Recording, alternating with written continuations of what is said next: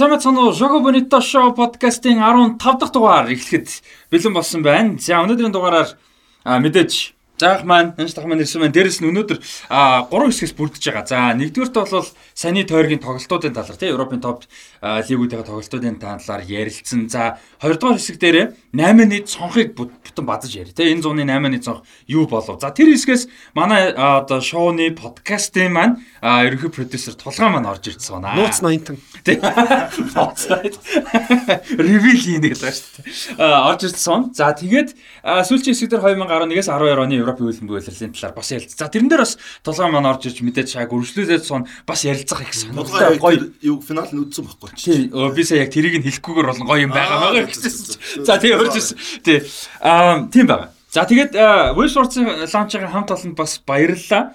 Хан хийсэн яг зүүн талынх нь А зүүн талд Times Square-ийн хамгийн баруун талын 506 дугаар байранд байдаг аа шүү. Та бүхэн ирж бас үйлчлүүлээрэ. Хөлмөнд тоглолтод ус үзэх боломжтой. Сая бүтээсээ цуглаж үзсэн тийм. Бүтээсээ цуглаж үзсэн. Баахан хүмүүс ирсэн шүү дээ. Тэгээд гойсон уур юмсан. Янз янз гойсон. Тэгээд Arsenal United-ийн цуглаал. Хоёр талаа бол дэмжээл тэгэл. Тэгэл тулгаа битээр ирсэн. Тулгаа битээр ч хүмүүстэй баах юм яриа л тэгэл. Nice. Би данч тэр өдөр нь The Shining үзэж чадаагүй. За 15 дахь дугаар тий 15 дугаартай дуртай тоглогчд гой саанд орж байгаа. Милан Барш. Оо, нэр тийш үү. Баруун ч гэхдээ 5 таа тоглодог уу? 15 таа Шигшөөгт 15. А шигшөөгт 15 таа байсан. Нэг 5 бас 5 Ливерпул 5 байсан. Ливерпул 5 тий. Өөр гой саанд орж байгаа. Турам. Лилиан Турам. Nice. Турам чи эхлээд 13 таа лөө. А шууд 15 лөө тий. Шигшөөгт 15. 15 тий. Надаа за Дрогбаг болол бас хүмүүс сайн мэдэх бах тий. Ялангуяа эхлээд Челси тоглож байгаа та. Дрогбач наах Челси дээрээд 11 дугаар авъя гэсэн чинь Дэмэн даф авцсан байсан. Тэгээ 15 таа явж байгаа дафыг явангууд 11 болоод а дараа нэг явчаа босч ирэхэд 11 дугаарыг хин авчтай Оскар авчлуу хин авлаа. Бас нэг хүн Оскар Оскар Оскар чи 8 байлуу? Оскар 8 байсан. 8 жил Лампард байжгаад Оскар дараа нь 8 бас юм байна Оскар. Аа тийм байсан. А ямар ч хэлсэн Дрогбаг нэг ирэхэд 11 дугаар хүнтэй байж байгаа дахиж 15 авдаг тий. Тэр үеийн давч бас амар байсан. Амар байсан л та. За тэгээд гой тоглолч бас хүмүүс мэдж мэдих жоохоо дурдан гэвэл видэж байж болж тий United-ийн видэж бас 15 мэдээж United вид чи сая юунес юу гэрлээ бүх цагийн Премьер лиг хамгийн шилдэг хамгаалагчгаа зарлцсан шүү дээ бүр. Тэрэн дээр бол маргах юм цөөхөн баг тий.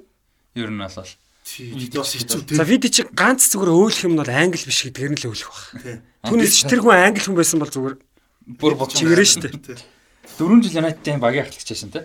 Аа За тэгээд Storage Liverpool бас 15 дугаартай байсан. Peter Crouch Liverpool-ийн Liverpool Tottenham Burnley тоглохдоо бас 15 дугаартай байсан. Ингээ ухаа тавил бас байна тийм. Бас бас 15 дээр тогтсон сонирхолтой тоглогчд бас хит хит байдаг. За хэдүүлээ юугаа эхлэе. Аа дугаараа эхлэе тийм. За саний тойргийн тоглолтууд 31-ээс 9 сарын 6-ны хооронд тоглолтууд болсон байгаа. За La Liga Real Madrid Betis-ийг 2-1 харьцаад байсан. Betis ер нь бол энэ үйлрэлийг маш сайн эхлүүлж байгаа. Ер нь нэлээд сайн явж байгаа. Үйлрэлийн эхний хожигдол нь болсон. Реал ч гэсэн ер нь одоогийн байдлаар Европын топ 5 лигт бол ганц хожигдлогоо явж байгаа. Одоо 100% уучлаарай. 100% амжилттай буюу одоо бүх тоглолтод ажилласан тийм. Амжилттай ганц явж байгаа Реал Мадрид байгаа. За Sevilla Barca Sevilla Barca 2 Sevilla-гийн талбай дээр тоглоо Барселона 3-1 харьцаатай ер нь нэлээд амархан уусгаж авсан. А Villarreal талбай дээр Elche хүлээж аваад 4-1 харьцаатай байсан. За онцлог цөөхөн хідэн тоглох юм бол ер нь удирдлыг сайн эхлүүлж байгаа багууд бүгдээрээ ер нь давгүй явж байгаа. За Битээс Реал тожигдсон ч гэсэн ерөнхийдөө 9 оноотой 9 оноотой. Тийм 9 оноотой. Дөрөв тоглолтоос 3 байж байгаа. Одоо Битесийг бол одоо баг би бол Борусо Дортмундтай адилхан зөвлөх гээд байгаа шүү дээ. Тоглооны баг болцсон тэ. Тоглолт болгон дээр Битесийн тоглолт бол ерөнхийдөө нэг багт 2 гол орж байгаа шүү дээ. 2 баг нийлээд нь 3 гол. Сая Реал дээр 3 гол орчлоо шүү дээ. 3 гол гэдэг бол төлөв мөнгөд бол дунджаас дээш үзүүлдэг шүү дээ. Ерөнхийдөө гоё яваад Реалын хувьд бол юу вэ? Одоо гэдэг чинь нэг төгсгөл хийж чаддаг баг гэж яддаг шүү дээ, Одоо энэ жил чинь бол одоо ингээл тэнцэж байгаа ч юм уу хожигдж байгаа ч юм уу төгсгөлөө гоё хийгээд байна шүү. Одоо эсрэгээр Ливерпул бол тэхгүй байхгүй. Эхэлж гол авчаад нөхөдөө тэнц чинь сайн Ньюкаслыг бүр цаад уучаад анзаарч байгаа шүү дээ. Тэгэхээр Реалын энэ чадвар бол амар том юм байхгүй тий. Сэтгэл зүйн мундаг. Хасан мундаг сэтгэл зүй тэгээд эцээ одоо United нэг хэсэг тийм байсан шүү дээ. Фергюсон тий. Бүрстэ за ингээл тэнцгэнд тэгэхээр тий. Тэгэхээр л эрдгнүүдэн дээр голчдаг тий. Тэгээд Реалын юм бол тэр юу бол үнэхээр амар байлаа л да. Тэр чадвар бол. Лалигт өнгөрсөн үйлрэлт ер нь сайн тоглосон багууд их суул байгаа. Одоо Атлетико Мадрид нэлээд үйлрэлийг одоо яг болоогүй байна дөнгөж дөрөв тоглолт гэхдээ одоо юу гэдэг долоод явж байгаа жишээ нэ. Тэсэ Сидад 9-т за Севио бол бүр байхгүй одоо 17-д явж байгаа жишээ нэ. За уг нь бол одоо юу гэдэг нь Севиа Барсагийн тоглолт их том тоглолт болдог шүү дээ. Ялангуяа Роман Санчес Бисван цэнгэлт хүрээлэнд бол Барса ч оноо алддаг, Реал ч оноо алддаг. Тэгээ би бол сая зүгээр тэр тоглолтод шүүн болсон. Өмнө нь бол зорж үздэг байсан. Тэгээ сая бол бас зорж үзээгүй л дээ. Яагаад вэ гэхээр за ер нь бол авчих байх гэх. Тэгээд яг тэр зохиолын дагуу болсон. Хэдүүлээ нөгөө хоёр хөлөө дугаараа өмнө ярьжсэн те. Энэ үйлрэлт одоо яах вэ гэдэг. Расти битэр нөгөө Сивиаг бол топ 4-т орохгүй. А би бол нэг Виарал ер нь дөрвөлөө орчих шүү гэдэг нэг таамаг өгсөн. Одоогоор хүснэгт бол ер нь тэр чигтээ. А тэгтээ Атлетико ер нь яванда Битисийг давчих واخа. Тих бах тих бах. Э, Атлетико давчих واخ. Битис бол яг нэг 5 6-гийнхаа төлөөл өрсөлдөж үзэх واخ. Өнөөдөр шийдэл Севилья Севилья Сититэй тоглож шүү дээ Ман Сититэй. Тэр бол хүмүүс ингээд энэ яах вэ гэж хэвчихгүй. Угаасаа энэ бол Севилья орхож идэх واخ. Тэр бол ойлгомжтой гэхэд уул яг Севиг өрсөлдөөнтэй сайн тоглол мэдээж гоё. Тэгээ ямар ч тоглолт өрсөлдөөнтэй болсон байгаа. А гэхдээ өнөөдөртэй бол болцоо. Өнөөдөртэй. Үнэхээр нэг хоёр төвийн гол хамгаалагч навчаар харахгүй юм. Харахгүй. Тэр юунаас нөгөө нэг Paris Saint-Germain академиг төгсөөд Bayern-д нэг үлрэл тоглолцоод ирсэн хамгаалагч ууг нь гоё байлаа. Яг их залуу дөнгөж энэ жил 20 настай байлаа 21-т Танга Нянзу гэдэг хамгаалагч авсан юм байлаа Франц. Тэр бол ер нь яг жоохон карьерын тогтчвол их гоё хамгаалагч байл. Яг мэдээж Левандовски энтертэй яг одоохондоо өрсөлдөх болоогүй. Гэхдээ тогтчихвол Севигийн одоо гол юу байхгүй нэ хөл өмөдөр. За хоёр төвийн хамгаалагч байна те. Одоо Күндэ а хин хоёр дээ. Араухо. Араухо хоёр шүү. Сая гэхдээ хин байсан. Араухо хин хоёр Эрик Гарсиар төв тоглоод Күндэ баруун дээр тогссон. Тий. За тэгээд а юун дээр Севи ядаа шүү дээ. Севи дээр ингээд хоёр гол хамгаалагч байгаа шүү дээ. Күндэ нөт нь хэмилээ. Дего Карлос. Дего Карлос. Тий. Севи тий. Хоёр гол том хамгаалагчийн за нэгийг аваад нөгөөдхийн хайжууд нь одоо тэр залууд олж тавих юм бол очих та тийм тийм бас торгоон тий тий торгоон тэр чи одоо ингээд өнөөдөр шийдвэл ингээд погба хэмтчихэж штэ тий тэгвэл хүмүүс францын шиг орлоно ч ихгүй уучлаар орлохгүй байхгүй нэг погбагийн хажууд хүмүүс тоож тэр классикч нэг юм байгаа байхгүй тэгэхээр хоёр төвийн хамгаалагч хоёулыг нь авчдаг айгуу том асуудал. Нэг нь хэрэв Севилья авч Севилья аваад үлцвэл хажууд талд нэг дундаж хамгаалагч дээр авчаад олон Севилья Барсад 3 нөлдүүлэхгүй байхгүй тий өдөрлөг бол ингэж мөнгө тэгэхээр бол нэг хамгаалтыг өн цүм өм цүм ингээд авч явна гэдэг тэрийг нөхөн идэг бол одоо айгүй хэцүү. Одоо бид л өмнөх төр ярьжсэн шүү дээ. Вандаг шиг хамгаалагч хажууд Матип бид нар сайн тоглож байгаа. Вандаг нь авчууд Матип гомос 2 Матип байгаач нэмэргүй үдтэл ирэхэд яг адилхан юм Сведер харагдаад байна тийм. Тийм тэгээд Янсуугийн хадж явах та одоо залуу хамгаалагч тийм. Хажууд нь тоглож байгаа хамгаалагчаар тоглож байгаа хүн Фернандо байгаа байхгүй. Төвийн хамгаалагч биш хүн тийм. Хаас хамгаалагч хүн тоглож байгаа Тэгэхээр бас хэцүү. Гэхдээ Нянсугийн хувьд одоо 3 4 өдрийн зайтай дэлхийн топ класс хоёр давтагчийн эсрэг шууд үзэх нь дэлийг л Левандовски гэдэг үзээ 4 өдрийн дараа хааланд эсрэг. Их том дорчлол болох нь дээ. Аа хэрэг тоглол. За Испани Ла Лигийн хувьд ерөнхийдөө нэг товчтой юм байна. Ла Лиг дээр бас зүгээр нэмэх нэг юм байгаа шүү. Бас хүмүүс ингээд энийг анзаарахгүй байгаа. Би болохоор одоо нэг ийм зүйлийг хэлээд байгаа хүмүүс тэгэл ааш хүмжилчлээ л нөө клин шит гэдэг юм чи өөрөө хөлөмөхт ямар чухал үлээ тийм хожиж болно гэхдээ клин шит гэдэг чи өөрөө тэр багийн чанар байхгүй Тэгэхээр одоо нэг хүмүүс тэгэл заа хастаа анжид баарсаага магтлаа гэх ба. Зөв ер нь нэг юм стат байгаа шүү. Дөрөв тоглолтод баарса ганцхан гол алдсан бэл. Эхлээд нэг Райт тэнцээ дараа нэг алддаг штэ. Барса дөрөв тоглолтод нэг гол алдна гэдэг бол ер нь Барсаг үзүүлдэг стат биш байхгүй. Ер нь биш. Барса клин шитийн хувь нь бол 50-аас доош байхгүй Барсагийн одоо 3 тоглолтын нэгдэн клин шит хийдэг. Одоо 75 дээр явчих. Одоо 75. Энэ бол ерөөсөө тэгэд одоо багуудын ерөөхдөө потенциал юм штэ. За клин шит хийж ивэл тэр баг цөөхөн гол хийдэг те. Хамгаалч хамгаад. Гэтэл Барса 11 гол хийгээ хийчихсэн. Нэг гол алдсан. Гэтэ энийг яг харуул зүгээр бас амар том чанар шүү энэ. Гол хийж ин гол алдахгүй яг Барселоныг э, энэ жил харах юм бол мэдээж нөө талбайгаас гадна юм зөндөө асуудал. Тэр зумжангаа ярьсан. Э, олон жилч ярих бах. Тэгэхдээ яг цэвэр талбай дээр болон одоо бүрэлдэхүүнгээ харах юм бол айгүй гой зузаа харагдчихлаа. Яг мэдээж Барса фэний зүгээс зүгээр ер нь тэрнээсээ гадна зүгээр одоо аврагууд лиг те 3 тэмцээнд өрсөлдөх баг гэдэг утгаар бүрэлдэхүүн харах юм бол айгүй гой зузаа. Өнөөдөр аврагууд лигийн би Барсагийн бүрэлдэхүүнээс харсан л та. Үнэхээр гой харагдчихлаа шүү. Тэгэд одоо юу гэдэг Реалын тухай бас нэг юм хэлчихээ л да. Юу гэхээр Реал бол үнэхээр агуу гайхамшигтай. Тэр бол бүгд мэдж байгаа. Тэгэхдээ зүгээр Реалын энэ удирдал ихний тоглолтуудыг харахад юм баг тоглолт болгонд гол алдаад. Тийм хан тэгж байгаа. Тэгэхээр эн чинь бас одоо юу гэдэг зүгээр одоохондоо ингээд тоглолтоос оноогоо аваад байгаа юм шиг боловч эн чинь бас нэг асуудал бас ойрхон байна л гэдэг хэлж байгаа шүү. Клин шит гэж тийм чухал юм байгаа шүү үзэгчтэй. Дээрэс нь Реал одоо юу л гэсэн үг л дээ. Нөгөж тоглож байгаа дүүл ерөөд айгүй эрсдэлтэй байхгүй тий. Тоглолтын ихнээс Барса шиг яг ингээд яг одоо precise тийм тоглохгүй байна уу гэмээр тий. Тиймэрхүү юм харагдаад байгаа шүү нэрэ. Реал дээр харин яван чангарах магадлалс мэдээж зөндөө байгаа л бүрэлдэхүүн нь одоо нэлээд нөгөө хоорондоо уусах шаардлагатай бүрэлдэхүүн нэлээх бас залуу тоглож их байгаа. Тэгэхээр гой тогтоод ирэв. Одоо ялангуяа Родриго Камавинга энэ энэ жил одоо нэг левел ахих юм бол үнэхээр гоё байна. Реал бол өнгөрсөн үйлрэлийг одоогийн Барса шиг байсан шүү дээ. Ботлогоо супер, хамгаалт супер. Энэ бол тийм шүү дээ. Тэгээ Чүмэний орж ирээд Реалын төв яхсыг одоо ерөөхдөө нэг ротейшн жоо өөрчилж эхэлж шүү дээ одоо. Каземиро явцсан. А Модрич Кросс хоёр одоо Тэр хоёртой цуг тоглуулж штэ тий. Тэгэнгүүтээ одоо ингээ Модрич ингээ баг багаар ингээ минут багсаад эхлэн штэ. Модрич орж байгаа штэ. 84 84 оных штэ тий. 85 билүү? 85 билүү? 85 билүү 84. Би 84 сандах. Тэгээд нөө Леброн шиг байна. Модрич нөө юу ихгүй нэ. Амир тийм нөө эвгүй сард турцаа. Леброн ч 12 сарх штэ. 12 сар. Оны өмнө. Тий. Би тэг санаад байна Модрич. Тэгээд одоо ингээд жоох ингээд ротейшнууд ингээд орж ирээд. Модрич 2 сар турсан шиг санагдаад байна. За 85 оны 9 сарын 9. 85. Тэгэхээр одоо 37 хүрэх юм. Юу лээ? Аа хүрх юм 3 өдөр дараа. Би тэгвэл 3 болсон юм байна. Модричиг би нөө 8 онд нөө билич биличтэй яаж байгаа 84 гэж бодоод. Гэхдээ 84 гэж би бас эргэлж 84 чөлөө 5 чөлөө. Тий, тэгж эргэлж байна. За одоо ерөөсөө 2 3 өдрийн дараа төрсөн юм байна. За Модричтой минь төрчихтэй. Нэг тагс шүү дээ. Гэхдээ гэхдээ сая би ингэж бодоод байгаа шүү дээ. Кросс 90 онох шүү дээ. Тий. Одоо Модрич нэг 5 насны зүрх үнэтэй. Гэхдээ ер нь төрүүлж болох нь би кросс эхлэж бодоод байгаа шүү дээ. Тэгж харагдаад байгаа. Модрич бол ингэ шазааж байгаа л сүулт нь л орно шүү тий. Тэг кросс гоё. Тэр хоёр одоо тэгтээ үнгийн үнэн домгийн 3 саллаа шүү тий сая. Систаныг их 3 л тий. За Лалигийн хувьд бол иймэрхүү байна. За Serie A дээр мэдээж одоо хөлбөмбөгийн төвийн тамийн домогт тоглолтууд энийг те Миланы дерби зөвхөн Итали юм биш. Хөл клубын хөлбөмбөгийн одоо хамгийн том дербинүүд нэг болсон AC Миланы талбай гэж юм. Энэ тоглолт бол San Siro гэж нэрлэгдэнэ. А хэрвээ Интер Милан талбай дээр тоглох юм бол Giuseppe Meazza гэж нэрлэгдэнэ. Мөртөө нэг зингэлдэг те. Нэг зингэлдэг. А тэгж явдаг байгаа. За San Siro-д тоглолт болоод 3-2-ын хацаатаагаар AC Милан буулгаж авсан байгаа. Эхний голыг Брозович оруулаад дараа нь AC Милан 2 игээд 3 хийгээд тэгээ сүүлд Жеконик хийгээд тэгээ ерөөдөө камбэк хийж чадахгүйгээр дуусгасан. За гэхдээ энэ тоглолтыг яг энэ тоглолтыг ер нь үзсэн үү юу гэж одоо За энэ тоглолтыг сайн хараагүй шүү зүгээр. Үзье гэж айгүй их бодож исэн. Маш тийм завгүй өдрүүд байгаад энэ тоглолтыг л үзэж чадаагүй. Би бол яг юуг л харсан нөгөө extended time байдаг шүү дээ. Том highlight тэрийг сунгасан highlight юм Монголоор юу байгаа юм те. Урт гэх юм уу? Урт л юм аа. Урт time тий.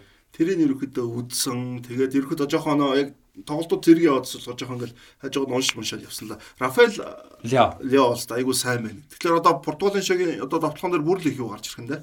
Одоо давталгааны урдлын 3 дээр нь одоо яаж одоо Лео бол яг энэ фор сүүл 2 жилийн яг үнэндээ бол одоо энэ үйлрлийн бол бүр 3 үйлрлийн формоор бол Лео зүгээр гараанд гарах ёстой хэмжээнд тоглож байгаа байхгүй юу? Тэгэхээр одоо Бруно гарахын тодорхой. Тэгэхээр давталгааны нөгөө хоёр Роналдо Лөнгөө шота. Тэгээ нөгөө суун гэхээр бас яг Португал дээр бол Отовыг гаргаад байгаа шүү дээ. Тэгээд яг тэр нь яг илүү нөө тохироод багш байна. Лео ч юм бол бас жоохон задгаа нөхөр задгаа нөхөр Роналдотой зүг гарахаар хамгаалт нь золрох бах те. Жотог ч давууд нь хамгаалт нь амар уцдаг. Тэгээ Милан дээр яг юу вэ? Тонали үнэхээр гоё лээ. Одоо бид нар чи яг дугаар эхлээд өнгөрсөн үлрэлийн шилдэг нөө юу гаргасан шүү дээ.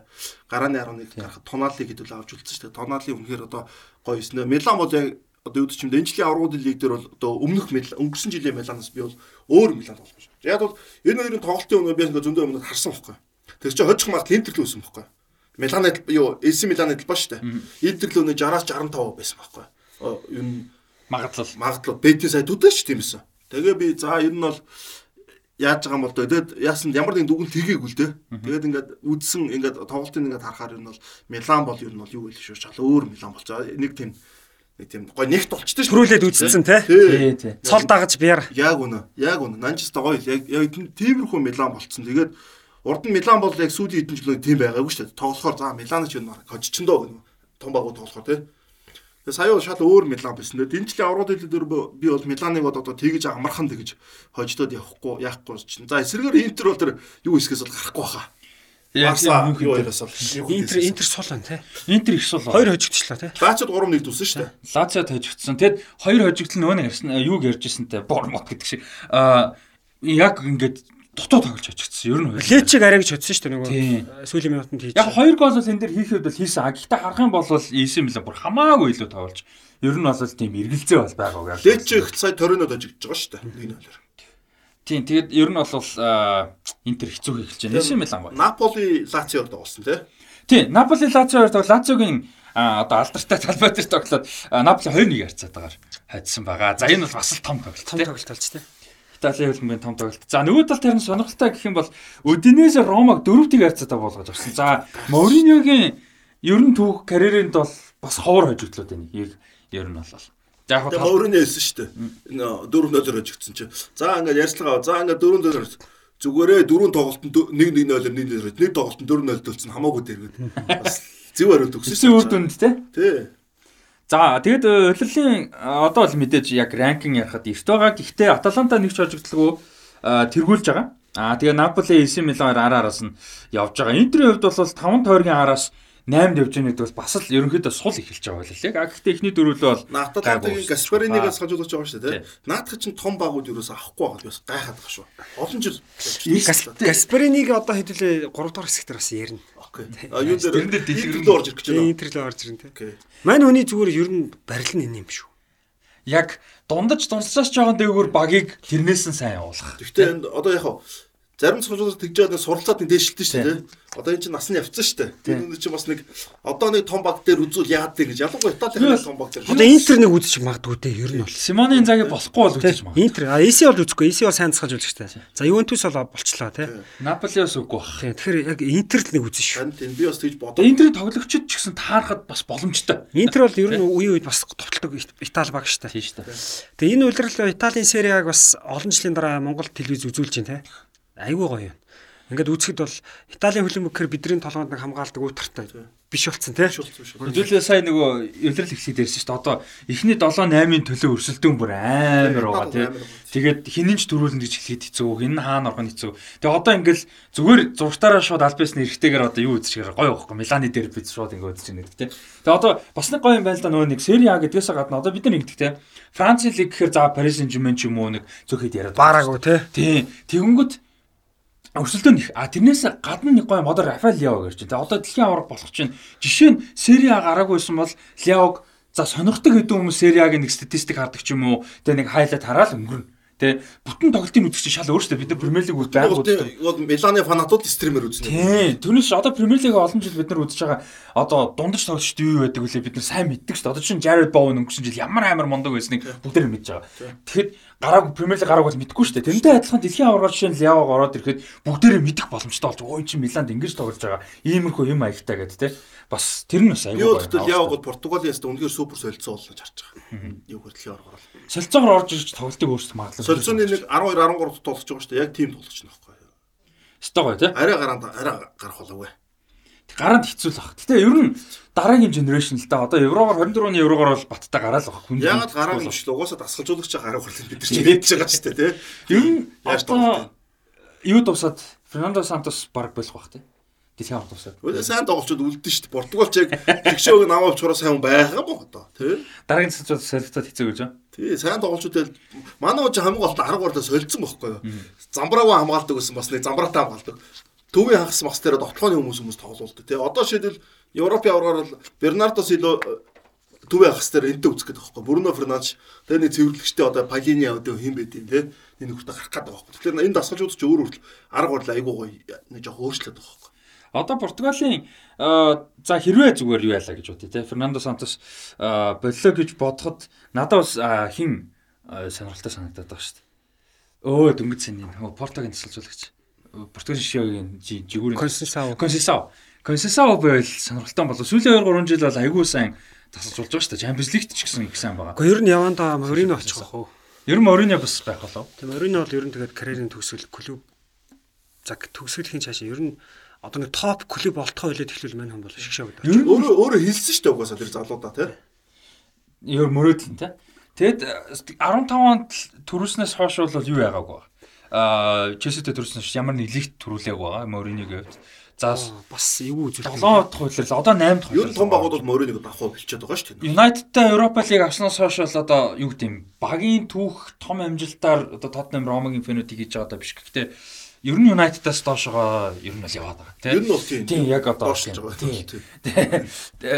Тиймэрхүү юм бас харагдаад байгаа. Тэгэхээр Мориньогийн шгшээд ирэх цаг бас илүү ойртчихэж бас магадгүй тийм.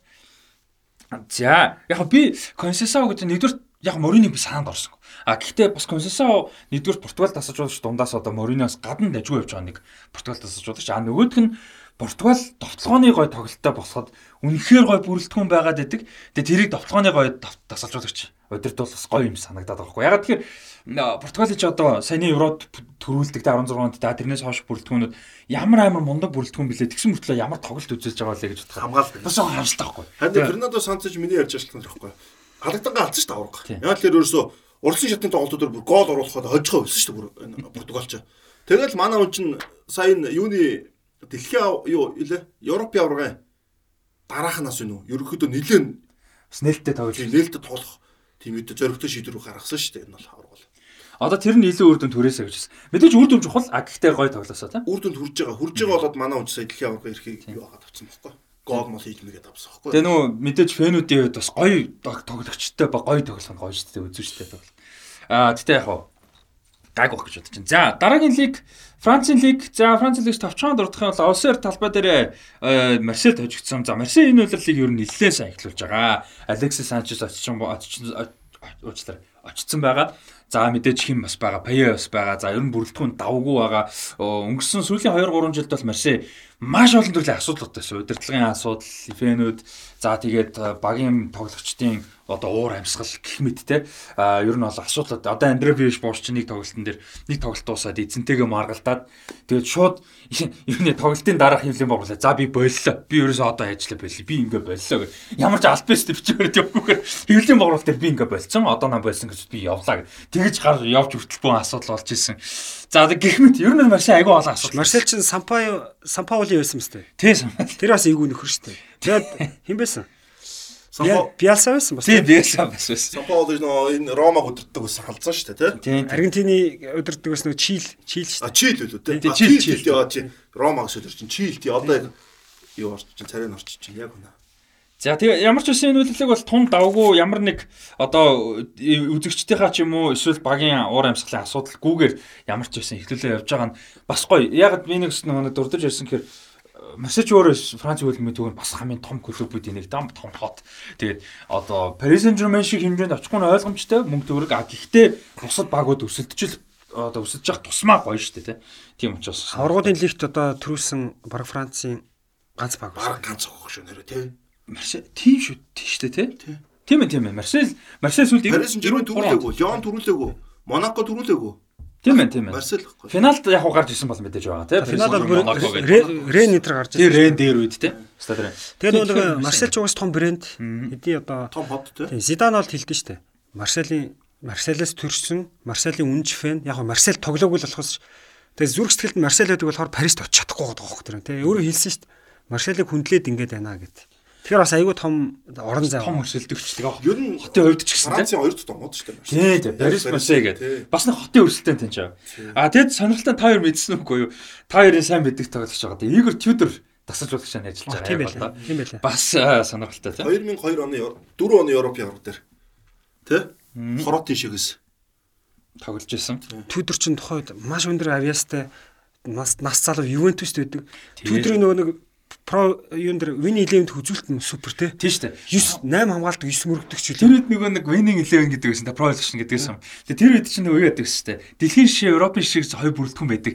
Тэрний Европ дээр нь Тюдор байдаг байсан. Түдэр үзүүлэлт зөвөн байсан л. Гэтэ би Түдрээс яг сайн тоглолт бол хараагүй шүү.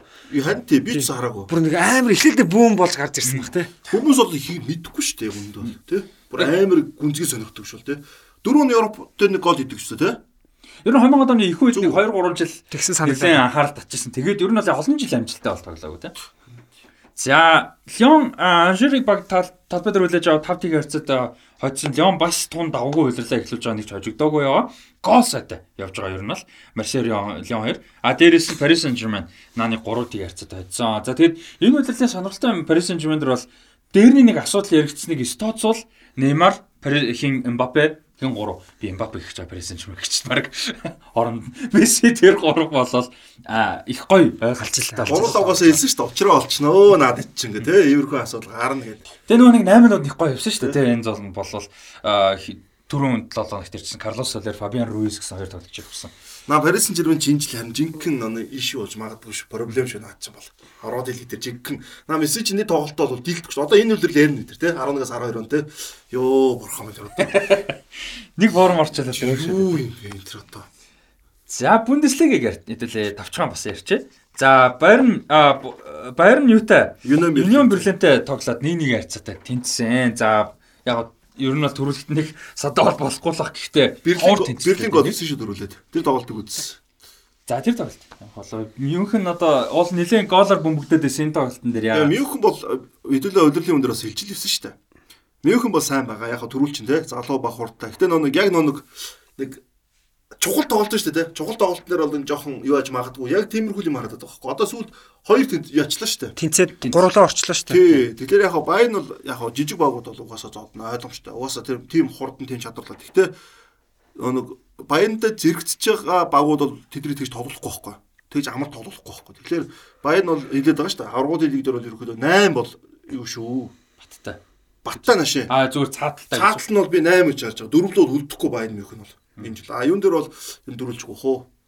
Яг Борус яг нөгөө хаалн мааланд явцсан модест дээр байгаа. Тэгээд арай би амжихгүй бол гэж хараад байна. Тийм лигдээ хийцэн баг та. Баяр Ливеркузен нэгдэг баг зүгээр өстө. Үнэхээр байхгүй болчихно энэ жил. Тийм Ливеркузен сая Фрайбургт 3-2 яцаатай хожигдсон. Ливеркузен 14-т явж байгаа. 4 хожигдсон байгаа. Ливеркузен одоо Ливеркузен талбай дээр болсон тоглолт шүү. Тийм Ливеркузны талбай тийм. Фрайбург их сайн явж байгаа эсрэгээрээ. Би нэг эрт болоод байгаа болохоор Германы лиг үзчихэд байхгүй. Яг л нэг яг Премьер лиг ихтийн тоглолт яваад 9:30-аас эхэлдэг байхгүй. Тэгмээд 9:30-аас тоглолт. Испани Итали руу ороход арай шүн.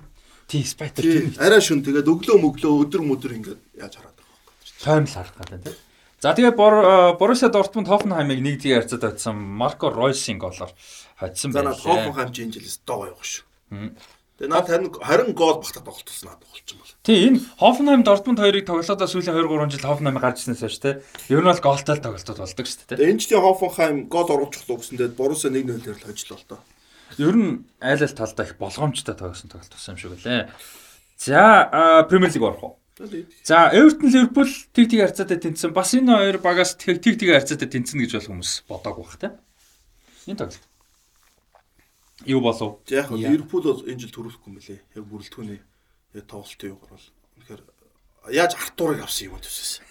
Яаж Клоп мэдж байгаа л да тий. Яаж Артурыг одоо яг хаа Тяго өнөөдрөөс ингээд бэлтгэлээ ороод ирлээ л дээ Тяго Алкантара. Гэхдээ энэ бол би бол Ливерпулийг бол шууд төрүүлнэ шилж. Гэхдээ яг Премьер лиг ийм байна заяа. Одоо энэ дээр өмнө ингээд ороод. Асар хурдтай үйл явдал ингээд солигдож байна. Өнөөдөр бид нар Сити төрүүлнэ жис бол маргаа Сити дээр эргэлзэж байгаа байхгүй. Тэгэхээр энэ нөө тоглолт лиг эхлээд дасаж удаж алаад эхэллээ шүү. Тэгэхээр энэ лиг ч өөрөө ямар амар өрсөлдөөнтэй ямар хурдтай л ямар тийм өндөр түвшинд ингээд форм хадгалах юутай. Би бол одоо өнөөдөр Ливерпулийг ингээд төрүүлж чадахгүй нэ гэж хэлж шин. Гурван торгон дараа Ливерпул төрүүлэх хэмжээнд очсон байхыг үгүйсэхгүй тийм лиг байхгүй. Одоо өнгөрсөн үйлрэлийг бодлоо те. Э, Ливерпул 4 цомын төлөө өрсөлдлөө хэдхэн онооны ард ирлээ. Сүүлчийн одоо 2 дахь сүүлчийн торгодоос баг дөрвөл ингээд аллаа шүү боломж нь олсон. Тэгэхэд а Крисмсийн үеэр гэхэд 14 онооны зөрүүтэй явжсэн те. Тэгэхээр бас боломж бол байгалахaltaй айл талтай. Тэгээд Ливерпул дээр бол Гэхдээ онлын хувьд бол боломж байгаа араас тийм. Гэтэ юу Яг бүрэлдэхүүн гэхдээ харахад бол одоо л эвгүй байгаа байхгүй. Илэрлэг ингэж эхлүүлнэ гэж юм уу юм байхгүй. Тэгэхээр тухайд одоо юу гэдэг Крисмас хүртэл Ливерпул нэлээ эрт хугацаанд урт хугацаанд бас нэг тэр оноонуудыг алдчихж байна. Одоо чи эн чин дүнгиж эхлэхэд одоо хэд оноо алдчих вэ? хоёр хожид гурван тэнцээ нэг хожигдолтой. 2 хожил 3 тэнцээ. Тэнцээ нэг хожигдол. За нэг хожигдод 3 оноо алдчихж, тэнцээ 6 оноо алдчихж, 2 3 тэнцээ 9 оноо алдсан юм шүү дээ. 7 оноо. Тэгэхээр эн чинь бол бас 6 тоглолт шүү дээ. Асуудал واخгүй тий. Одоо энэ 6 тоглолт 18 тоглолтоос 7 оноогоо л авсан. 6 тоглолтын 3-д нь ажиг 3-д нь ажигцэн гэсэн үг. Тийм байх тийм. Ер нь бол тий.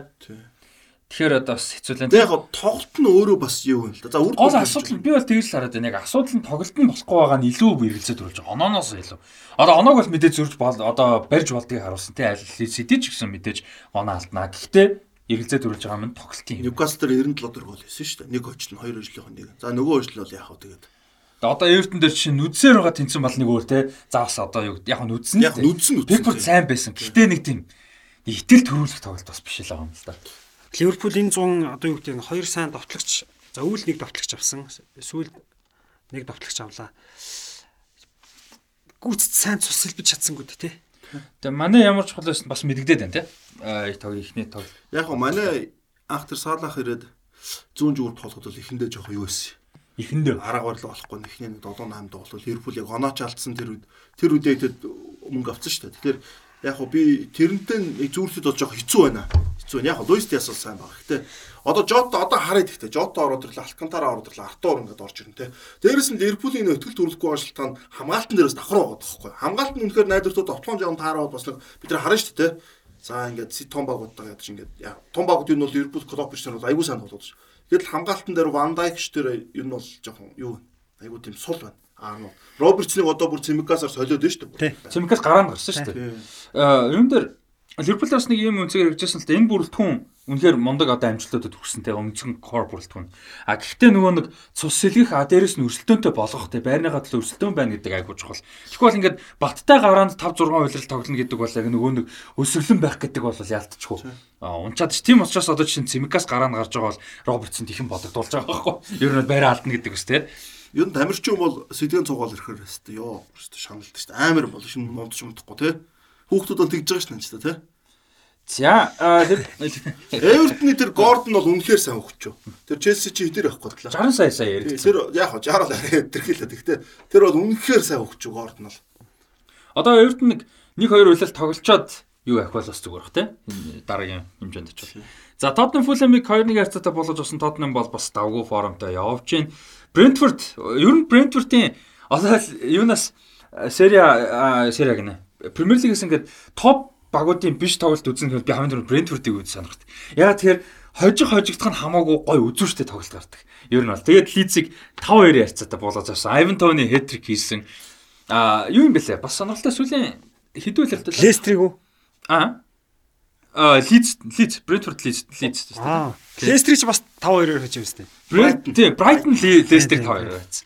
Тэгэд нөө нэг Айвентон юу юм бэлээ? Английн хөлбөмбөгт одоо мэрэгжлийн дээд дөрүлийг гэсэн шүү дээ. Тэр дөрүлийг сүүлийн 5 жилд 100 гол хийсэн одоо 3 дахь тоглогч болж байгаа юм бэлээ. Нөгөө хоёр нь Harry Kane хин хоёр лээ. Kane нөгөө тийм Салаа юу? Салах тийм салах.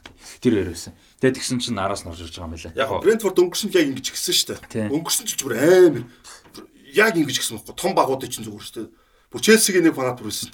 Йоо энэ ямар амар баг гараад ирч байгаа бүр нүдэд нүдэд бүчээсэж Ливерпулийг тэгж үдсэн шүү дээ өнгөрчний хил дээр бас амар багт.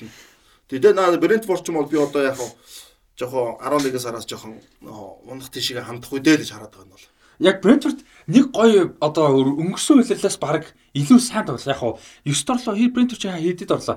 Аа ер нь бол давгүй ер нь орж ирсэн ороог баха. Арай үгүй. 10 билүү? 10 11 рүү баг. Гэтэ ер нь бол орж ирсэн баг гэхэд маш сайн тоглосон шүү дээ. Тэгээд энэ жил бол тэрнээсээ баг илүү тоглох боломжтой гэж би бодож байгаа. Яг яагаад тэгэхээр 11 сар форма гайгүй хадгалаад явчих юм бол дэлхийн аваргын үед дэлхийн аваргад явах амарч яг цөөхөн яг яг ер нь бол цөөхөн.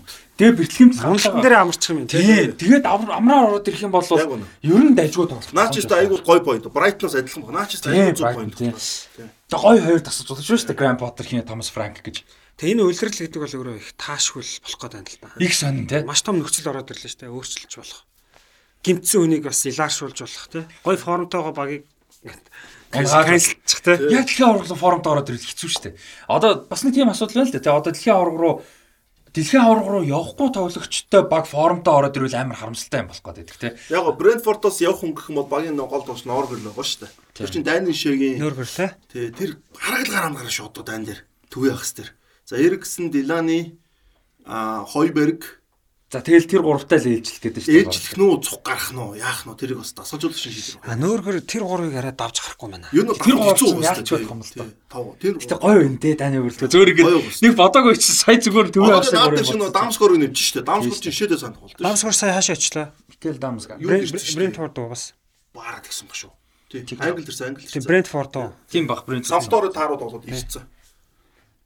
Тэгэхээр над дайны шид чинь хамгийн их тоолох нь Норвег чинь л байгаа. Би бодоод байгаа над дайны жишээг нь гараа яаж арах вэ?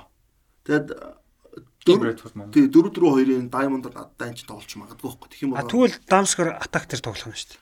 Дамскор одоо Эриксэн ч хойшлцож байгаа юм чи тий. Тэгэхээр Эриксэн хоочин байран дээр тоглох боломжтой тий. За энүүгээр далимдаад юм тийс хийчихээ. Дэлхийн аварга төхөөд ирэхээр яг саяны одоо бүр зориулсан гоё яриа гарна шүү сонсож байгаа зориулж үзэж байгаа юм тийм. Сая яг зүгээр нь яриа тавчвч далиж байгаа. Ер нь бол дэлхийн төнгөрлөө сая зүгээр. Тийм. Одоо чинь 8 одоо юм цуврал подкаст тусдаа гарна. Жого Бенитос тусдаа гэсэн үг. Одоо үндсэн подкастаас.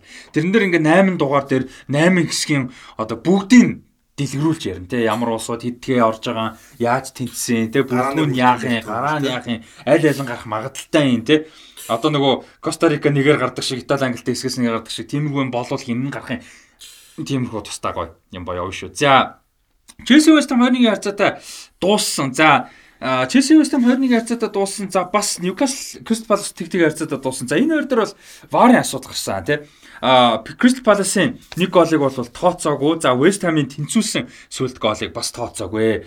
За энэ хоёр дээр хуулиан дээр нь бол одоо PGMOL гэж одоо байгууллага байдаг. Professional Game Match Officials Limited буюу одоо Английн хөлбөмбөгийн мэрэгжлийн одоо шүүгч нарын холбоогоо хэлчихэд буруудахгүй байгууллага тий. За аль бисны мэдээлэл хийсэн. Newcastle Crystal Palace болон Челси West Ham тоглолтууд дээр хоёр одоо вараа шалгасан бол хуйлаа алдаа байсан. Тооцоостой хоёр бол гол гэсэн гэдэг албан ёсоор хийсэн. За энэ дээр юу гэж бодцоож ин яг яг шүүгчдийн газар нь бол тэгээ хилцэн байгаа даа тий. Ер нь та хоёр юу гэж Санднес нисэн. Нийлхээс харахгүй тэр 88 дээр Корнегийн гол шүү тий. Тэр Бовн юу болж байгаа шүү дээ. Одоо яг яг тоглогч хүний өднөөс харахад нь жоохон санаатай дуу үйлдэлийг бас хаалгачтай. Тий хаалгачтай яг нэг гөлөд авуулж байгаа шүү дээ. Нөгөөдөө тэр өрөх боломж байсан байхгүй юу?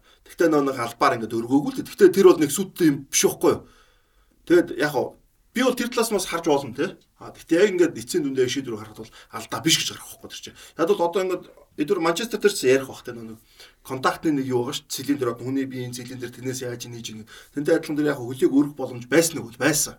Тэ. Боовн дээр. Тэн дээр бол боовн бол яг дөрөх юмдад өргөсөн. Гэхдээ тэр бол яг ингээд мендик гэмтэй хэмжээний ч юм алдаа ихт бол хэцүү тэр бол. Тэгэхээр тэр бол West Ham Chelsea дээр бол ер нь West Ham-ийн тэнцээний оноог бол авцсан л гэж хэлэхэд бол.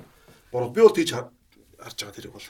West Ham Chelsea дээр Reece James тэр нөгөө Антонио руу өшгөлдөг тэр улаан хуцад байх хэрэгтэй байсан уу эсвэл шүүгч бол хоёулын шар хуцаа өгөөд өнгөрөөсөн шүү дээ. Одоо тийч яг ингээд хоорондоо бөмбөн дээр өрсөлдөд яг Антонио алдаа гаргаж байгаа. А гэхдээ унаа унтсан хажууд нь явж хат нь хөлөө ингэж агарлуулж ийсэн шүү дээ. Ер нь бол тиймэрхүү үйл дээр нь улаан хуц өгдөн шүү дээ. Тэгээ уулан тэгдэг. Тэр нар бол улаан байх. Тэрийг бол би тоглолтын явц хараагүй байхгүй бас. Тэр тоглолтын удааш мартаар гарсан юм уу тэр нь? Тоглолтын явцад гарсан. Би бол хайлайт харахад бол айгүй тод гаргацсан юм байна. Зүгээр тоглолтын дунд гарсан. Анзаарав. Би дараа нь харсан тэр. Тэр бол ууг нь улаан оц өхөр л бас юу лээ. Энэ бол улаан оц өгчгөд нэх заргалдаад ах юм болохгүй юм байсан л та. Тэр яг Челси хойш мөрчлөө авцсан учраас тэр бас нэг жоохон чимэг өнгөрцөн л дөө. Одоо Ньюкасл Ливерпул дээр Вандаких бол улаан оц ахгүй юу? Би одоо Ливерпулийн фанат юм ч гэсэн хэлэхэд бол тэр бол улаан оц ахгүй юу? Яг хүний шилбэр ингээ орчиж байгаа байхгүй юу? Тэгээ бөмбөгнөөс нэлээд зөрж орсон шүү дээ. Вандак бол нэг тийм үл айгу багаар дэнжлийн Вандак арай өөр юм. Нэлээд хийтэй байна. Хийтэй дэнжлийн Вандак хийтэй. За тэгээд Манчестер Юнайтед за юу Ситиг тавчаарч. Астон Виллагийн талбай Кристал Палас Ньюкасл чи юуны үлээ ваарна. А би үзчихсэн юм а яг аль юун дээр үлээ. Тэгвэл ороод тэгээд нөгөө юу яасан гэд тооцоог үзсэн шүү дээ. А мөргөлдсөн гэд. Аа тийм тиймээ тэр бас нөгөө хаалгач дээр мөргөлдсөн гэд.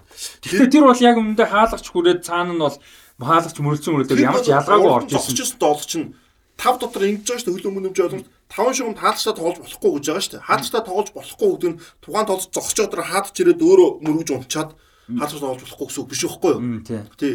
Тухайн тэр тоглогч чинь би тоглож санахгүй шүү. Яг би тэр нэг нь өссөн юм а тий. Дээш өмсөж болно шүү дээ. Хаалгач руу ингэж өсөж хаалгач мөрөж болохгүй байхгүй. Тэгэхээр ялгаа нь тэр байхгүй. Тэгэхээр тэрэн дээр шүүгч бол алдцсан яхахгүй. Тэг чи яг бөмбөрөө өрсөрж байгаа тоглогчдоор өөрөө хаалгач нь ирж мөргөлдөөд тэгээд хүрээгүй шүү дээ. Тэгээд цаашаагаа хамгаалагчд нь бөмбөг ойгоод тэрийг бол яг тэгж тайтна. 5 шугам минут руу чигээр өсөж болно те. Нэг тойрогт хоёр алдаа гарлаа те. Баар дээр. За тэгээд Астон Вилла талбай дээр Ситиг хүлээж авч тогсон.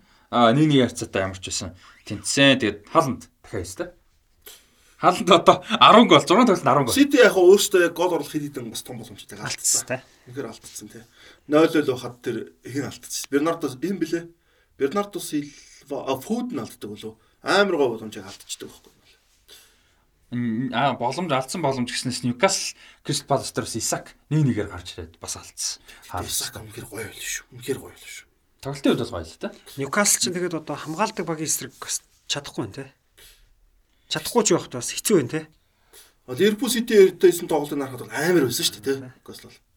Яг л ярьсан л да бид угаасаа те. Жижигүүд дээр жоохон эвгүй шүү гэд. За Астон Вилла бол за Астон Вилла Жерардын хувьд бол нэг амьсгаа авах тоглолт боллоо те. Том багаас оноо авч түүнээс ер нь бол их тааруу явж байгаа шүү дээ. За Сити бол энэ хойд тэнцэлт нэг харамсаад шалахгүй байх гайгүй байх. За United Arsenal. За гол анхаарал татсан тоглолт энэ байсан. United-ийн талбай дээр Old Trafford-д Arsenal маш сайн формд орж ирсэн. За Юнайтед бол урилгыг таарахгүй эхлүүлээд Ливерпулийг очоод аяг гоё бас тэ сэтгэл санаа. Баг хамгийн зөв яваад байгаа юм. Тийм маш гоё сэтгэж одоо сэтгэж гинэ сэргэж орж ирсэн юм байсан. За энэ тоглолт. За ерөн зөвөр BDT-г ингээд хүлэмбэг анх сонирхож эхлэх үед бол Английн хоёр том баг байлаа. Нэг нь бол Manchester United, яхааргүй нөгөөх нь Arsenal. энэ хоёр багийн хоорондын тоглолт бол ерөөсөө улирлын өнгийг баг тодорхойлдог байсан. 6 онооны тоглолт хийж штэ. За бүр ерөөс энэ хоёрын тоглолт л ерөөсөө л бүр ингээд Эл Классикол гэсэн үг. За тэгээд түүнээс хойш яасан бэ гэхээр Челсиг Абрамович авч хүчтэй болсон. За дараа нь Ливерпул буцаж сэргсэн. Тэгээ Тоттенхэм, Манчестер Сити чангараад чангарсан шүү дээ. А яг ингээд яг ботсон чинь сүүлийн жилүүдэд Арсенал, Юнайтед тоглолт тийм топ байха болчих. Одоо сүүлийн Улирлууд хамгийн гол тоглолт бол Ливерпул Ситигийн тоглолт болчиход байгаа байхгүй юу? Тэг ер нь те. А тэгвэл яг Юнайтед Челси тоглолт гэсэн яг улирлын гол тоглолт нь биш. Ач холбогдол нь өндөр ч гэсэн тэгтэл Зүгээр нэг энэ хоёрын аврагын өршөлтөө биш нэг топ 4-ийн төлөө ингээд юунд нөлөөлдөг болцсон нэг. Тэгээ сая ингээд нөлөөлчихгүй байсан дээ. Зүгээр яг бод үнэн болт юм дээ. Тэгээ сая ингээд үтсэн чинь амар тийм өндөр юун дээр тоглох гинт ингээ олон жил нэг үзээгүй юм шиг мэдрэмж төрөө надад гой санагдсан сая. Одоо Сити Ливерпулийн тоглолтыг бид нар үзэхээр яг үндэ бол амар өндөр түвшин тактикийн тоглоом болж байна. Тасгалжуулах бүр солилцоогоо хийж чадахгүй те. Сольцохоор л нэг яаж галчих галчих гад. Одоо Итали Германы нэг тоглолтууд хийдэж шүү те баг 70 80 хүртэл солилцоо ихгүй яваа л баг үндсэн замаа солилцоо. Солилцоо ихлээр тоглолтоо алчихад амар тактик нь бол үнэхээр хоёр том тасгалжуулж уур чадвар тулж байгаа байхгүй. Бус багуу Челси Ливерпул Сити тоглолт ерөөдөө за нэг аргалж тоглолдог те хамгаалтаа сайн хэдэн минутын жоох өргөх юм. Энэ хоёрын тоглолтыг тиймэрхүү тоглолт бас надад бол бүр бөмбөг эзэмших гээд алцаад. Арсенал Юнайтед. Тий. Өстө амар юу тоглолт те. Хоёр богод хоёлаа сайн байсан. Өстой гоё тоглос те. Өстой гоё тоглолт. Тэгээ би бас яг подкастын үеэр хоёр удаа хэлжсэн да. Юу гэхээр за өмнө ч бас хэлдэг л байсан. Юу гэхээр одоо орчин үеийн хөлбөмбөг гэдэг чинь өөрөө их шал өөр болчиход байна шүү дээ. Маш хурдтай бөмбөг алдангууд хамгаалдаг. Тэгээд талбайг маш дүүргдэг. Тэнгүүт ерөөсөө Английн топ багуудаас одоо энэ United Arsenal гэсэн хоёр баг нэг орчин үеийн хөлбөмбөгөөс нэг жоохон өөр л байгаад байдаг гэдэг. Яг сая тоглолт бол яг л орчин үеийн хөлбөмбөг л үзүүлэлээ нэр. Тэгээд United дээр бол яг Антони 100-ын гол хийсэн. Яг тухайн тоглолт нь бол нэг сайн байгаагүй яг ихний тоглолт шүү дээ. Гэхдээ гол хийх дөрөөр чухал ирсэн тий. Ихний тоглолт. Тий. Тэгээд юун дээр бол Мартинелли үнэхээр амар. Амар амар. Мартинелли одоо энэ жил баг Верзилийн гараа орох гээд уу гэж хэлсэн үлээ. Мартинелли бүрээс үнэхээр амар. Мартинелли формтойгоо Бразил руу орж ирэхээр нэг хэцүү Венисиус зүүн дээр болохоор хэцүү юм тий. Тэгээд гол руу орохоор Жесус гол давтлах баг. Тэгээ баруун дээр л одоо одоо Неймар бол дотчоор тоглох гэдэг байгаа шүү дээ. Тэгээ Неймар бол уртлын 3 дээр бараг шаардлагагүй хойшоогоо бараг тоглох гэдэг юм шүү. Тий. Мартинелли амар үлээ. Тэгээд ер нь бол Манчестер дээр хэн байна? Одоо Казимирог яагаар авахгүй нэхэр Эриктэй хаан үнэхээр мундаг суулжуулагч юм байна. Роналдо яг яг байдан давлаа гэж хашаа тааш энэ бол тэгээд яг одоо юу нь зүгээр хэрэгжилж зүгээр хэрэгжилж байна те. А дээрэс нь Мактомине Эрикс хоёр айгүй гой тоглоод байгаа учраас заавал тэр дундор шинэ авсан лаг хүнээ заавал оруулах гэхгүй байна олон засгалжуулагч бол за за Мактомнес болоод Казимирог гарах ч гэж одоо манайч гэсэн бороо тийж бодно шүү дээ. Тэгэхэд бол яг тэр хоёрыг бол бүтэн өдөрлөө одоо одоо тэр хоёрт ингэж байгаа байхгүй. Одоо тэр хоёрт ингэ боломж өгөөд ин гэхдээ алдгал юм бол дуусаа шүү. Хажууд сууж шүү. Энд байгаа шүү гэж. Тэгэхээр энэ өөрөө урт өдрөл дээр айгүй хэрэгтэй байхгүй нат те. Мактомне сайн тоглож тоглож ин Эриксэн яг одоо хойно бүр яг зогтчихно. Яг нөгөө гүний нөгөө дип байн одоо мэдэрдэг гэдэг шүү дээ. Яг тэрийг бол сайн хийж байна Тэгээд Бруно Фернандеш яг гоё өөрийнх нь тоглолтоор тоглолт. Тэр Рашфордд гарч өгдөг дамжуултнууд юу юм бэ те? Тэр бол яг форм орцсон өөртөө итгэлтэй тоглож байгаа тоглогч үйлдэл байхгүй тэр. Хэдэн нүүдлийг харж хайж байгаа тэр Рашфорд. Рашфорд тэгээд Манчестерийн гол асуудлыг бид довтлохоос одоо ингээд довтлон дээр урт үлрэлт харагдах байх. Рашфордод Марселиг Антоникос Марселиг боломж бүр ингээд бүр шүү дээ. Бүр ингээд те. Марсели ирээдүйд үзэх. Тийм тэр тоглолтыг үзээ зүгээр хид хид мэдрэмж төрсөн надаа. За яг хуу зарим үзэгч маань санал нийлж магадгүй нийлэхгүй ч магадгүй нэг ийм байгаа. Одоо хүмүүс ингээд би хэдэг комент уншлаа л да сайхан ингээд одоо нанжид одоо Арсеналд ингээд дургуун мургуу стаа ингээд байхгүй шүү дээ. За би бол ер нь зүгээр за манай хоёр мэтгэл ах. Ер нь бол Англиас явж явж ер нь Арсеналд их дуртай шүү их буучтай. Тэгээд ер нь зөвөр үннийг хилэнгөө зарим хүнд бас жоохон тийм байдаг гэж магадгүй. Сая ийм мэдрэмж төрсөн. Арсенал шал өөр болчих. Одоо нэг Расти мэдэндээ нэг Winning Eleven дээр тоглоход нэг аим хурд орно яг нэг Арсенал яг тийм юм шиг тий ерөөс ингээл пас мас ямар хурдан тэр тэр Вини Левний нэг Pro Evolution Soccer дээр тоглоход нэг яг тэгж байгаа юм шиг надад санагдсан. Тэр пас мас үнэн хурдан тоглогчдын тоглогч биш нэг компьютер ч юм шиг. Надад бол тийг санагдсан. Яг нөө нэгт баг болцсон мэдэгдээд баг болцсон. Тэгээд зүгээр нэг баг болцсон гэдэг нь одоо юу гэдэг нэг юм дасгалжуулагчийн баг болцсон гэхээсээ илүү яг тоглогчд нь өөрсдөө бүгд бие бинийгээ мэдэрч байгаа мэдээж дасгалжуулагчийн том авьяа байлгүй яг хуу. Гэхдээ тэр тоглогчд ямар амар мондох ойлгомжтой нэг үнэхээр мэддэг. Одоо тэр тактикийн тэр шилжилтүүд өдөр бол Арсенал бол үнэхээр шаал өөр төвшөнд. Урд нь Арсеналыг сүүлийн хэдэн жил ингэ тоглоогүй шүү дээ. Түүний өвч гэсэн дээ. Нэг л урваасан л баг байсан шүү дээ. Нэг урваас унжсэн л юм байсан шүү дээ. Тэгээд манай фанатад бас бодох хэрэгтэй ш. Намайг анх тайлбарлаж байхад Манчестер сайн байсан шүү дээ. Тэгээд Манчестерыг магтаал ингэ энэ Манчестерын фанат гэдэг байсан бохгүй юу? Тэгээд нөө муу багийг би шийдвэл тайлбарлаж байгаа муудаж хэлнэ шүү дээ. Анжижгсэн муудаж хэлнэ шүү. Сайн багийг тэнгуүл хүмүүс нэг энэ муугаад энэ ингээд ерөөсөө тийм байхгүй шүү те. Тэрийг бас айгуусан бодолцоороо байна те. Тэгээд одоо харин Юнайтед биш Арсенал дээр Артетад эргэлзэх юу багасч байна? Арай багасч байна. Артета бол одоо гоё тоглуулж байна. За мань хүн бол нэрээ би бол өмнө өстой Артетад итгэдэггүй байсан. Тэр баян хэлдэг байсан. Угаасаа тоглолт нь байхгүй л байсан шүү дээ. Артета үнэхээр чанартай бас тоглож байна. Одоо тэр эхний 10 минутанд Юнайтед 85% бөмбөс юмшдаг лөө тийм. Арсенал 15% эхний 10 минутанд. Гэхдээ Арсенал анж анжаагаал нэг амар сөрөг явж байгаа шүү дээ. Нөгөө нэг Мартинелли дуусгадаг. Ерөөсөө тэр бол чанар, тэр бол чанар. Яг гоо Эриксэн тэр алдаа гараад тэр тооцоогүй л дээ. Гэхдээ тэр бол алдаа шүү тий. Тэгээ алдаа. Тэр бол алдаа. Тэр бол чанар. За тэгээд Юнайтед нэг юм байна. Нөгөө нэг эхнийг бол яаж орсон бэ гэхээр За Юнайтед ерөөсөө нэг тик так болсон ба дээ. Тэр жигүүрт ингээд ингээд бүр ингээд Юнайтед ийм байгаагүй те. Одоо тэнгуут Юнайтед тэр гол яаж орж ийн гэхээр одоо талбайг дандаа урагшаа биш. Хөндлөнгөөр нь ашиглаж орж байгаа байхгүй. Хаалгачаас зүүнлөө гэж. Зүүнээс төв рүү гэж. Төвөөс дахиад зүүнлөө. Зүүнээс дахиад төв рүү. Тэгвэл баруун зүгээрээ ашиглахгүй шүү дээ. Арсеналын бүх хамгаалтын шил шилжиж баруун лам мултлангууд тэр чинь Антони орж гусч байгааз тэр бол ерөөсөө ингээд довтлогоо ингээд ингээд явчихаар тэр хамгаалж байгаа багт. Тий зигзаг ингээд явчихаар хамгаалж байгаа багт. Үндэ хэцүү. Тэгээд яг тэр гол оронгоо тий хааг бүр тэр бол бүр арга байхгүй. Яг тэгвэл тэр Тихагийн бэлдсэн юмар явж ин Тихагийн 100 саяар авчирсан тоглож гол хийхэд тэр дасгалжуулагч чинь бүх юма гарахгүйгээд тэр бүр яах юм бэ? Яг тэр бол ерөөсө чанар байхгүй. Яг бүр яг чанар тэр бол Нажил дээр сүүлийн дээр хэлж байгаа та би байна. Дасгалжууд чи өөрийнхөө хөлбөр нь бэлнэ гэдэг бол тэр дасгалжууд голдоо биш байхгүй тий. Бүр яг ингээд бүр яг ингээд дотоос юм шууд гарч байгаа байхгүй тий. Энэ байхгүй, эн чинь байхгүй гэж хэлж байгаа юм шиг тий. Яг зөв үзүүлэх гээдсэн бэлдээд байсан тооцоолоод байсан дэ бүх юм нь яг билээ. Тэгээд нөгөө гол ороод нөгөө Аяксаас ирсэн хоёр ингээд тэрвэрлэлтэн штэ. Тэгэхэд надад ямар мэдрэмж орж ирсэн гэж. Юу гэхээр Юнач өмнө нэг тийм залхуул баг байсан байхгүй. Одоо ингээд залхуу хөдөлгөө. Тэгэхэд тэр нэг хоёр нөхөр чинь бүр нүд мүд ингээд тэрвэрлэлт тэр Юнайтийн нөгөө нэг нэг унтаа залхуу юм чинь ингээд нэг өөрчилж чинь те.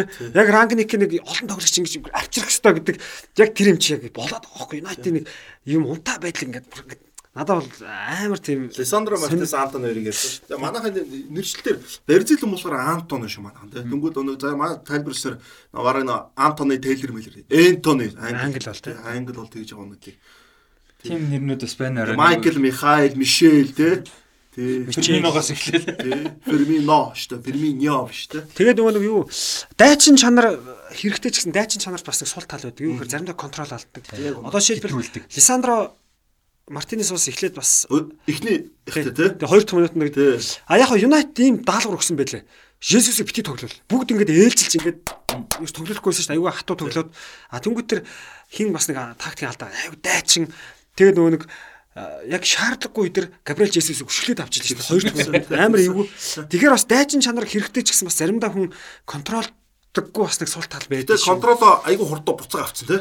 Тэгээ шууд бодсон юм шиг тий. За одоо энэ би арай хэтэрчлээ. Тэр амар донд даваад давхар тий. Яг тэр тоглолтын дунд анзаар гэдэг чинь бүр том даваад. Тоглолт чинь өөрөө тэг агч хилж байгаа л да. Өө нөхөр мэн гэл тэр чинь X тоглож исэн юм яаж ойлгосон мэдсэн мөрт. Тэгээд магвар сэлэг болчихсон шүү дээ ингээд. Одоо яах чинь өөрөөс л. Одоо тэгээд ийм байна. Юу вэ гэхээр за Арсеналынхаа одоо тэгэл дахиад одоо Нанжид Арсеналыг инглээл гэх бах зүгээр. Яг бодит түүний юу вэ гэхээр яг жоохон чанар дутж байна яг United хажууд. Тэгээ бас жоохон сэлгээ дутж чинь. Жишээ нь Томас Парти тоглосонгүй. Тэгэхээр нэг Локонго гэдэг нэг залуу. За тэр бол бас дутж чинь, том тоглолтод дутж чинь. United сэлгээнгүүтээ Роналдо, Магуэр өшөө хин орж ирлээ. Фред. Фред. За Фред ер нь том том нэрс орж ирж байгаа шүү United. Тэгэхээр Арсеналд бол яг тавьчихээр бас цөөхөн. Бас цөөхөн байлээ. Одоо Арсенал очиж байгаа юм яг нөгөө нэг туршлага зангарал жоохон дутах. Тэгээ яг нэг тийм world class хэмжээнд очсон одоо парти явахгүй ууг нь бол тэр нь тийм их тоглогч жоохон дутах байна. Хин орж ирсэн. Оо нөө. Смитров а Вера Тэвэра. Аа нөгөөх нь юм бэл одоо ямар ч гурван нөхөр. Тэгээ бас нэг тоглолт шууд өөрчилж чадна гэж хэлэхэд хэцүү хэцүү хэцүү тий. Хэцүү. Гол нь иймэрхүү тоглолч нэг дутагч нь ядаг нь урт хугацаанд л тэрний их дутагт баг. Түүнээс яг гой тоглолтуудаар мэдээж айгуу гой гой тоглоо явчихна. Хойждгоо хойжно. А гэхдээ бүтэн үлрэлийн хугацаа. Одоо Европа лиг ч юм уу. Хүмүүсийг одоо Арсеналд Нанчдыг тэгсэн гэсэн би ч зөндөө дээ. Арсеналд яг энэ бүрэлдэхүүнээс солиул яг үндэ ихтэй тавж яг нэг бүрэлдэхүүн тоглосон шүү дээ том баг тэгж болохгүй байхгүй. Ротейшныгээ солио те.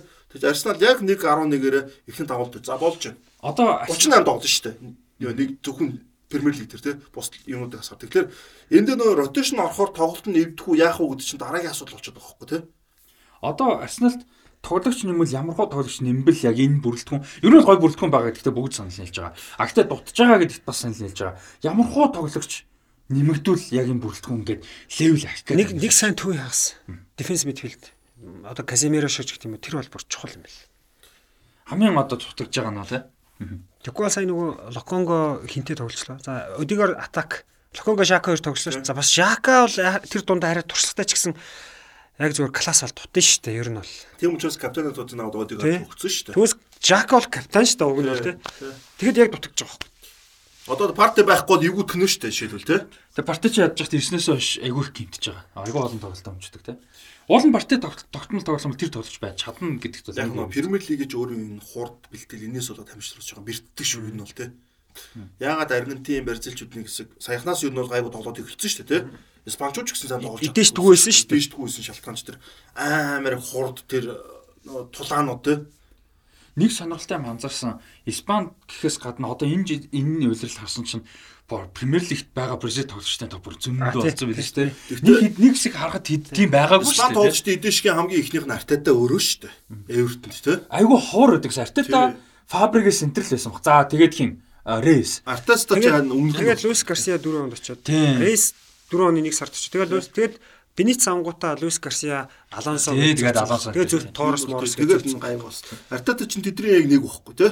Эвертонд аягүй сайн бүр яг довтчийн ард бол аягүй сайн хас байсан шүү дээ. Кегл тэр өрчөж байгаа ямар байсан те 6 жил тогсон 2005-аас 11 он хүртэл. Тэгээд юу лөө Арсенал руу явж байгаа шүү дээ те. За тэгээд энэ үрээд саний тойрог дээр марцсан зүйл. Тэр нэг алдаан дээр ахаад нөө тодорхойлох юу шүү. Одоо юу ч нөө хэнийг гарна Одегардын гар нь цэлийн дээрээс гарцсан тухайн тоглогчийн бөмбөг төрөөг өмөртөө бие рүү н орцсон. Тэр бол ямар ч юу байхгүй эргэлзээг халтаа шүү манайхан. Энд дээр бас жоохон хүмүүс яг Мартинеллигийн голыг тооцсонгүй тэр. Тэгтэл тэр тооцоолоор Мартинелли баслаа. Мартинелли бүр үнэхээр 99-өд эсхийг сунцсан юм бэл. Мартинелли гой тоглогч байгаа. За тэгээд энэ үрээд эхний хэсгээ өндөрлцгөөе. Аа тэгээд 20 дугаар хэсэг дээр бол 2022 оны зуны 8-ны цанхай талаар хэдэл байгаа ярилцсан. За тэгээд үлцэн хоёр хэсэг дээр тулгай маань орж ирнэ ярилцах юм их болох нь байна. За 97 оны тоглолтууд мэдээж тойргууд тойргууд тойргийн тоглолтууд дараад л ярина. Тэгээ гоё юм нь аврагууд хэлээ. Өнөөдөр болон одоо бидний хувьд л өнөөдөр маргааш за сонсож байгаа үзэж байгаа хүмүүсийн хувьд бас янз бүр байгаа бах. Тэгээд аврагууд хэлийг эргэж ирэх нь байна. Тэгээд товчхон масаж одоо ирэх тоглолтоос аврагууд хэлийг тоглолтуудаас ямар тоглолт хамгийн хүлээж байна? Одоо нөө Интер юу баяр хоёрын тоглолт. Интер баяр нь Интерийн талбай дээр. Тэгээд бас нэг яванд бас цаг магаа жоохон сонирхол. Яг аврагын өнлөр бас яагаад шиг тий. Тийм. Яг хоо харж харъя тий. Хэдүүл харж байгаа болъё. Аврагууд хэлийг фэнтези хийх юм. Э, хэдүүл ямарчсан хийл та. Э, Тэ хийгээд нөгөө лиг нээч. Тэгээд сонирх хүмүүс. Премьер лиг дээр миний баг одоо сүүлийн 2 3 тоглолтууд аягуусаа явах шүү. А юу юм чи нэр лигтэй фантастиктэй холбоотой мэдээлэл өгч. Дугаар болгон дээр бидэл бид нар бол одоо фантастика ярихгүй. А гэхдээ Премьер лигийн фантаси бол description хэсгээр дандаа байж байгаа код нь. Ерөөсө бэлэн линк нь байж байгаа шүү. Дандаа бэлэн байгаа. А тэгээд Champions League дээр аврагын лиг дээр фантаси лиг нээч. А тэгээд линкийг нь бас description хэсэг дээр оруулчих. Та байн ба асуух шаардлагагүйгээр альч платформ руу орсон description тайлбар хэсэг л байвал тэмцэл линк нь байгаа. Ороод гой нэг дээр За би бол аврагын лиг дээр бол илүү идэвхтэй оролцсон. Би бол аврагын лиг фэнтези дээр Премьер лиг бол хайцсан шүү дээ. Амжихгүй байна. За бол хайцсан. Бэ уул хүсэл бас байгаа. Тэнгүүд ингээд байн болцдохгүй юм байна. Премьер лиг чи ингээд 7 хоног цаамда 2 тойрог мориг явангууд ч мартчихж байгаа юм. Хоёр сакси фантаси тоглох валрах юм байна. Валрах өдөр болох шүү дээ. Champions League бол хамаагүй гоё. Арай 51. За тэгээд би миний хувьд бол Paris Saint-Germain Juventus-ийн тоглолтыг бас хараад байна. Сонирхолтой. Өнөөдөр өнөөдөр бас сонирхолтой. Даач би үзэж чадахгүй. Аа би өөрөө тайлбартай зэрэг тайлбартай ажиллаа. Расти юутэй? За би болохоор Копенгаген юу Дортмунд. Аа тэгээд А тэр чинь эрт шүү дээ. Тий, эрт. А тэнгуүтээ шууд үргэлжлээд Sevilla Manchester City дээр би. Аа яа яа яа. Эрлин Хааландыг тайлбарч таарах юм шиг байлаа те. Аа сая Sevilla-г бас Барсатай тайлбарч таарсан. Sevilla-гийн хоёр хэцүү тоглолтыг тайлбарлана. За тэгээд 20 дахь хэсэг рүү орцгаая.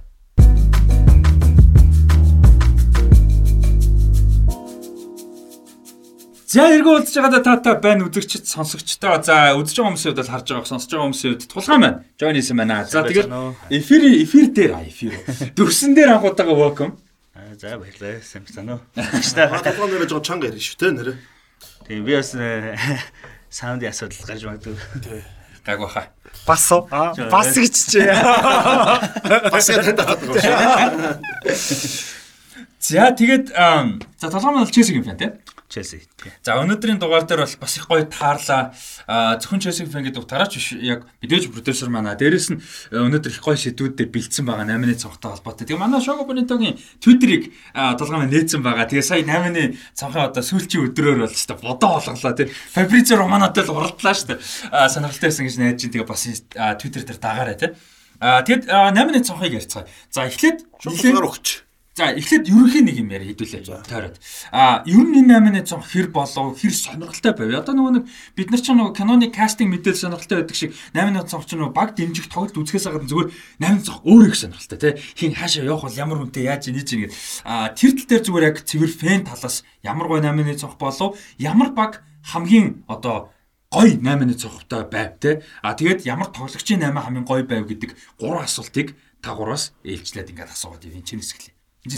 Дээр ингээд Аа за. Ер нь 8 цонх яг хуу ойр хэдэн жил гоё цонхоллоо. Тэгээ аргагүй нөө багуу нөө юм хурдтай хөлбөмбөгийн өрчсөн нөө шинжил хурдтай хийж нэ дээшлэхгүй бол тэр тэр чинь мөнгө санхүү амжилттай олон юм даа чинь. Өөр ямар асуулт гэлээ.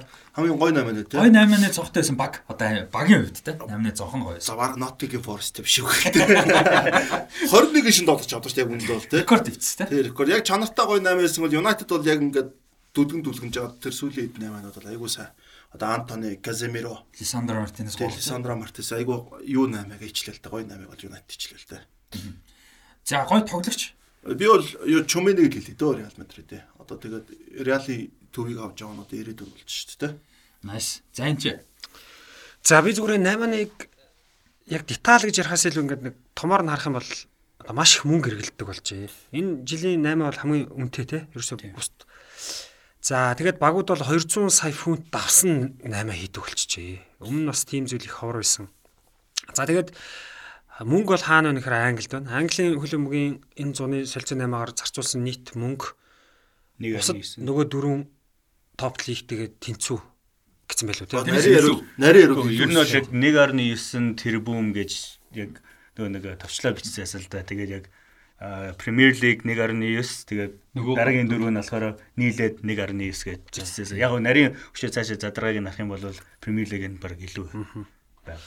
За тэгээд том утгаараа зүгээр энэ жилийн цонхыг үзэх юм бол маш олон баг уралдлаа, маш олон баг өрсөлдлөө, нэг тоглогчийн төлөө олон багууд ингээд бүр ийм ийм их сонин сонин юмнууд боллоо. 8 эцсийн мөчөд бас их шийдэгдлээ те. Их сонин тийм сонирхолтой 100 болж өнгөрлөө. За хамгийн сонирхол татсан баг бол одоо яхахгүй Барсал байла. Одоо өөртөө нөхцөл байдал маш хүнд байсан ч гэсэн 8-аг бол ингээ урдаа өрсөн те. За энэ зоны бас хамгийн гол гоё тоглогч гэвэл за Фрэнки Де Йонг байла. Тэгээд яваагүй ч гэсэн тэгээд хамгийн онцлог нь бол тэр байлаа л гэж хэлэх байна. За. Тулгаа. Аа ер нь бол энэ 8-ны цонх бол миний одоо хөл бөмбөгийн бүр ингээд айгу тийм голчилж сонирхдаг нэг хэсэг байдаг. Яа гэвэл би өөрөө яг нэг юм хөл бөмбөгийн менежерийн тоглоом э, Football manager тий? тэгэхэд бол яг юм нэг юм трансфер виндо гэдэг чинь бол амар чухал. Одоо бараг одоо дараагийн сизон яах вэ үгүй гэдгийг шийддэг байсан болохоор айгу юм анхаарал тавьж юу байдیں۔ Тэгээд миний хувьд бол хамгийн одоо гайгүй одоо тийм баг бол Арсенал гэж би хараад байгаа.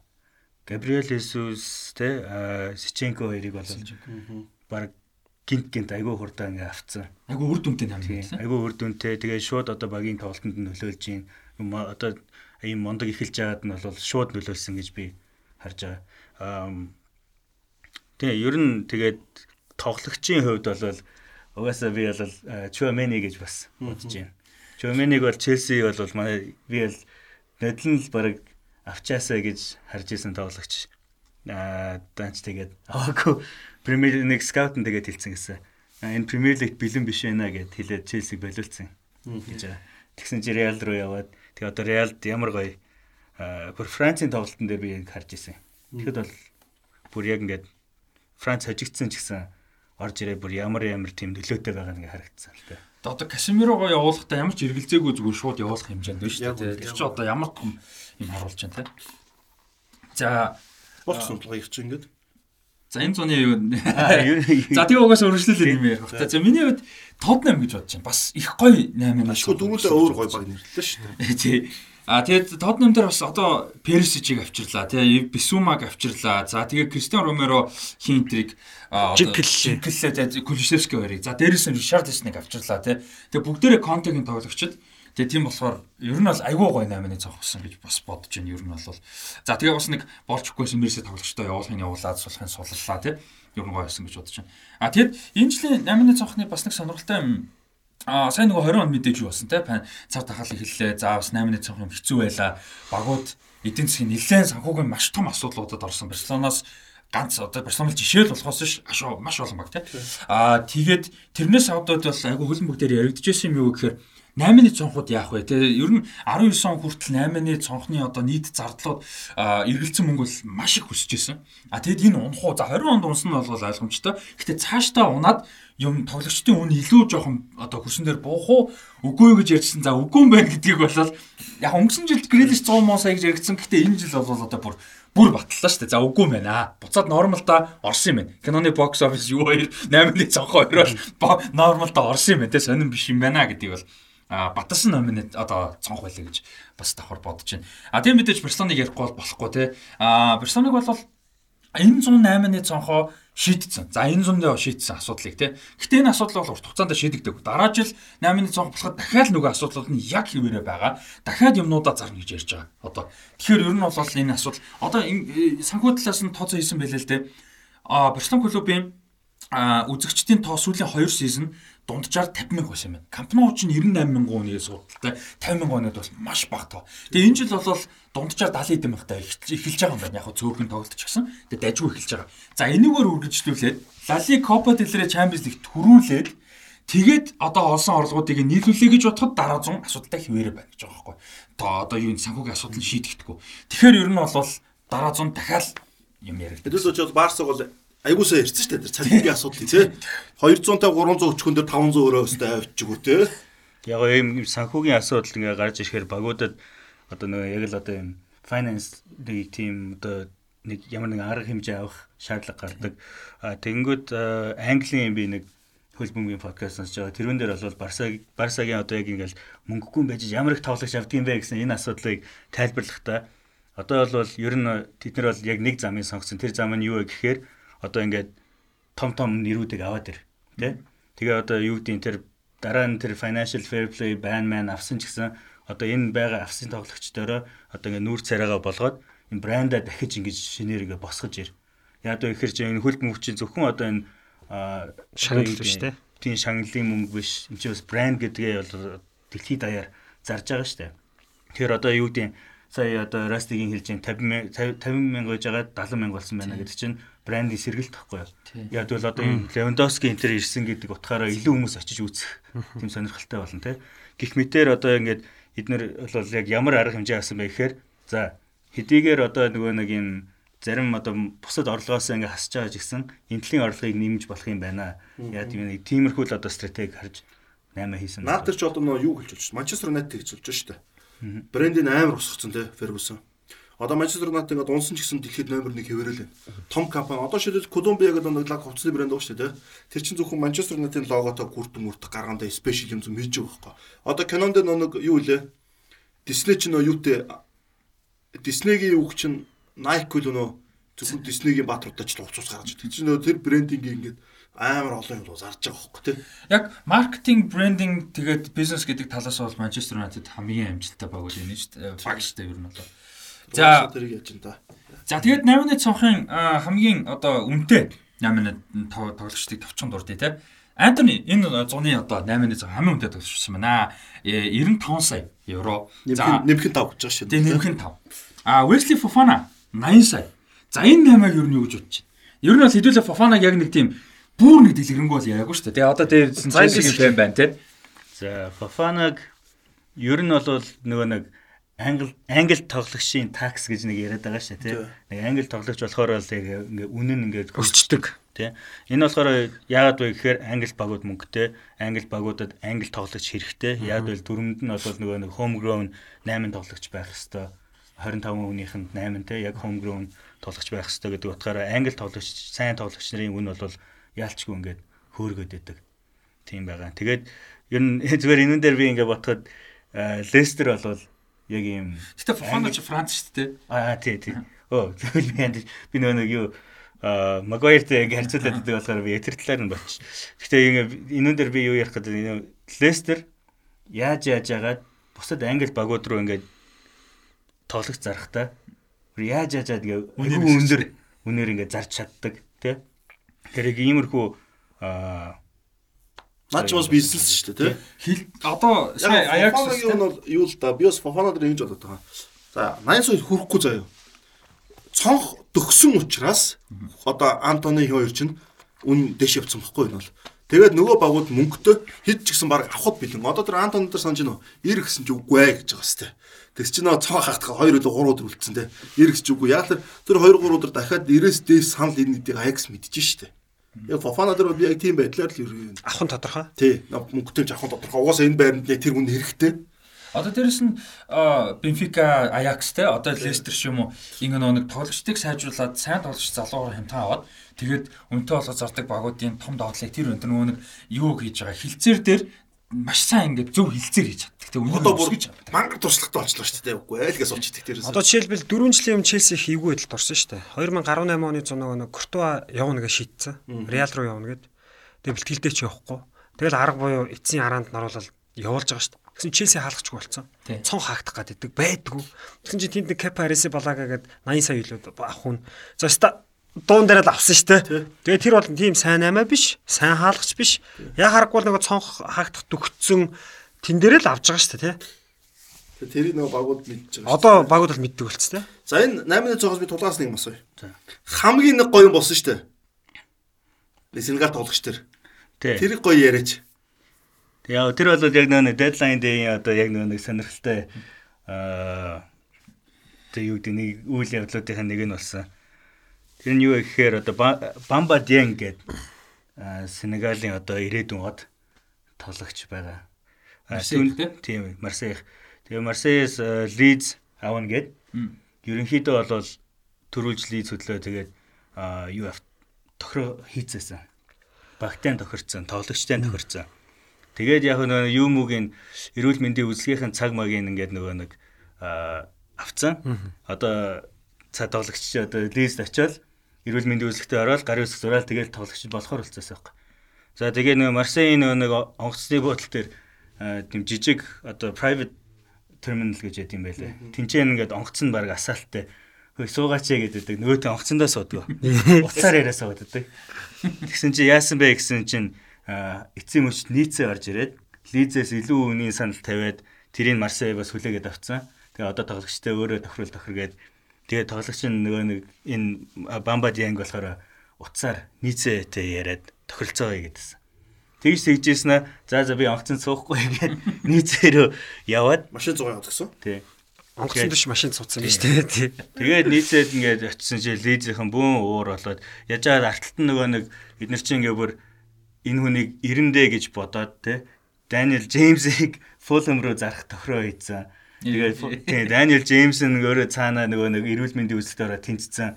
Гарын үсэг зурх хэрэгтэй гэсэн чинь одоо юу гэдэг нь Даниэл Джеймсийн гарын үсэг байна те Фулхэмийн гарын үсэг байна. Лизийн гарын үсэг байдаг. Лиз нь болохоор оо бид нэр Динго Динго авах гэдэг. Тийм, бид нэр яг дэнг ирсний ирсний дараа нь баталгаажуулнаа гэд. Тэгсэн чинь нөгөө дэнг нөгөө нийцээрөө яваад тэгсэн чинь нөгөөдөл чинь за төр байж бид нөө өөр орлого хүн аа, олоодох хийгээд Тэгээ явж явж байгаад нэг Wilfred Gnonto гэд Зүрикээс тэ аа, Raheem Sterling-тэй адилхан тийм тоглолттой гэдэг нэг тийм нөхрийг авсан. юм. За тэгээд болцлоо гэж бодож исэн чинь Dieng нийцд очиад эрүүл мэндийн үзлэгтээ очиод тэнцээгөө. Тэгээд одоо бол Bamba Dieng Marseille Марсетэ үлдсэн. Бамбад яг хоёр туулаа хөөгд хоос оцорсон биз дээ. Ер нь Цалингаа нэмүүлж чадаагүй. Ер нь бол нэг тийм болсон. Тэгээд хамгийн одоо нөгөө нэг юу нь болохоор эдгээр чинь нөгөө нэг тоглогч одоо бас deadline day интергээл бүртгээл ингээл нэг явуулж байгаа шүү. Тэнгүүд чинь ингээд нөгөө нэг Champions League интер бүртгэл байхгүй энэ тоглогч. Тэгэхээр одоо ингээд нэг яах нь мэддэг. Марсель- Тэгэхээр одоо нэг сая Авруудад тоглоод бамбуудын бахгүй юм уу те? байхгүй. Өөх. Бүртгэлийн хугацаанд дууссан тийм. Тэр тоглогчийг бүртгээгүйгээр ингээд лист өгсөн.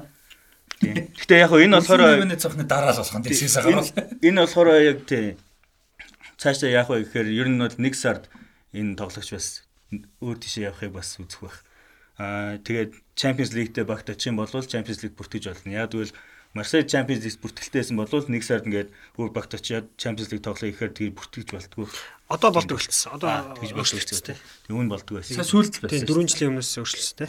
За тэгээд 8-ны цах сүүлийн дедлайн дээр рүү орохосон нийт 8-ны цах одоо саяны ярьжсэн point дээр жоохон ихэд юм л да нөгөө юу төхөөд ирэхээр 8-ны цав хаагдах төхөөд ирэхээр тоглогчдын өмнө нөгөө их мөнгө зарж тоглогч авдаг гэдэг. Одоо энэ ч тэгж юм л да. Энэ зуны хамгийн өндөр үнэтэй 28-ны 1 2 3 4 5 за 6 гэж хэлж болохоор тоглогчид бол яг үнээсээ одоо нийт маркет value-аас хямдхан эсвэл тэнцэн үнээр л авсан байгаа байхгүй. За яагаад гэж харах юм бол дандаа төрүүлээ тохироогоо эзэн 8-ны цонхын 98 хийсэн 8 одоо одоо Матис Деликт байна те 70 сая үнэтэй гэж ер нь бол одоо трансфер маркетээр л ярьж байгаа л та. Тэгэхэд 67 саяар явсан байна те. Эрлин хаалт за хаалтныг бол одоо бүр тоглоом те 100 хичнээн сая үнэтэй үнийг 60 саяар авцсан. А тэгээд яг хоо релиз клоус. Релиз клоус нөхгүй. Тэгээд тэр бол жоохон өөр. А Стерлинг байна. 56 сая авсан. 56 сая Стерлингийн хувьд бол бага үнэ гэж ярьж байгаа. А тэгээд Жо Күндэ байна те ойролцоо үнээр. А тэгээд Калвин Филлипс. Эднийг харах юм бол дандаа эрт ярианууд нь хийсэн, эрт тохироонууд нь явсан. Күндэ дээр удсан шалтгаан бол зөвхөн Барселоны нөгөө мөнгөний л асуудал шүү дээ. Түүнээс тохироо болцсон байсан. А ер нь бол. Давхар наад дээр ч одоо нөгөө гэрэн дуусч байгаа. Хоёрдугаар гэрэн дуусаад нэг жил үлдсэн.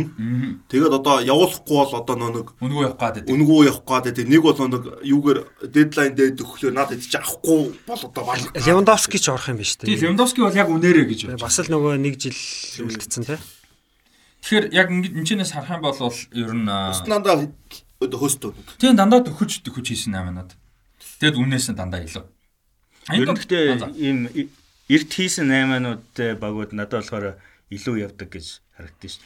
Тийм. Яг л одоо нэг пресизон дээр хамт байгаад бэлтгэлээ юм уу те одоо нэг багийнхаа тактикийг сурж одоо яг ингээд цээжлэхт нь илүү одоо цаг хугацаа орцсон болохоор тэгдэг ч юм уу хотоогоо танилцсан тоглогчтойгоо танилцсан те жишээ нь яг энүүний одоо яг тод жишээ нь юу гэхээр одоо нэг аа чин хин Жозе Мориньогийн одоо Челсигийн хоёр дахь юун дээр нь илүү сүлд төрүүлдэг үү? Аа эсвэл Антонио Конте дээр л нэг Коста Фабрегас хоёрыг авдаг чинь Морин Аа сүүлд нь тийм тийм. Тэр чинь Морини авдаг лээ. Морини юу яа тань. 13 онд ирээд Реалаас Челсид очиод 13-аас 14 онд муу тоглож ш тавтууш тавьж нөгөө Сити төрүүлж. Тэгээд 14 оны 100 Фабрикасыг авт. Тэгээ яг тэр эрт авдаг эрт авдаг юу ч амар эрт авсан тийм 8-нууд болоо тэгээд ер нь нэг авангуута тэг Коста Фабрикас хоёр чинь гарч ирээл ингээл гар хөл нийлээл стенэрэ мөнгө зараад авраг авсан. Үнэ үнэ үнэ. Тэгэнгүүтээ дараа жилд нь болохоор яг 8 болохоор бүр ингээд яг бүр ингээд тулгаж ингэж нэг юм сандарсан юм 8 хийгээл тэгээд баг Тэгээ болсон шүү дээ. Одоо энэ дээр хүмүүс өнө зөвхөн хөл өмбөг гэдэг нэг компьютер шиг хараад байдаг тий. Тэр тоглож эртний мэд чинь за ингээд толгой гэлдээ сарын тоглолт молтоо сатна.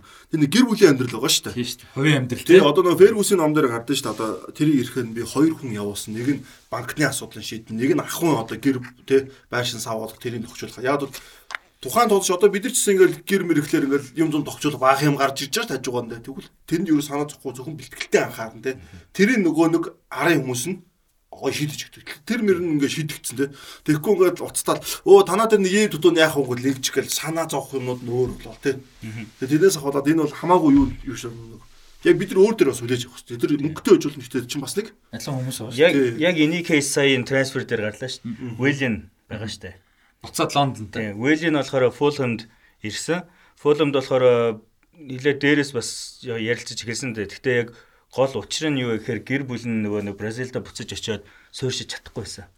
Тэгэл яг нөгөө нэг Corinthians чинь жоохон ингээл нэг муу тоглонгууд нь бразилчууд нь нөгөө нэг алан тал нь болоод нөгөө сошиал медиагаар бүү тийм юу яагаад бүр ингэж нөгөө нэг хичээл сургуульдаа ч явахаасаа айдаг болоод тэгээд эхлээд болохоор ингээл эхнэр охтуудын бас ингэж нөгөө нэг алан малн юу юу гэж амар тийм сүрдүүлдэг байж ийснэ сүулдэ бүр ингээд нөгөө нэг дүү наавын бүр тэгээд ирэхээр за за би ийм газар байж чадахгүй юм байна ийм газар амьдарч чадахгүй юм байна гэд тэгээд буцаад Лондонд ярьж байгаа байхгүй юу Яг үгээр гэр бүл нь айгүй удаа хугацаанд Лондон ингээд байрсан Лондон мэддэг. Арсенал Челси хоёр баг тий. Лондон ингээд нөгөө байж чаддаг. Өөрөө ч гэсэн Лондон нөгөө ресторан бизнес бизнестэй болохоор тэгээд яг Лондон руу буцаж нүүж ирнэ гэдэг Лондонгийн баг олоод л явчих. Одоо жишээ нь манай энэ зун Вильям Галас Монголд ирсэн шүү дээ. Галас бол Лондон 3 багт байсан те. За одоо Брейтвейт ингээд Барсагаас Испаниол руу явчихж байгаа те.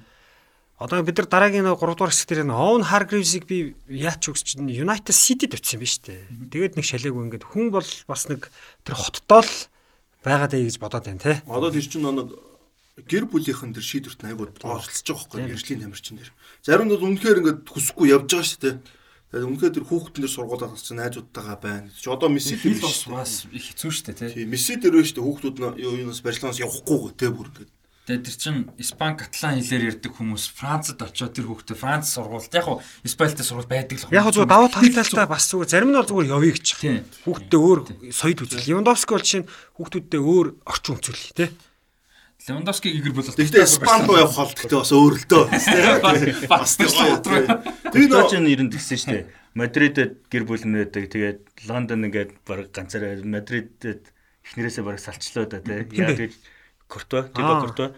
Тэгээд ингээд сүүлдээ за би гэр бүлтэйгээ байх ёстой юу юу гэдэг. Тэгээд Мадридаас би Мадридэд л байна гээл Тэгээ Куртогийн ихтер чи хин аваас бас нэг нь аваас сууч. Яалаа нэг юм болсон шүү дээ. Нэг юм бас. Дебройн шүү дээ. Дебройн واخгүй тий. Дебройн чин Куртогийн ихтер мэх нэртэй бараг суулуу яалаа нэг юм болсон шүү дээ бас нэг тий. Тэр өчи Бельгийн шидээр бас нэг юм зэн болсон тэр өчи тий. За а 8-ны цанхны сүүлчийн өдөр юу болов? За тэрийг айгүй бол сонирхолтой юм болсон. Би яг нөгөө нэг Twitter-ээр хөтлөжээс болохоор унтахгүй өглөө хүртэл яг ингээд хөтлөөд ингээ явж исэн. Манай сонсогчдоос ч гэсэн зарим хүмүүс нь бас ингээл тогтмол ингээл яг бичиг болгоно лайк дараал зарим нь ингээ бүр гоё дэлгэрүүлж бичээл те. Тэгэл зарим нь янз бүрийн асуулт. Би нэг цаг хүртэл цуг байж байгаа тэгээ явуулсан. Тий. За яг одоо миний харж байгаа одоо одон байсан гэх юм одоо 8-ны цанхын хаалтын өдрийн одон байсан нь болохоор уг нь бол Douglas Lewis байх хэвээр байсан. Яг одоо ихээр Douglas Lewis-ийн төлөө болохоор Атлетико, Ливерпул, Арсенал, Челси бүгдээрээ сонирхож исэн. Яг бол бүгдээрэнд нь яг хэрэгтэй тоглож байгаа байхгүй юу? Альтернатив энэжид хэлсэн тий яг энэ defensive mid дээр Арсенал яг нэг хүн хэрэгтэй байна гэдэг. Энэ Douglas Luiz бол яг эднэрт хэрэгтэй хүн байсан. Ливерпул болохоор одоо Thiago гимтсэн хин Chamberlain гимтсэн байхгүй тий бүгдээрээ ингээ гимтэлтэй болохоор тэнцэн бас яг хүн хэрэгтэй байна гэдэг. Ер нь Ливерпулийн одоо яг тийм тааруу одоо эхэлсэн гэдэг ч юм уу тий тэр нь болохоор яг нөгөө нэг энэ хамгаалтын урд нь хамгаалалтаа хамгаалах хүн байхгүй болцсон. Тэгээ одоо яг нөгөө пресс мессеж гардаг. Тэнгүүд нь одоо юу гэдэг заавал одоо энэ Douglas Luiz гэдэг хүн хэрэгтэй байна гэгээд клубч өөрөө хэлээд сонирхож исэн бүгдээрээ гэхдээ 20 сая паундын хавцаа үнэлж исэн үнэлж байсан. Атлетико хүртэл 20 саяын санал бэлдээд байжсэн. Явуулаагүй. А хамгийн түрүүлж явуулсан нь Арсенал байсан. Тэгэнгүүт Aston Villa шууд буцаасаа авахгүй зарахгүй гэдэг.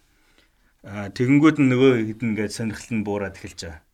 Тэгэнгүүт Arsenal бол яг дахиж 23-ыг тавьж үзээд. Тэгээ бүр оройн жилээ бас 25-ыг тавьж үзээд. Тэгээ бүгднгийн буцаасан байгаа.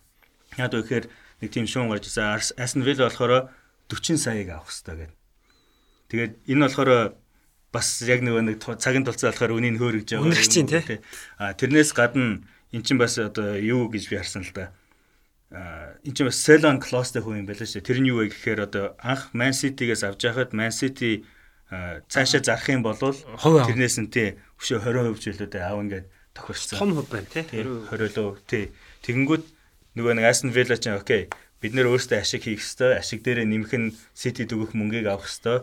Тэгэнгүүт чинь одоо эн чинь бол нөгөө нэг юу release clause энэ төргээ шууд тэр нөгөө нэг тийм тодорхой тоо биш болохоор энэ дээр чинь бас нөгөө нэг агентуудын фи гэж бас том тоо орж ирэн тэ. Тэгээ эн чинь яг ингээд хаалтын өдөр энэ тэнд ингээд 8 явж идэг ингээд бодгийн жидэг ялангуяа Aston Villa ч бас зөндөө 8-нд оролцож исэн. Тэнгүүд чинь энэ клубүүд чинь бас тусдаа өөрсдөө клубын агентууд хөсөлж явж байгаа. Тэгэхээр тэр клубын агентэд төлөх мөнгө, тоглогчийн агентэд төлөх мөнгө гэдэг ингээд нэмэгдээд идэг болохоор одоо яг энэ 40 сая гэж үнэлсэн болов уу гэж би харж байгаа байхгүй юу. Тэгээ Douglas Lewis тэр сонирхолтой юу юм биш үү? Одоо энэ үлрэл дуусаад гэрэн дууссан. Гэрэн дуусаад дуусчаа. Тэгэхээр одоо ингээд 8-ны цонх дуусгаад явуулаагүй юм чинь өвөл Наа чи өвөл золттой юм өвөл шүү. өөрөө юу вэ? Одоо нөгөө нэг дөрөв Дөрөв хэмжтэй. хямдрах нь биш үү? Тийм шууд өөрөө дуртай клубтэйгээ гэрээгээд болох боломжтой. Астон Вилла хорих ирэхгүй гэсэн үг шүү дээ. Гэхдээ тэр болохоор зөвхөн одоо өөрийнхөө тоглож байгаа лигээс гадуурх лиг их юм байна. Дээр юу Босс боссман боссман рул бол Тийм. Боссманы хэрэг үү? Тийм. Боссманы рул яриад байгаа юм шиг. Боссманы рул чинь бол одоо англи тоглож байгаа тоглогч 12 сар гэхэд одоо Франц, Герман юу гэдэг те. нэг сар гэдэг 8-ны цонх тийм. Тий, тэр 8-ны цонхоор окей 100 очно гэд үнгүй очно. Гэрээ дуусаад хагас жил үлдэхэд л гэж байгаа байхгүй. тийм. Ер нь бол тийм. Аа тэгэж болно. Гэтэ Английн клубүүд рүү явж болохгүй. Тийм тэгээд гэ- одоо Астон Вилла Морино ч гэсэн тийм байсан шүү дээ. Морино ч анх нь Челсигээс халагдсан шүү дээ 2007 онд. Тэгэхэд нэг жил жил 2 жил хугацаанд Английн клубтэй гэрээ байгуулж болохгүй гэдэг заалт байсан юм байл. Тэгээд дөрөс Англи руу ирээгүй. Итали метал гэж жагаад нөгөө Англид хориг дууссан гот явж байгаа байхгүй. Тэгэхээр Douglas Lewis-ийн гэрээг одоо ер нь бол улирал тусаас өмнө сунгах нэг бол үнгүү алдах гэсэн Тийм сонголт сонголттой болж. Наадах чинь гэхдээ баг нэг сар Английн клуб бүдчихээр авч магадгүй шүү. Тий, Douglas Lewis ч угаасаа сая Арсенал руу би явна гэж жоохон бас өөрөө жоохон хүсэлт мүсэлттэй тавиад нөгөө трансфер лист мэстэй өгөөд тэгээд яваад исэн даа. авту клуб гэсэн юм байна. Баг шийдэн те. Одоо Арсенал авъя гэж байна. Тоглож өөрөө явъя гэж байна. Тэнгүүд нөө нэг хин клуб шийднэ гэдэг яг Twitter дээр юу бичсэн юм байна л да. Завар баяа болов. Тий, Aston Villa ярьж байгаа дээрээ те. Aston Villa бол юу Craig Dawson-ыг West Ham-аас авах гэж тохирсон байсан. Аа. Тохироо игээд аа тэгээд West Ham нь болохоор оронд нь Wolves-ээс Dendonker-ыг авчирна гэж яг тохиолцоо хийж исэн. Яг тэгээ хийгээд явж исэн чинь аа ягаад чи бидгүй Aston Villa нь Dendonker-ыг төрүүлж очиж аваад Аа тэгсэн. Тэгсэн чи West Ham өө тэгвэл манайх одоо Craig Dawson-ыг явуулах баггүй боллоо те оронд нь авчирч хүн байхгүй боллоо те Craig Dawson манад үлднэ гэд нэг тиймэрхүү бас нэг найс цааш. Би тэгээ тэн дээр ингэж харсан. Дэн донкрыг авчихсан шүү дээ. За Луис явах нь. Доглас Луис явах нь. Яг бол төвийн авснаар Дэн донкрыг авчиж байгаа юм чинь би яг тухайд бодсон. Тэгээд яасан бол та хоёлоо үлдчихлээ л дээ. Энэ Диндонкер гэдэг энэ хэр тоглогч вэ? яг тэ төвийн авснаар дажгүй дээ. Бэлэг тий. Тэрүү жил нэг еврогоор нэг Балжафт дээр нэг Бельгийн тоглолтод орох байсан. Тэгсэн чинь гарааны бүрэлдэхүүнд Диндонкерг ороод би яг үндэ сайн мэдэхгүй. Балжахын Диндонкер гэж хэр тоглогч юм бэ гэж. Гэхдээ яах вэ нэг Диндон хийсэн л тоглогч гэж хэлж ирсэн. Тий. А гинти 8-гийн бол одоо энэ Man City Akanji Тийм тий. Яа харахгүй хамгаалагч хэрэг бас тий. Тэгснээ бүр ингээд ямар ч тийм шуум мөмж явахгүй жаа дэнт бат гэл Айгу өвчлээ гэл гараа. Аканжи 25 саягаар гараад ирсэн шүү дээ. Закарийг хамгаалагч 10 дээр аваа. Закари Челси. Оо яг юуны 2 3 Швейцар хамгаалагчийг авч байгаа байхгүй тий. Закарийг Челси. Закари төвийн авс юун дээр Челси дээр зээлтэй гэхдээ Закари Закари болохоор юу?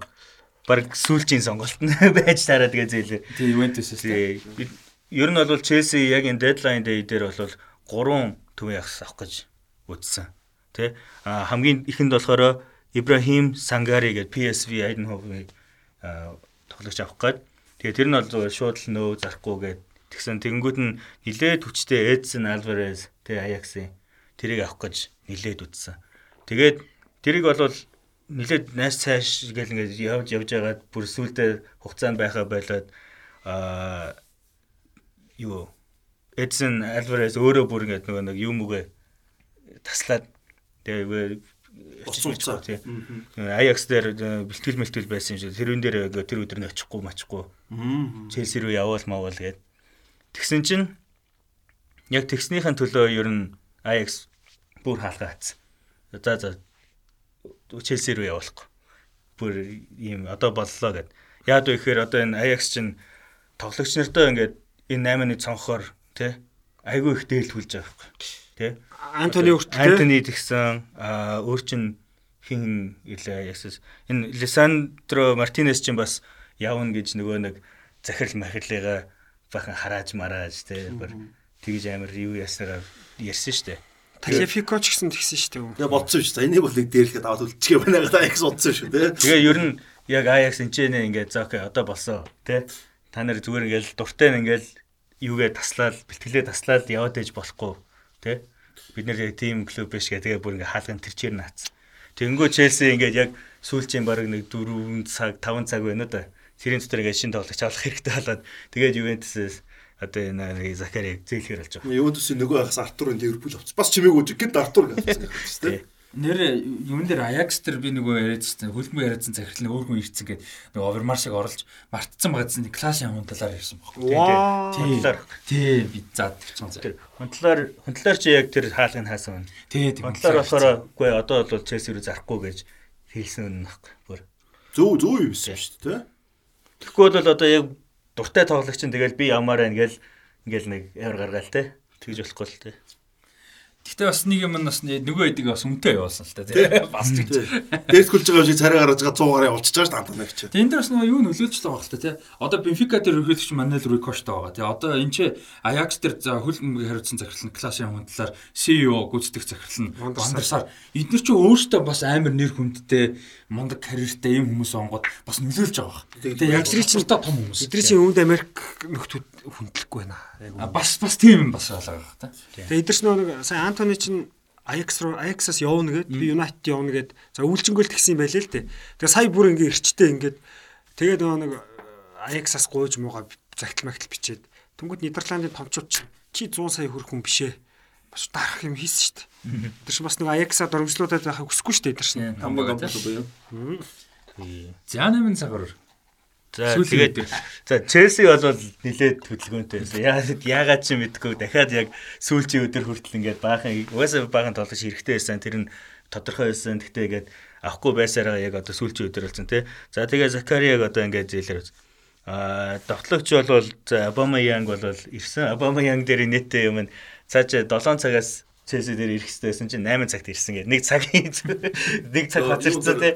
Medical дээр үү те? Тийм тэгсэн чинь нөгөө нэг юу Sky Sports-ын нэвтрүүлэг гэж за нэг цаг хоцорж ирсэн байна те Артета үзэж байгаа болвол нэг юм хэлэх байгаа гэл нэг тийм Артета чинь угаасаа нэг цаг хоцорсон моцорсон гэх тэгээ нэг муудалцаа нэг хөөгөөд явуулсан юм байлаа шүү.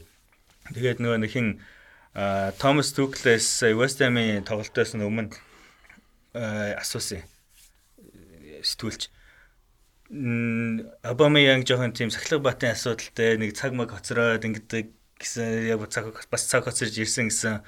За тэрний талаар юу гэж бодож байгаа гэсэн чи түүхэл Дортмундд ч гэсэн нэг удаа яагаад ч хэлээд нэг үсээ засуулж гин гээд ирээгүй мэрээгүй. Тэгэл энийг л тэгээд байсан. Тэгээд яг хуу энийг болохоор өмнө заяатгаар нэг ярьжсэн те. Яг яг хуу тэр тим ч гэсэн тэр тоглогчтой ингээ харьцаад ингээд одоо тасалжуулаад сурцсан одоо би чаднаа л гэсэн тиймэрхүү утгатай одоо түүхэл хэлсэн болов гэж. Энэ нөө балатал шиг хитрхи балаа бичлэр гайг байхгүй шүү дээ. Яг хоцор нь тэгэл яг ирээл юу хийх юм хийдэг гэл тэгэл нэг тиймэрхүү юм яриад байхгүй. За тэгээд Обама Янгийг аваад тэгээ уртлын шугам одоо ингээд баг болцсон байх гэж хэлсэн. Гэхдээ яг хуу хажуугаар нь бас тэд нөгөө нэг яг дедлайн дээр Неймарыг асууж утсан. Челси. PSG-гээс. Тэгээ тэр бол зүгээр шууд л нөө тий. А Неймарыг нөө болонгууд нь тэд нөгөө нэг энэ Лиауг Рафаэл Лиауг Миланаас ус. тий асуугаад тэгээ энэ болохоор бас гайгүй яригдж магадгүй гэжсэн нэх удаагүй бас л нөө болцсон.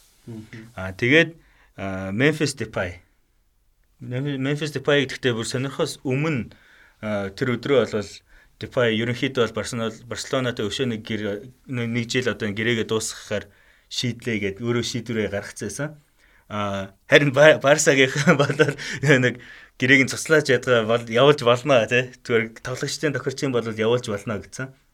Тэгсэн чинь Челси Депайтэй ингээд яг бүр хиддэх 2 цагийн одоо хаахаас нь 2 цагийн өмнө ч үлээдэ айгүй төхүүлж ярьж эхэлсэн. Гэтэ ингээд Депай агент нь очиж чадахгүй юм чинь аль хэдийн тэнцээ байсан Обама Янгийн агентээр Депайг Челситэй яриулж эхэлж байгаа байхгүй. Тэгээд тэд нар болохоор Обамаянгийг авчаад те. Тийм, Обамаяг ч агенттайгаа очиж байгаа шүү дээ. Тэгээд угаасаа тэр Барсагаас тань. Тэгэнгүүтээ яг Депайг төлөөлөөд Обамаяг агент Челситэй яриад эхэлж байгаа байхгүй. Дааш хугацаанд нөгөө нэг хитрхи юм шах байсан. Тэгээд нөгөө нэг аа бүр яарж ингэж нөгөө нэг юм юм хийж ирснээс гэсэн юм шиг л. Ер нь бол Depay гэхдээ ярихгүй шүү чийсэн. Тэгээ инг ингэчүүл яхаа. Абамаянгийг авнаа гэ агентэр нь яриулаад аман гэрээ хийшлээ те. За одоо чи Депаяг аваад ирэхэд агентэр нь яриулснаа Абамаянг хинээга болиад те. Гэтэ агент юу тэгэхгүй хаад нөө Обамянгаас илүү хөв авна шүү дээ. Тэгээ өөрөө нөө тэр салбараас дараа нь харчигдчих наа чи гэдэг. Ёсуг болчих юм чи те. Лестер Лестер ихний одоо нөгөө нэг outfield player авсан байгаа. Талбан тоглогчтой. Талгч асуур. Тэд нар болохоор нөгөө нэг зарлах гад үе нэрийг марч. Юу зарлах гад нөгөө нэг ийм хүний зүгээр ийм сүүдэр ингээд тавьцаас байхгүй тийм арцгар өстэй. Тэгээ нөгөө манай Дэвид Луиз Мүйсиг ийм арцгар өстэй хүний ингээд зүгээр сүүдэр тавьцсан хинбэ гэд. Тэгсэн чинь Twitter-ээр чинь бүү Марсело одоо Лестер дээр чинь. Тэгээд Өө нэрэ тийм мэдээ явуулсан шүү дээ. Бараг нэг цаг цаг шахуу явсан шүү. Хүү Марсе Марсело одоо Лестерийн тоглож болох юм бла бла Зүүнд нэг хүн байхгүй яг тийм байхгүй тий. Тэгсэн чинь биш болж таарад Бенфикагаас Энэ үү? тий what vice Тий. яа Ремсээс авсан Франц Ремсээс. тий авсан. Ремсээс авсан. Э, Энэ What face гэдэг. Тийм бас нэг нөхрөө. Сто- сто Тэрний юу дасан жил хүмүүс чинь Марсело Марсело гэд. Фафанагаа нөхч байгаа юм уу те? Ер нь бол тийм юм байна те. Төвийн хамгаалагч юм байна шүү дээ. Метр 88 та төвийн хамгаалагч юм байна. Андерлехтийн академик төгссөн. Бээлийн шгшээд бас дуудагдаад эхэлсэн юм байна. Тоглоод амжчихсан юм байна. За Марсело гиснээс Марсело юу явсан те. Олимпиакс. Төөс амар удаж авчихлаа шүү. Дарахгүй дээ Олимпиак. Evangelos Marinakis-ийн баг шүү. Одоо Nottingham Forest. Олимпиакс дарахгүй Берзилч тэр Ревалта дээр тоглож ирсэн шүү тий.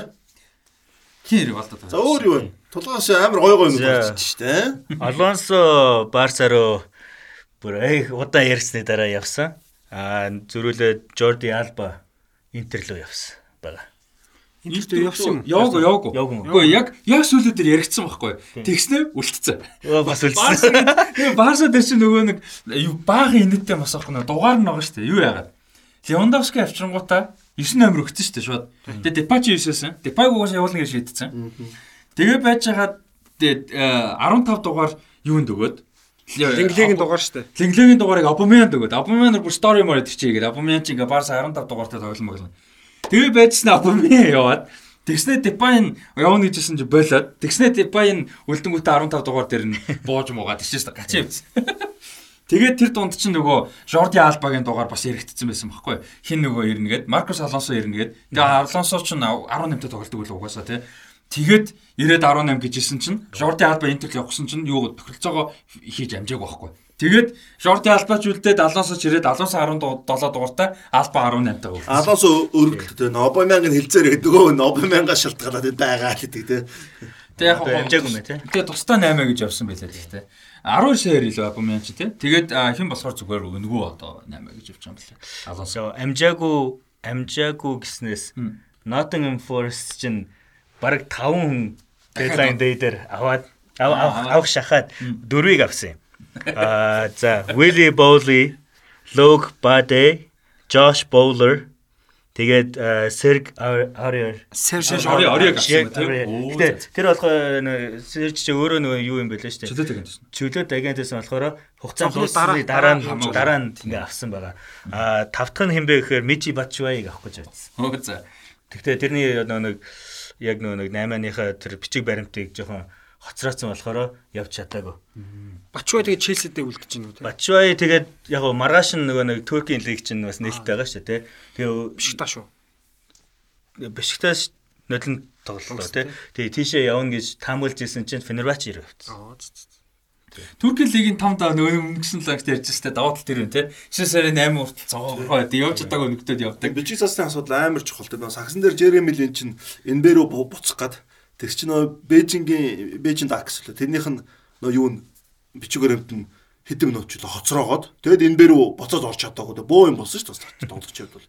Хэдэлээс энэ бэрөө уучч чинь ч одоо асар том юм биш дээ ч одоо. Э, Фенербач руу бүр явсан. Энэ бичиг цасны асуудал нь одоо ингээ гарын үсэг зурж тэрийг ингээ баталгаажуулаад одоо ингээ сканертаа төлөв яваа. Факс. Гэхдээ Факс л явуулдаг бах Тэр нөгөө нэг э, шүүмжинд өртөцсөн нөгөө Дэхиа нэг шилжчихсэн тест наваас тэл Дэхиа. Тэрэн дээр чинь нөгөө факса 2 минутын дараа явуулсан. Тэгээд тэгсэн чинь нөгөө нэг яг мэддэг хүмүүс нь мэддэг л баг. Гэхдээ энгийн фэнүүд ч юм уу салбархан одоо хүртэл факс эргэлт юм уу юу чи юм хөгжиж байгаа гэсэн чинь өөр арга байдгүй гэсэн. Тэгээ тэр нь ерөөсөө цаг минут. Аль биесны факс нь зүгээр л Тэр аль биесны харилцаа- зургийг аваад ямар явуул. Тийм тэг тэгдэг гэсэн.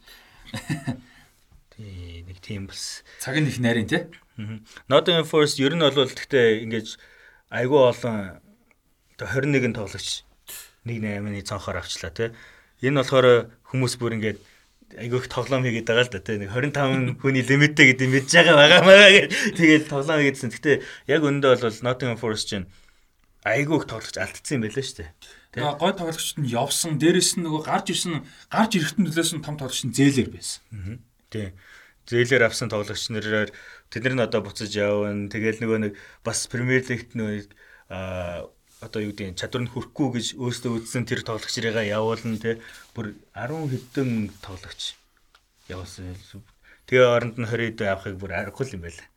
Тэгээ угаасаа энэ авсан а, 21-ийнх нь хоёр нь угаасаа бас зээлэр өөртөө явуулж нэг юм стратеги яваад ахчих байла л да. Юун дээр хуулиа ярьсан шүү дээ. Одоо ингээд Премьер лигийн багууд ингээд ийм олон тоглогч авдаг л. Тэ унсан багуудад зориулсан юу гэдэг чинь нэг ярьж. Тэрийг нэг гоё ярьж. Тэгээ Umbrella Payments гэж одоо Premier League байдаг. Тэр нь юу гэхээр одоо Premier League-т бол орж ирсэн багууд бүгдээрээ айгүй их мөнгө авдаг. Аа тэгээ тэр мөнгөөрөө одоо ингээл их өндөр цалин байлантай тоглогч нартай тохирол ингээл явж байгаа л тэр жилдээ ингээ унчих юм бол Championship очоод Championship-ээс тэгж их мөнгө авахгүй болохоор тэр одоо клуб чинь дампуурах айгүй их магадaltaй. Гинтийн одоо амар тийм нэг мөнгө одоо стресс ороод ирэн те клуб дээр нь тэгэнгүүт яадаг вэ гэхээр тэр унсан багуудад болохоор Premier League бас мөнгө өгдөг байгаа. Тэгжиж одоо нөгөө нэг за окей энэнгүүр ингээд энэ жилдээ аргалаа тэгээд зараа зараад одоо юу гэдэг Тэр те чи юу юм бэ л шүү дээ. Дэвшгэд орж ирсэн мөнгөний зарим хэсгийг хадгалтын гин. Тэр дор бүгдийг өгдөг гэж. Одоо унах хэрэгсэл дараа үлрэлт нь өгдөг гэдэг. Тэр л юм байна л. Одоо аргач Премьер лигт одоо шийдвэл за ингээд Ноттингемийн нэг тоглогч за 100 авчин тий 7 хоногийн. Championship руу ордоо тэр тоглогч 100 өгөхөд хэцүү ш тоглолтын билет нь хямдхан болчихно. Шанглын мөнгө нь байхгүй болчихно, спонсор нь байхгүй болчихно. Зургтын мөнгө авахгүй болчих. Тий, тэгэхээр тэд нар чи одоо ингээд нэг Umbrella гэдэг одоо толгойг хэлдэг үнэн бүх тий. Тэгээ та нарын нүгээр ингээд харгалаад яагаад. Яг Премьер лиг эцлээ нэг юу багтах. Хамгийн сайн байгаа шалтгаан бизнесийнхэн өөрийнх нь юу нь загвар өөр модель өөр супер байхгүй тий. Одоо Nottingham Forest гэх багийг харсан чинь нэг баг санаанд ороод зөвхөн үзэгчдэд бас сонирн байж магадгүй. Өнгөрсөн 2021 он төв бугнууд гэж баг нэгдүгээр их сайн тоглож хоёрдугаар агт орлуудаа дээшээ дэвшсэн. Тэгээ төв бугнууд бүрэлдэхүүн нь бол эрс өөрчлөөд ерөөсөө нэг 2 или 3 тоглогч үлдээл дээдлэгт орсон. Одоо дээдлэгч нөгөө нэг Цэдэн бол, Цин Давиш, Наран бол тийм тэрийг авчирсан шүү дээ. Тэгээ нэг ийм бас санаанд орж байна. Тэгээд Nottingham Forest-ийн 100 үндсэн бүрэлдэхүүнээс одоо first team-эс 9 тоглогч бов одоо бүр трансфер явуулсан. 9 тоглогч зээлээр явуулсан юм. Тэгэхээр ялчгүй бас та олон аваа. А тэр нөгөө зээлэр сая тэгсэн чинь хоёр тоглогч аваад олон тоглогч авснаа хоёр зээлэр явсан хэдэн байгаа. Тэгээ тэр Хуан Уижо гэдэг солонгос тоглогч тэгээ сая тэр дедлайн дээр авсан Жош Баулер хоёр хуйлаа одоо нэг эзэнтэй Олимпиакос руу зээлэр явсан юм. Тийм. За өөр дедлайн дээр дээр нэмж ярих юм байна. За өөр яг бүр тийм юм гэр болчлоо да. За надад нэг зүгээр трансферны нэг сонирхолтой факт болсон. Тэр нь юу вэ гэхээр одоо ингээл Man City бол бас төрүүлж хөдөлсөн. Тэгэл Man City бол амар их мөнгө зардаг гэл ингээл хүмүүс ингээд өгдөг. Тэсэн чинь энэ трансфер window-оор ашигтай ажиллацаа лээ. Тийм. Бүр 60 сая 60 сая паундын ашигтай ажилласан байлээ. 100 хэд байгаагүй. Гэхдээ 180-ыг аваад 120-ыг зарцуулсан. Нөгөө энэ жил аа тий чинь нөгөө нэг э, хасааг байсан юм байна. Нийт орлогоор нь бодцсон нөгөө жагсаалт байсан байхгүй юу? Энэ 100 Европын топ 15 лиг донд хамгийн орлого олсон гэсэн чинь 2 билүү 3-т нь сэтдэд болж би бүр гайхаа. Юу даа нөгөө дандаа нөгөө бивик антер өгдөг штэ зардаг багууд байгаа байхгүй. Тэгсэн чинь дунд нь ганц том баг сэтэ явж байна зөв тоглож байна л да. Стерлинг, Аргамурс, Зинченко, Габриэл Жесгэд том цалингуудаа салж байна, үнэтэй зарж байна. Бүгдээрээ дандаа эд үдээр явж байгаа залуу тоглогчд шүү. Тэгэхээр Стерлинг бол хамтхан авсан шүү. Тэгээ айгүй олон миний миний л өмнө яг нэг сонсож мосж байгаагүй тоглогч нарыг өсвөрийн баг гэсэн хэл та. Тэднийг дандаа нэг 10 10 10 гээл зарцал. бас тийм юм байгаа те. За тэгээд 8-ны сүүлчийн дедлайн дээр Росс Баркли юу яасан? Нийс рүү чөлөөт агентаар явсан байлаа. Аа Челситэй гэрээ зэгссэн те 2 3 Тэгээ цуцалсан байсан.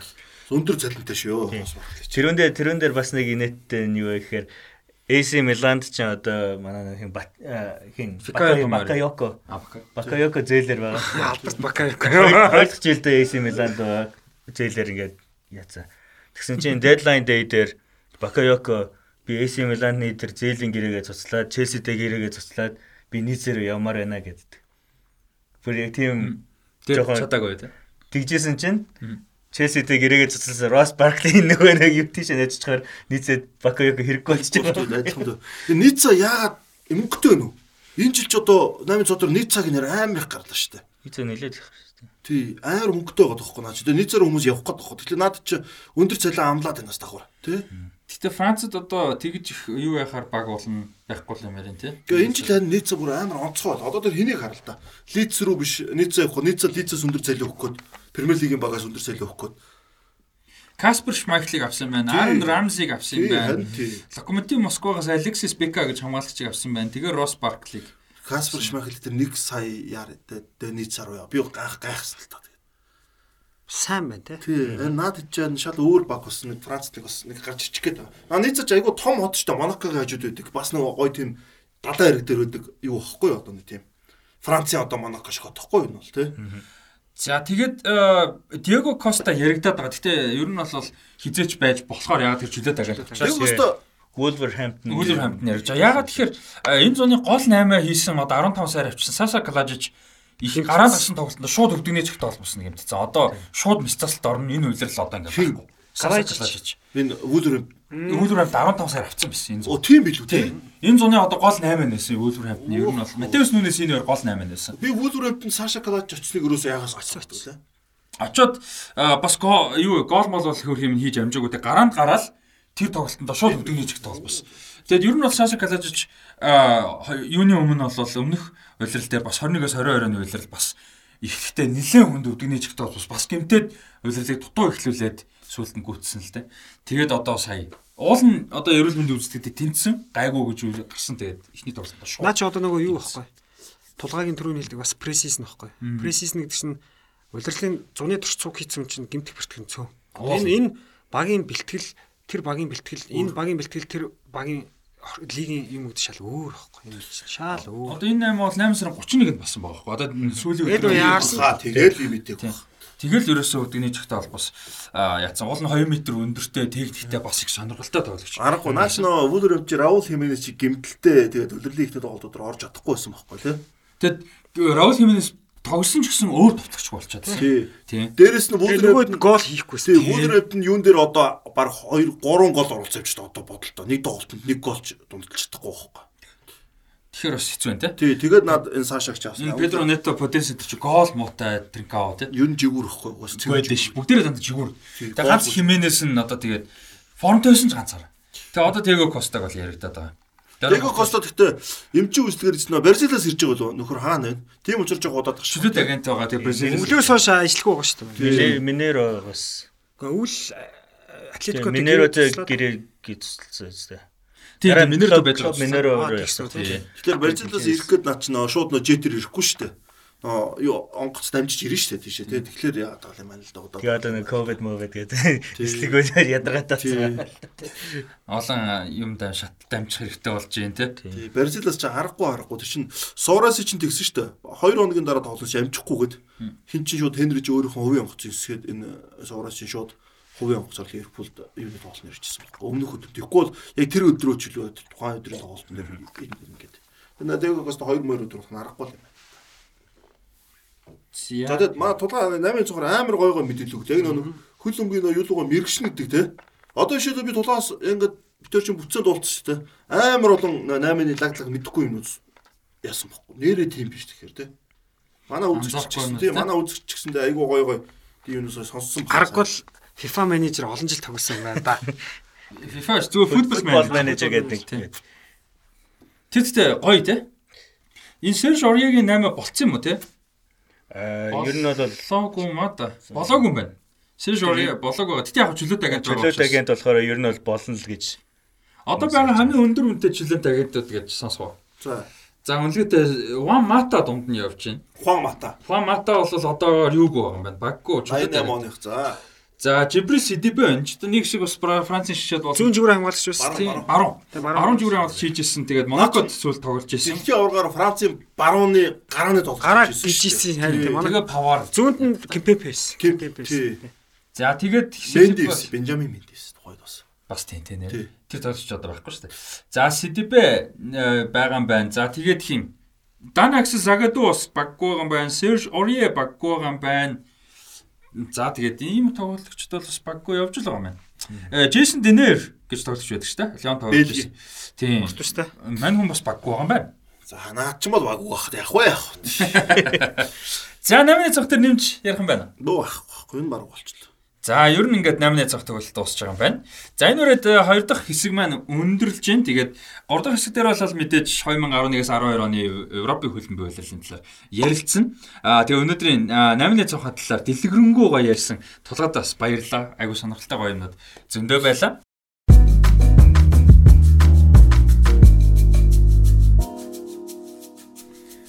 За одоо хэдүүлээ 2011-аас 12 оны хөлбөмбөгийн Европын хөлбөмбөгийн улирлын талаар хэдүүлээ ярилцгаая. За за өнөөдөр хэдүүлээ сүүлийн хэдэн дугаар дандаа Испани хөлбөмбөөр эхэлж исэн. За энэ удаа бол англиар эхэлнэ. За 2011 оны 100 бол бас Европын хөлбөмбөг бол бас тийм нэлээд сонин содон зүйл ихтэй 100 байсан. За Английн багууч гэсэн солилцоо 8-нд бол маш идэвхтэй орсон. За эндээс бол алдсан нь ч байна, онсон нь ч байна. За юуны өмнө бол хамгийн их аврагын лиг биш үү зөвхөн Английн хөлбөмбөг ярих гэж байгаа тийм. За Английн хөлбөмбөг яг дотоодын Премьер лигт бол хамгийн их алдсан багуудын нэг бол алдсан бол нэлээд хэдэн баг байгаа. За хамгийн том төлөөлөл нь бол яхахгүй Челси байсан. За өмнөх нэвтрүүлгийн үеэр хэдүүлээ ярьж исэн 2010-аас 11 оны удирдал Карло Анчелоти хоёр дахь удирдал нь байсан боловч маш муу удирдаад Челси ерөөс аврагын төлөө өршөлтөнд орж чадаагүй. За би яг санаж байгаа 10 10-аас 11 оны удирдал дуусаал Челси мэдээлэл гаргаж ирсэн. Карл Анчелотиг чөлөөллөө гэл. За тэгээд дөрөөсөө нуссан шүү дээ. Аа тоглолт тоглолтын дараах энэ түнэл өгдөн шүү тий. Түнэл дотор нь халсан. Харин тий тэр бас яг тэгсэн тий. Яг миний бол санаж байгаагаар бол яг тоглолт дуусаад яг мэдээлэл гарсан байсан. Түнэл талгаж тий. Бас эйгүй тий. Тэгээд юу яагаад одоо Португалийн бас хэнийч бас сайн танихгүй Андре Велиш Бош гэж залуу цалж тухайд 32 настай ч байлоо. Одоо Лампардын Трасл ямарч байсан дүү байсан. Бас Портогийн тийм. Тийм, бас Портог. За дараагийн Морино гэж их итгэж найдаж энэ цалжуулагчийг бол 2011 оны 6 дугаар сарын 22-ны өдөр бол гэрээ байгуулж байсан. За тэгээ 3 жилийн гэрээ байгуулсан. За Челси бол тэр 100 бол бас 2 3 бас хэрэгтэй тоглогчийг бол авч ирсэн. Хамгийн гол тоглогч нь бол Валенси клубээс Хуан Матак 23.5 сая фунт стерлингэр. Энэ бол одоо яхахгүй Челсигийн бол ерөөсө хамгийн бас гол цус сэлбсэн үйл явдал болж илаа. За Раул Мерил шиг Ливерпулээс 12 сая фунтээр бол авч байсан байна.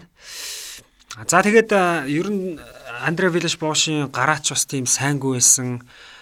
Тамирчтайгаа ч ер нь хүнлэгдэж чадаагүй. Тэгээд ер нь их орон гарын тим тоглолтыг бол үзүүлсэн. За тэгээ 2012 оны 3 дугаар сарын 4-нд Челси одоо West Bromwich Albionт нэг тэгэр хожигдсны дараа яа харахгүй клубын удирдлагын шийдвэр гаргаж Андре Виллаш Бошиг бол багаас бол халж байсан. За тэгээ Челси бол тэр үйлрэлт бол ерөөсөө сүүлийн 12 жил үзүүлээгүй хамгийн муу амжилтаа үзүүлж 6 дугаараар эзэлсэн. За Ньюкасл Тоттенхэмийн дараа орсон шүү дээ. За тийм амжилтыг бол Челси бол үзүүлжсэн. За Челсигийн тэр үйлрэлийн тухай тулгаа одоо зөвхөн Премьер лигийнхэн тухай. Яг одоо яг анх нэг Андреаш Вилаш Бош ирэхэд чинь бол яг л нөгөө залуу Мориньо тий. Аа баг бүх одоо нөгөө нэг тэр туулсан зам нь баг яг л Мориньо шиг ингээ явсан гэд. Тэгээд одоо нэг эн чин би бас яг энэ нөө менежментийн стилийн одоо өөрчлөлтөөс өмнө байсан юм уу одоо яг тэр шилжиж явах үед нь байсан юм уу гэж бодог. Яг л өмнө нь болохоор заавал одоо нөгөө нэг хөлбөмбөг тоглосон тийм яг гол дунд нь ингэж байсан хүн тасалжуулах хэвээр одоо нөгөө нэг энэ тоглогч нар чинь ингээ нөгөө нэг үзэж өссөн тэр хүнийхээ үгэнд л орно гэдэг ч юм уу те. Тийм байж байгаа илүү одоо тэр нөгөө нэг хөл бөмбөгийн одоо money ball гэдэг ч юм уу те. Soccer Nomox гэж яриа за. Тэр нь болохоор илүү одоо тийм бодлогын төвшөнд гэдэг ч юм уу те? Өөрөө тоглосон тийм нэг туршлага байхгүй ч гэсэн одоо яг тэрэнгүүрээ удирдах амжилт олно гэдэг тэр одоо стил рүү одоо нэг Челсинийг туршиж үзсэн юм уу те? Одоо нэг тиймэрхүү байдлаар ингээ аваад ер нь бол удирдал эхлэхээс өмнө бол за окей яг бүр юм шин төрлийн одоо хөлбөмбөг өгцгөн яа тэгэхээр ингээ Челси чинь угаасаа тэндээ тэр үед бол нөгөө хамгаалдаг баг гэдэг нэрээ ингээ хадгалсан л байсан.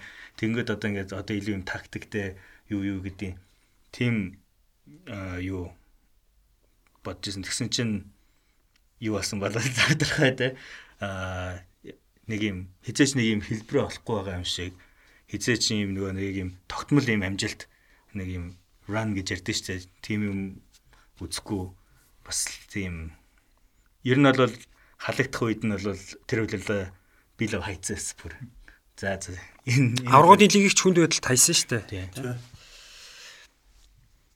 За манай хоёрын хувьд тэр Челсиг одоо яг Бошийн Челсиг ер нь юу гэж Хоёр баг бүгдийг ярьчлаа дөө. Тий ер нь Юу нь бол яг базаад хэлчихлээ юу. яг Ориньогийн яа адилхан байсан гэдгийг бас нэг сонирхолтой юм яг тэрэлтэй нөгөө нэг хөлбөмбөг заавал мэрэгжлийн хэмжээнд тоглоогүй мөртлөө тасалжуулагч бол тэ тэ хин ч Андрович бош ч нөгөө хэдүүлээ өмнөх дугаар дээр ирдэг 10-аас 11 оны Европ их төрүүлдэг тасалжуулагч байгаа шүү дээ. Тэгэхээр бас тэр бас сонирхолтой. Тэгэд одоо бол тэр э, бас болж буцаа жоохон болж байгаа юм шиг боллоо л явчлаа л да. Тийм. Гэтэ сонирхолтой шин. Тухайн үед бол айгүй юм шин мундаг хүн гарч ирж ийн гэж айгүй гоё юм ярьж Одоо байсан. тэр одоо Клопын лов чинь тийм шүү дээ. Клоп чинь 2 дугаар дивизион тоглож гэхдээ өөрөө хэлдэг шүү дээ. Миний чадвар бол 5 дугаар дивизионд байсан. Миний тарих бол 1 дугаар дивизионд байсан. Тэгээ би 2 дугаар дивизионд тоглосон гэдэг шиг. Тиймэрхүү шүү дээ. Тийм. За тэгээ Челси бол 2011-ээс 12 оны улирал бол их муу байсан. Ерөөсөө бол 2000 яг тэр улирлыг үзэхэд Английн гол өрсөлдөөн бол Манчестер Хотын хоёр багийн хооронд болох нь бол бүр анханасаа тодорхой байсан. За энд бол одоо би 8-аг нэг товчхон дурчээ зүгээр. Сити бол 2008 оноос хойш ингээд 8 хийгээл бага шинжилээд байгаа тий. 11 оны 100 бас дахиад цэвэрлэгээ явсан. За одоо юу гэдэг өмнө хуучин Ситид байсан тоглогч болон Ситигийн худалдаж аваад ганц нэг жил үзээд болохгүй байсан маш олон тоглогчийг явуулсан байгаа. За энэ тийм байна. Нөгөө нэг Шей Гивн хаалгач олон жил тоглосон. За нөгөө Алвес Жо гэдэг Жо гэдэг өндөр Бразил товчлогч Ческа Ческад байсан. За Крейг Белами, Шон Райт Филипс гэдэг нөгөө нэг одоо Ситигийн шинэ үе эхлэхийн өмнө байсан тоглогчдыг явуулсан байна. За Кайседо, Патрик Вера, Жиран Ботинг гэдэг одоо бас ийм тоглогчдыг бол явуулсан байна. За Вера Ботинг хоёрыг бол сүүлдээ аваад нэг тоглож үзээдэг болохгүй нэгэд ингээд бол явуулсан байна. За тэнгуүт Сити өөрсдөө их гой гой 8 хийж байгаа л да. Одоо нөгөө нэг Арсеналын чинь үндсэндээ юу ятж байгаа байхгүй. Тэгээ өмнө тонжсэн одоо тэр жил бол одоо Гайл Клишиг авч байна, Самир Насрыг авч байна. За хамгийн зөв нь Агуэрог авсан. Одоо ерөөс одоо энэ жил Хааланд яаж эхэлж байна? Агуэро ч бол баг тим эхлэлийг тавьсан шүү дээ. За Манчестер Хотын нөгөө баг Юнайтед бол Вандерсар зодог тайлсан, Сковс зодог тайлсан. За тэгээ Харгривс, Оши Обертан, Гибсныг явуулсан. За тэгээ Фил Джонс, Эшли Янг, Дихя гэдэг тоглогчдыг авсан. За Сковс бол удирдлагын дундуур бол буцаж ирсэн байна. За ингээл ерөөсө хоёр Манчестерийн хооронд бол төржлэн Английн гол өршөлтөн өрнсөн. Community Shield тэгэл одоо нэг Английн цомын тэмцээн би бол тэрийг бүр яг үзчихсэн байхгүй. Тэгэхэд нэгдүгээр City 2 гол хийгээл 2 тэгэр тэргүүлж ахтал United нөгөө нэг зангараа зүзэл үзүүлэл 3 гол дараалж хийгээл хожоол. За ерөөсөө л тэр 2011-аас 12 оны үйлрэл бол ерөөсөө л хоёр багийн хооронд л хамаг гол өршөлтөн бол явсан юм байгаа. За тэгээд э, тоглолтууд их суутай болж ирсэн шүү дээ. City бол тэр үйлрэл United 2 удаа очсон. Хамгийн аюултай нөгөө нэг намар why always me гэдэг нэг Балатели нэг юм тайлдаг те. Тэр бол бүр аимшигтэй. 3 тоглолт. Тэгээ дуусахаас 2 3 3 тэрэг юм лээ тий. Бас нэг компани мөргөж хийж нэг байждаг. За тэгээд энэ City бол яг Манчинигийн баг болчлоо шүү дээ. Одоо Манчини бол өмнөх хөлрөлийн одоо ингээд юу гэдэг нь ирээд яг бага бол яг өөрөөр босгож байгаа. Тэг хамгийн аимшигтай нь агуурыг авч ин те. За тэгээд мань яв- явуулах уу. Би явуул явуул. Тэгээд наад чи ингэж байгаа. Яг маний тайлбарч ирсэн үлэр шүү наад чи бас.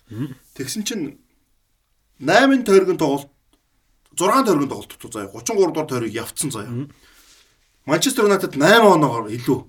Тэгээ Сэр Алекс Фергюсон 6 тоглолтод 8 оноо Ситид баригдана гэдэг бол энэ бол баг боломжгүй юмнуудын нэг байсан шүү тухайд тий. Тэгээ Сити ч яг тэрний өмнөх тойрог мориг дээр юу хацсан. Таараа тоглож мосоо. Тэг 2 3 тойр дараалал оноо алдсан. Тэгээд ингээд оноо 8 болцсон. Тэгээд Уг нь ойрхон явж ирсэн шүү дээ. ойрхон явж байгаа алдсан бохгүй. Тэгээ 8 онооны зөрүүтэй болоо. Тэгээд 6 тойрог дутуу. Тэгээ тухайн үеч бид тайлбар дээр хэлжсэн. За ер нь ингээд Юнайтед бол төрүүлэх магадлал нэлээд өндөр болж байна. Тэгээ Сэр Алекс Фергюс өөр ямар хүн бэлээ те. Яг үнэ скоуд ирж мэдэн шүү дээ те. Бүр ингээд төрүүлэх гээд. Сити чинь төрүүлэх өссөн шүү дээ юу авцаа. Арабад авцснаа төрүүлэх гээд байдаг. Тэгээд юу хагаад 6 тойрог дутуу. Тэгээд тоглолт явбаа. Тэгсэн чинь Манчестер Юнайтед яасан гэхээр Уигэнд хожигдсон нэг нөлөөр. Роберто Мартинес шүү дээ. Роберто Мартинес ч нөө Моузес Зөвс нөө Джеймс Маккарти Маккартур гэдэг гоо төвийн хоёр нөхөр мөхөр Фигеро өдр өсөн шүү дээ. Жан Бисажор өдр. Тэд нар чинь нэлж байгаа Манчестер нэг нөлөөр хусаад. За тэгээд 5 он болвоо. 5 он олоо явж чинь Манчестер Юнайтед Эвертонд тоглосон чинь Эвертонд тоглож байгаа тэр амар тоглолтсон. 4-4-оор тэнцээд. Эвертон чинь тэр 4-2-оор хожигдчихд үлээ. Стивен Пинар чинь тэр 86 дээр лөө 85 дээр гол доод 4-4-оор тэнцүүлээд. Фелайны бас нэг гол хийдэн шүү дээ. Тий, Фейланы дээр гол доо. Тэгээд тэр чинь 4-4 дэнцээ Манчестер Юнайтед ахиж нэг оноо алдчих жоохгүй. Тэгээ Хоёр он алдчихлаа шүү. 2 он алд. Тэгээ 3 он олж жоохгүй. Тэгээ хоорондын тоглолт болоод хоорондын тоглолт болоод юу байгаад Тэр чинь Сити гэдэл Бадар болтой тоглолт те. Одоо бол Ситигийн тоглолт. Тий. 4 сар одоо юу яаж байгаа юм? 4 сарын 4 сарын 22-нд Эвертонтой тэнцээд одоо 4 сарын 30-нд Сититэй тоглож байгаа байхгүй. За тэгээ тэр тоглолтын өмнө бол ягаад ч нөө юм эргэцсэн те. 8 оноо ч 3 болцсон. Тэгээ хоорондын тоглолт ерөө Сити очиж байгаа юм бол дээр нь яад бол нөө бөмбөг илүү Сити ч машинтцсан. Илүү баг гол алдсан, илүү их гол хийсэн. Тий. Тэгээд тоглолт болохгүй тэр тоглолтыг бас тайлбарлаж ирсэн юм аа. Тэгээд тэр чинь 1-0-оор л 2 1-0 компани мөрөж идэв те. Компани мөрөж идэв. Тий. Тэгээд 1-0-оор компани мөрөж иж дуусаад тэгээд Сити дээр нь гараад за тэгээд нөө сүүлийн хэдэнд оргиж жинхэнэ драм болж байгаа шүү. Драм болох юу болж байгаа юм да. За чи явах тэгээд. Аггүй гоо. Зүг зүрхлүүлээ. Расти расти. За тэгээд ингээд тоглолтууд явж. Тэнгүү Сити чинь онооны дээр гарчиж байгаа шүү. Онооны дээр харангуудаа дараагийн хэдэн тоглолтууд зүгээр шүү. Машин тахгүй. Юнайтед биш хийж байгаа. Тэгээ сүүлийн тойрог боллоо 38 дугаар тойрог. Сити Юнайтед Сандерлинд дээр талбай дээр очиж тоглоно. Одоо өөрийнх нь хэний шавийн талбай дээр шүү дээ. Тухай тэм өдөржсэн Сандерлиндийг Стив Брюс өдөржсэн. Брюс өдөржсэн. Тэгээд Манчестер Сити чинь талбай дээрээ унах гэж байсан Queen's Park Rangers явж байгаа байхгүй. За тэгэл хүн болгон за ингээ Сити чинь ингээ төрүүлээ мөрүүлээ гэх. За тэгээ тоглолт эхэлвэ. Үнэхээр одоо нэг бид нар Реалыг ярьдэж нь хождог баг гэдэг те. Сити ингээ сэтгэл зүйн хувьд бол тамирчтанч тэр одоо балиашгууд нь ч тэр болоог үтэн шууд. Тоглолт эхлээ Ситийн тоглолт бүтлгүү зэрнэ бол. Нөгөө Queen's Park шин тоглолтыг тэргүүлж эхлээд. Тэгээд 1-0 байж байгаа 1-1 болдог лөө. Тэгээ 2-1 болоод. Тэгээд 2-1 болоо Сити нүдж байгаа маа солилцоо оруулж нөө Роберто Манч солилцоо оруулж болдгоо. Тэгээ би яг тэр тоглолтыг өөрөө тайлбарлаж байсан. Хоолоо сөөлцөн. Тэгээ би ч нөө Сити төрүүлүүлэх гэдэг байгаа байхгүй бас давхад. Гэтэ би тэрийг эзэж хэл гарахгүй л зүгээр дотроо тий. Яг л Манчестер Юнайтед амар ингээ доминант яваад байдаг. Манай жоон залхаацсан байсан шүү. Залхаацсан байсан тий. Тэгээ Челси мессежний сонь ингээ нэг ингэсэн байсан уу байхгүй. Тэгээ Сити гараад дээ шүү. Тэгээд тоглолт явж байгаа а болонгийн цогцолт аваад тэгээд юу байдаг вэ? Тэр болонгийн цогцолтын өмнө яг хажуугийн шугам өндөр насрын масарч амар идэхгүй хамгаалаад одоо өөрийнх нь багаас гарч байгаа өмгийг эсрэг багаас гарч яана хойноос нь халахч малахч байгаа өмгөө халаад нөгөөх нь Queen's Park аваад тэгээ нөгөө талд нь Queen's Park унах гад Болтонтой үзэж байгаа шүү дээ. Тэгээ Queen's Park чинь бүр тоглогч нь хилдэг гэсэн шүү дээ. Болтон унж яана гэд бүр хилжсэн гэж байгаа шүү. Тэгсэн мөр төдөж явах хожигдохгүй шүү дээ. Тэг яг тэрийг би дараа нь жоохон дэлгэрүүлж байна. Тэгээд булан авч байгаа байхгүй. Булан аваад булангийн Жеко мөргөж игээд 2-2 болоо. Тэгээ Ситигийн фанатууд ч бүр ингээд өмсгөл өмсгөлөө хөшгөлж өмшлөө. Жеко ч нэмэлт цагт хийдэг лөө. Нэмэлт цагт хийж байгаа байхгүй. 90 дөнгөж гараад нэг хоёр дээр. Тий, 90 гараад тэр чинь 91 дээр байхгүй нөө нэмж тоцсон шүү дээ. 91 дээр орвол 92 дээр. Тэгээ Жеко хийгээд буцаж аваад агиш тоглоо. Тэгсэн чинь төвд агиураа авчаач тэр 80-д хэлж байгаа тэр 108 эд чи айгүй нөхгүй. Агиураа бомбог аваад Төрөө амар го зөрөгдөд юу балат төлөө балат төлөө үнэхээр авьяастай тоглох ч үгүй. Авьяастай авьяастай. Ардаа нар хамгаалч хийгээд ингэж баруун хөлөөрөө дуудаж авч байгаа ш. Тэн дээр бол авгуурын сөрдөд саяхгүй тэ тэр тоглолт дуусчихгүй хоёр тэ. Тэгээ нөгөө талд нь Рүнигийн голоор Манчестер Юнайтед хожицсан. Хожоо Сандерленд бүр хожицсан. Хожоо дууссан. Хожоо дууссан ингээ бараг төрүүлэх бийлэн тэ. Тэгээ Джекерн гол орч нөгөө гайхтан штэ.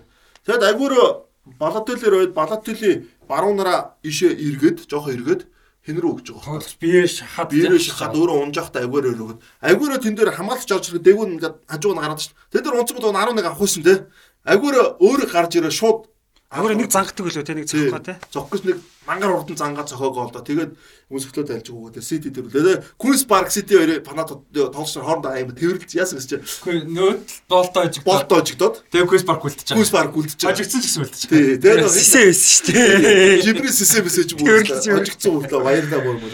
Тэгээд тоглолт юм болоод Manchester City тэгээд 50 жилийн дараа лөө 44 жилийн дараа 68 оноос хойш 44 жилийн дараа Manchester City төрүүлж тэгээд нэг юм болж байгаа юм да. Энэ тоглолтын дээр билээ нөө Joey Barton улаан карт авдаг. Үгүй биш биш. Мөн энэ 50 55 дахь минутанд Joey улаан авч гэнэ үү те? Өшөлж тэгээд одоо хийгээд. Тий 55 дахь минутанд. А тий тий Joe Barton авдаг. Тий. Тий. Нэнэрээ дэгдэх лөө.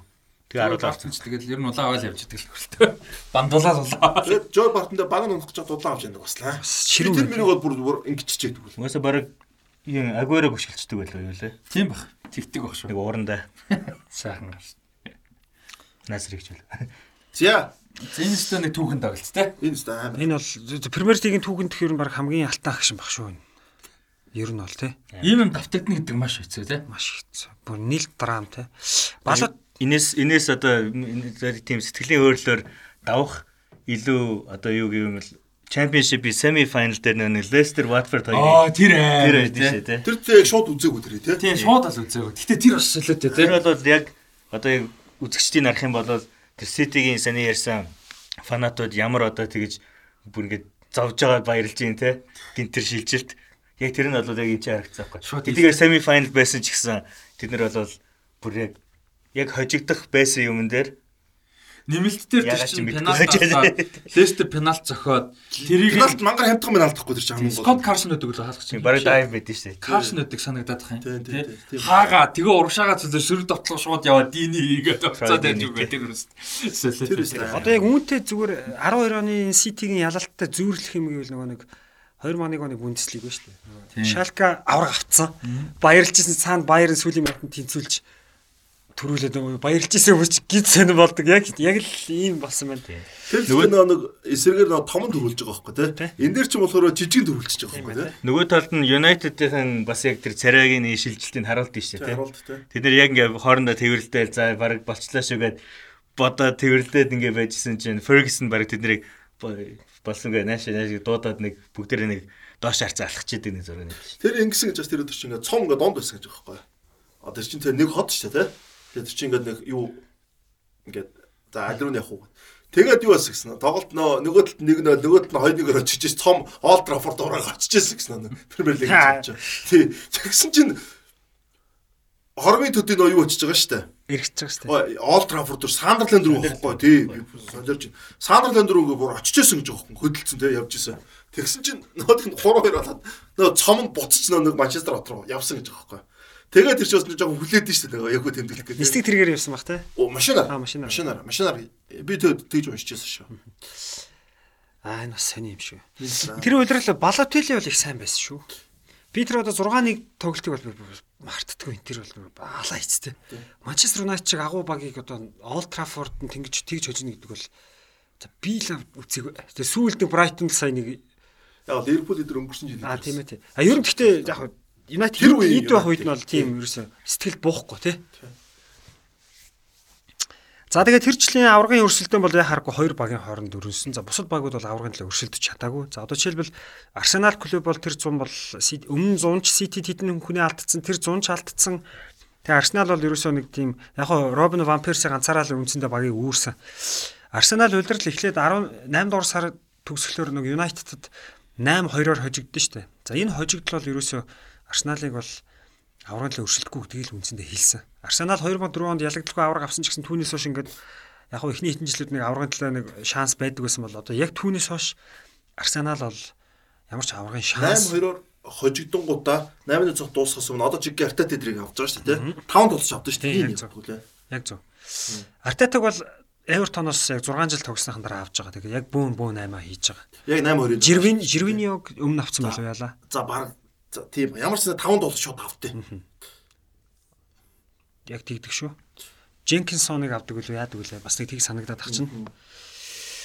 За Арсенал Расти харж гинүү те. Тий. За өвлийн номинат цохор. Чи 100 юу а, 100. 100-ны За. дедлайны өмнөх Э за Чемберлен, Жирвиньо, Хектор Бейриныг оруулж ирээд яг үнэ багчуу. Бакчуян, Жол Кембо, Андре Сантос, Пер Мертесакер, Микел Артета гэсэн тоглож шүү. Аа энэ одоо санаж байна. Андре Сантос зүүн зүгээрээ хамгаалагч. тий тэгээд Багчуян Тэгээ Жол Кембл ч нэг яг Хойл Кемпл. Артета Хойл Кембл тийм спа. тий тэгээд өөр ахаад нэг хоёр нь аль хоёр нь юм бол ямар ч юм тэгж авдаг.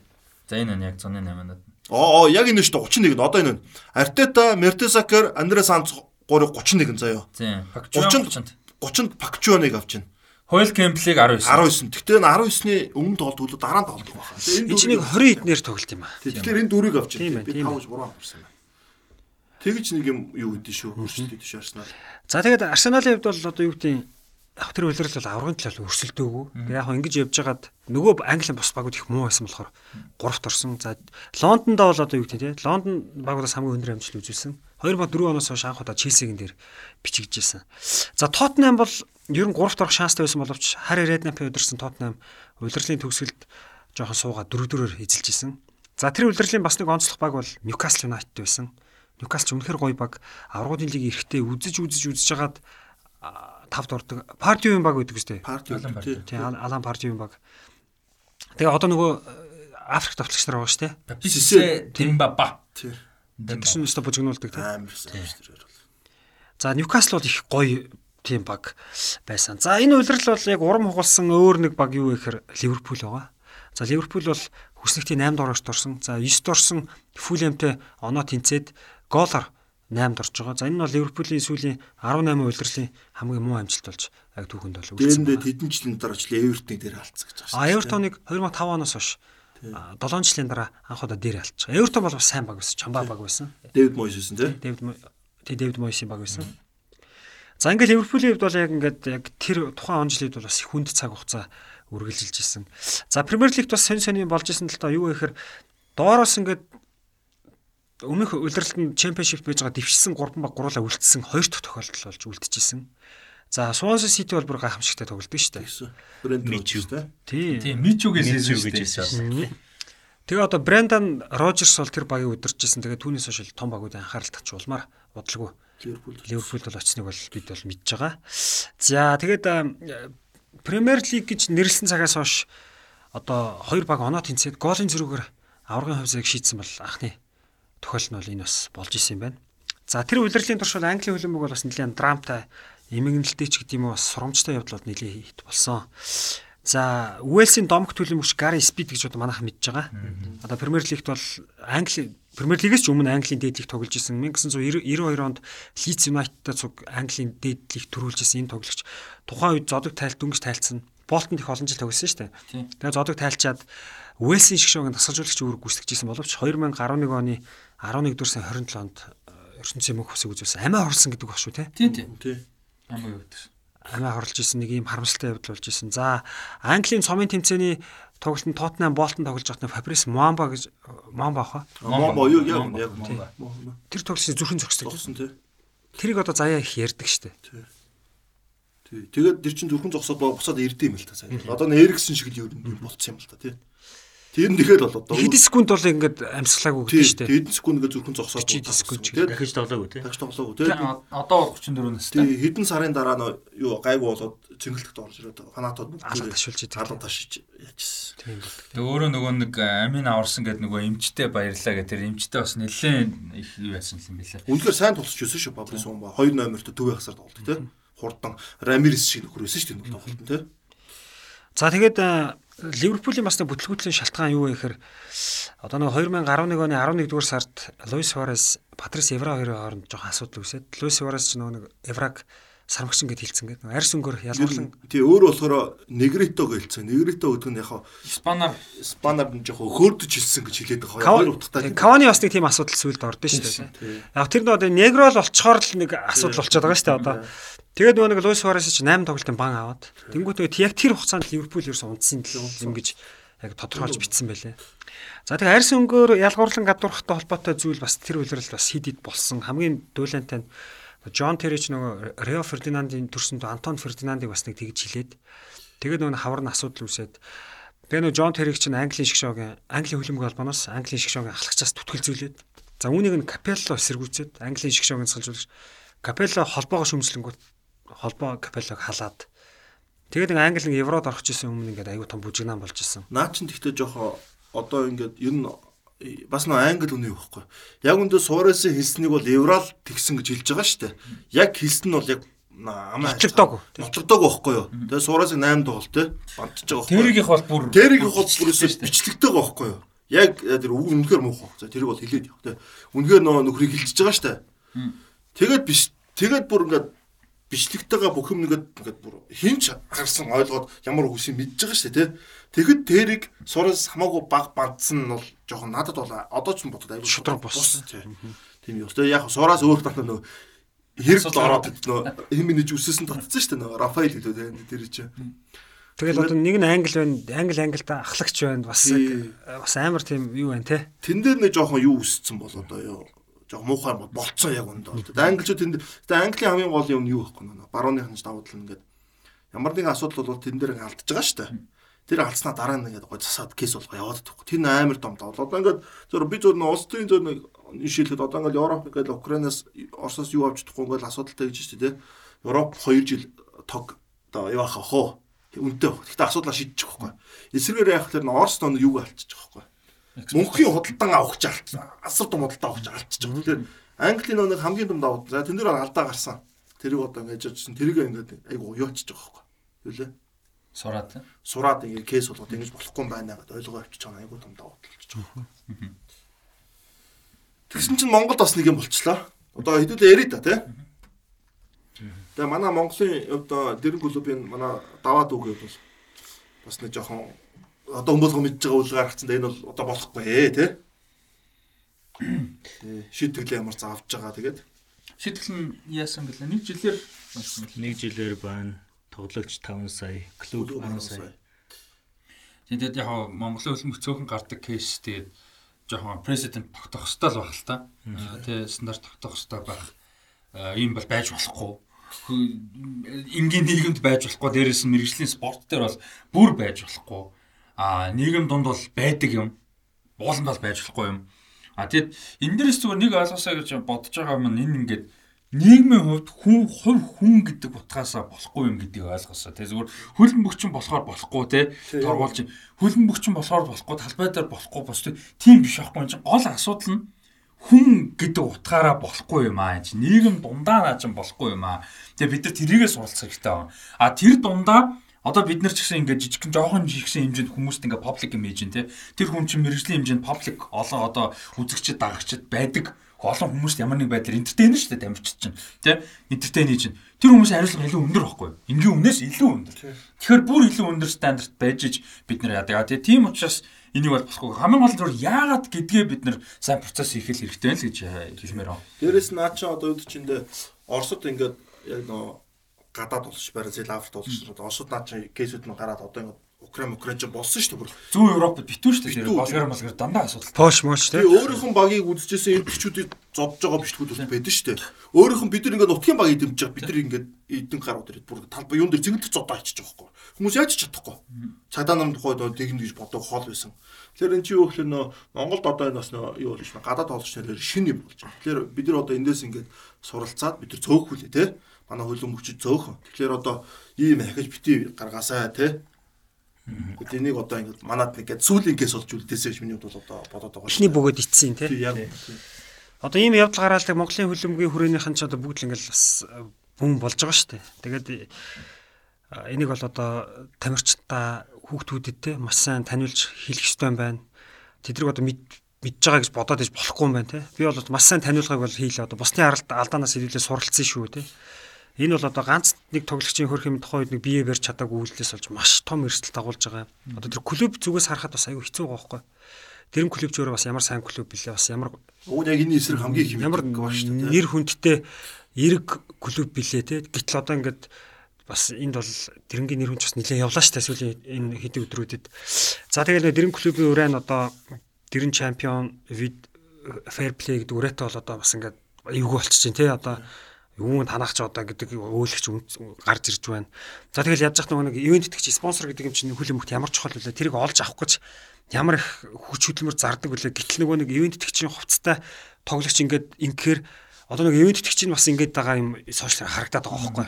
Тэгэхээр одоо эн чинь ингээд маш олон өргөн үрэг хамраа. Өргөн үрэг хамраа тэр нэг клубын багийн одоо олон хүмүүсийн олон жилийн хөдөлмөр ууггүй зүтгэл ингээд нэг тамирчны маань яг тэр нөхцөл нь ямар ч байсан байж болно Тэгээ тэр хүн тэгэл давах хэвээр юм давахгүй юм байна. Байх хэвээр юм болчихж байгаа байхгүй. Харин тэн дээр бол би айгүй харамсаж байгаа. Клуб талаас нь харахаар бас их л харамсаж байна. Клубээс гадна одоо ингээд жишээ нь бүр лигийн спонсор төрөл байгаа шүү дээ. Оо яг зөв.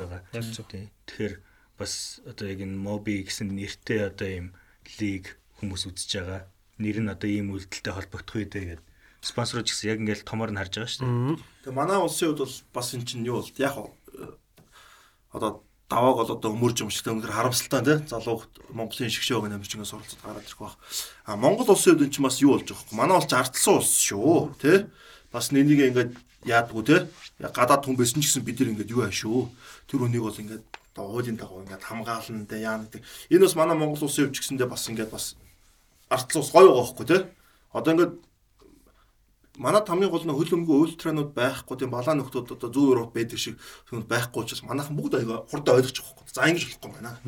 Зүүн Европ ч энийг дэлгэхгүй тохиолдод одоо бол ингэ байгаад байгаа байхгүй тийм.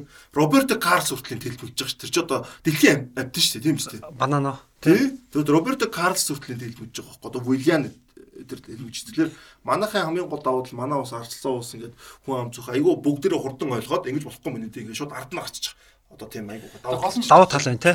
Нөгөө нэг э, Монголд нэг жоохон далих гад байна. Гэхдээ зүгээр ингээд чухал сэдв болохоор амар олон чухал сэдв зөндөө байгаа. Тэ хайрсангүй, өмдөс угсаа, шашин шүтлэг, хөөс айгуу олон юм байна. Тэднэр дээр бид нэрээс чухалчиж яриа ирүүлдэггүй гэдгийн л асуудал байна. Ер нь бол амар өнгөцгөн хараад байгаа байхгүй юу. Нэг хүн тийч нэг ингэсэндээ ерөөсө ганц биш. Энд чинь ингээ амар том нийгэм. Тэгэхээр бид нар нэг одоо энэ ярьж байгаа амар чухал хүн энэгээр дуусахгүй дандаа яригдж явах хэрэгтэй. Юмыг табу болгох ерөөсөө одоо нөгөө хуучин нийгмийн үлдсэн тэр нэг юм толбны чинь асуудал тэр байхгүй. Юм болгоны табу гэдэг одоо табу гэдэг чинь хориотой хорчдаг ийм ярихгүй тийм ярихгүй. Тэ ийм хүний хажууд ийм ярихгүй тийм хүний хажууд ийм ярихгүй. Жоохноос бид нар тийм том хүний хажууд бити тийм юм ингээл тийм жоохон багс тэр тэр тадан боловсрал хаягддаг тэгэхээр бид нар яаж чинь гэхээр тэрийг болох хэрэгтэй одоо бид нар. Жоохноос бид нар нээлттэй ярилцаж эвгүй юм байдаг. Одоо чинь би анх болгоор малаас очиод харж тэмч яах ёстой мэдгүй хүүхд юм чинь. Мэдгүй хажууд нь байж үзээгүй юун зүг болт юм бол болтоо бол мэдэхгүй. Гайхаад нэг хүүхч хараад шүү. Тэгэхгүй нөгөө тоглоом бол тэр хүнд бас хэцүү те. Тэр тоглоом дээр чинь дандаа хипхопорууд нь хараад идэг те. Мэдэхгүй юм чи хүүхд. Тэнгүү тэр чи яаж сууж байхаар хажууд нь байгаад асуугаад ярилцаад өгөөмөстэй ингээд сүултээ чи адилхан зүгээр юм байгаа хгүй. Тэгээ нөгөөд нь ч намайг харчаад аа ингэж мингээл те.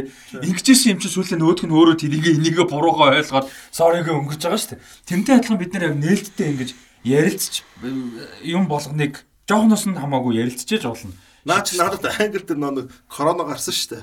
Тэгээ Азуудын ингээд буу юм болж шүү дээ. Би дэ дэлгүүрт ингээд явж байхгүй юу. Тэгсэн чинь юунууд нэг Африк гаралтай хоёр хүүхэн явж ирсэн. Тэнгүүтээ. Би нэгэд үнтэй юм ярьж ирсэн чинь намайг өөрсдийн нэгэд хэлсэн бодсон юм уу да.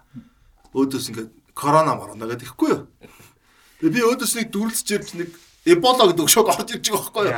Тэгээ би хэлэг байхгүй юу. Угаасаа болохгүй шүү дээ. Болохгүй болохгүй. Тэгээд нэг дүрлцэж орж ирэнгүүтээ чимэг болоо тайвшраад тэгээд чи тэр чи амар хэцүү байхгүй тий. Тэгээд тэгээд тайвшраад тэгээд би бол хатад биш тий. Би ингээд дараа нь яг юун дээр таарж авах нөгөө тооцоо ихтэй зүрмөр дээр. А бид хоёрын талаар юу ч яриаггүй штэ тий. Хоёр яагаад намайг хийж байгаа. Дээрэс нь би дээрэс нь хятад биш ээ тий. Би одоо Монгол хүнээ шал өөр хүнсэн гэж тэр уучлаараа ингээд ингээд яаж байгаа байхгүй. Тэрөө би түрүүд ингээд тухайн үед ингээд тесэрсэн бол тесрээд эбола эдэргээд хилцсэн бол тэр чинь бас Тэгэл галан дээр тус нэмж байгаа. Тус нэмж байгаа. Дээрээс нь миний хувьд амар хэцүү болчихох хэрэгтэй. Би яагаад тэгчих вэ тэгээд тим кейсүүд л тохиолдсон гэдэг нь тэгэл.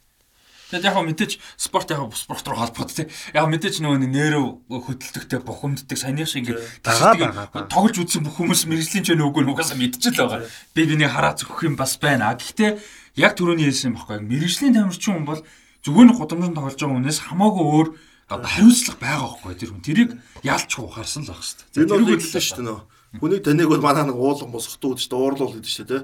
Энэ бол би бол бодъё талбайдаар тоглоулж үт. Манайх чи сакс хөлөөгөө дэвзээ битүүл одоо хэрүүл болдог шүү дээ. Тэндээс яг нөө хүмүүсийн нөө арын шин бүх юмуд нь харагддаг. Тэгэхээр бол энэ хамгийн юу л болооч. За соор энийг эхлүүлчлээ. Одоо юу л орох шүү пирамид. За одоо англи туслаа. Англи мэрэгэн бочд вампирс шүү дээ. За стата гоё сайхан.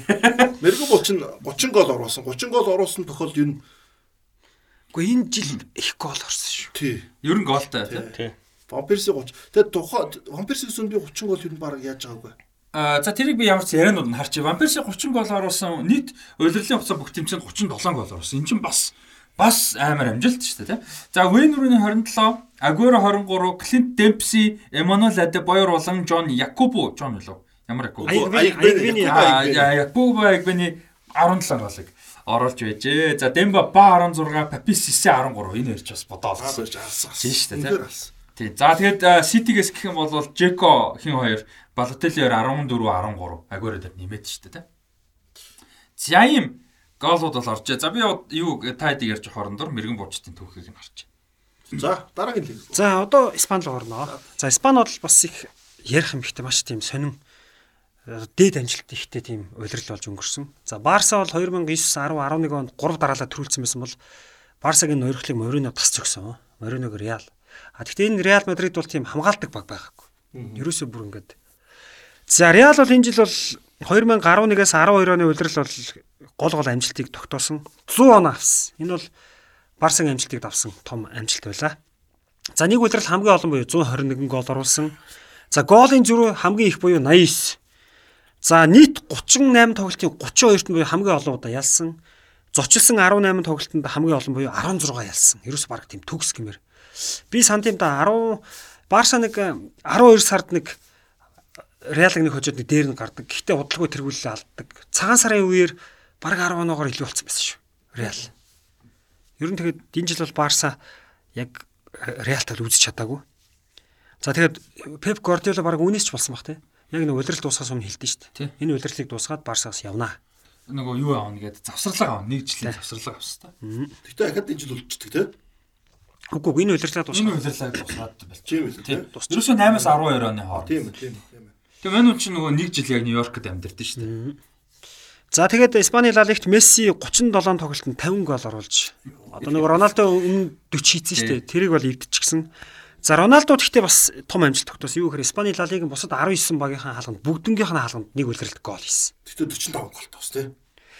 За тийм бах те. 45. Би Тэр хвцаа тийм. 45 Мессид нөгөөд нь 50 чи юу гэсэн үг? Яг энэ үеэс нөгөө нэг утга алдаг юм ихэлсэн л дээ. Тэг яг нөгөө хөл бид нар ч одоо нөгөө Руд Ван Нистро, Шевченко, Андрей энтриг үздэг. За 30 бол гайхалтай. 20 бол гоё тий. 20 бол мэрэгэн бууж 20 20-ыг хийдэг. Аврагуудын лигт нэг 7 8 хийдэг. Гэдэг юм байдгийг чи одоо энэчнээс чи ингээ утгыг алдсан. 45 50 45 баха 45 За би 50. тэр нэ тий. Яста нэг 45 бол одоо юу гэдэг чи бараг 2 хуваасан чи Мэргэн болчихсон. мэргэн бууж болчих гоо. Месси 50, а Роналдо 46, дараа нь Фалкао юу 24. 46 хамт амар хэсээр. Аа тэгээд 22 гол илүү. Тэгээд тийм заяа. Энэ хоёрын нийлбэр чинь юу болж байгаа шүү дээ? 96. Энэ бол одоо юу гэдэг нь хоёр тоглогчийн нэг үлрэлт хийсэн одоо юу гэдэг нь комбинит гарах юм бол одоо бүх цаг үеийн бодлоо. Наач ч одоо энэ нэвдэхгүй. Яаж хийх вэ? Тэр яалын гол амар баг. Одоо Роналдо 46 араас нь шүү дээ. Игвэн 22, Бензема 21 гол шээ. Бас гурван тоглогч 20 ба түүнээс дээ шээ. Тийм, нэг л 46 баг 90 90 гарчлаа шүү дахиад тий. Тий 90 гарч байгаа. 3 нэг багийн 3 тагш сурлаа.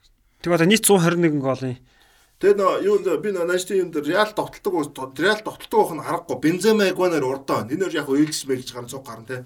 Тэнгүүд энэ өрөөч ард нь какад олж байгаа. Роналдо ч жигүүрд гарч байгаа. Нөгөө жигүүрдөө Месут Өзил байгаа. Өзил гэж таксистны машин биш те. Тэнгүүд эдрээс чинь угаасаа нэг юм уу хоёр нь суу штэ. Төвдөө нь Шаби Алонсо Сами Хедер хоёр. Ди Мария бас байгаа штэ. Ди Мария яг үнэ. Яг үнэ. Тэгээд эн чинь нөгөө тогтдог нарахгүй Хедери Алонсо айгуу гой зогцол болцсон. Одоо нөө Модрич Кросс хоёр чи өмнөх юуг нь авч яж байгаа байхгүй. Тэнгүүд л урд нь бодолтой 6 тогтож байна шүү дээ. Тэр 6-аас 4 л гарна. Тэгээд дөрөв гарахаас чинь найдвартай ганц гардаг нь Роналдо Özil ирэхгүй хоёр гэдэг нь тий. Тэгээд нөгөө дөрөв нь Кака ч ингээл гимтэл. Тэгээд Кака өнөөдөр айгуу Тий. их Энэ бол гэхдээ Какагийн одоо Реалт хол оргил улирал байсан шүү. Одоо яг хамгийн доктортой хамгийн доктортой улирал нь энэ байсан. Тэгээ зайлшгүй Игуан Бензема хоёр ингээ солигдоод яв. Тэгэл 22 тий. Амар шүү дээ. 23 21 гэл. Түрүүний хаяг товчхон гэс яач нөгөө э, нөгөө нэг вампирса 30-гээд 30 баг өмнө хийж өгсөн 30 бол зөндөө байд юм байна. Кевин Филлипс, Анди Кол, Ширер хоёр удаа зөндөө а зүгээр хамгийн ойрхон байсан гэвэл 7-оос 8 онд Роналдо 31 хийсэн байсан. Одоо саалаа тэр нэвцэн тэр нэвдэг. Тийм сүүл цаалаа шүү дээ.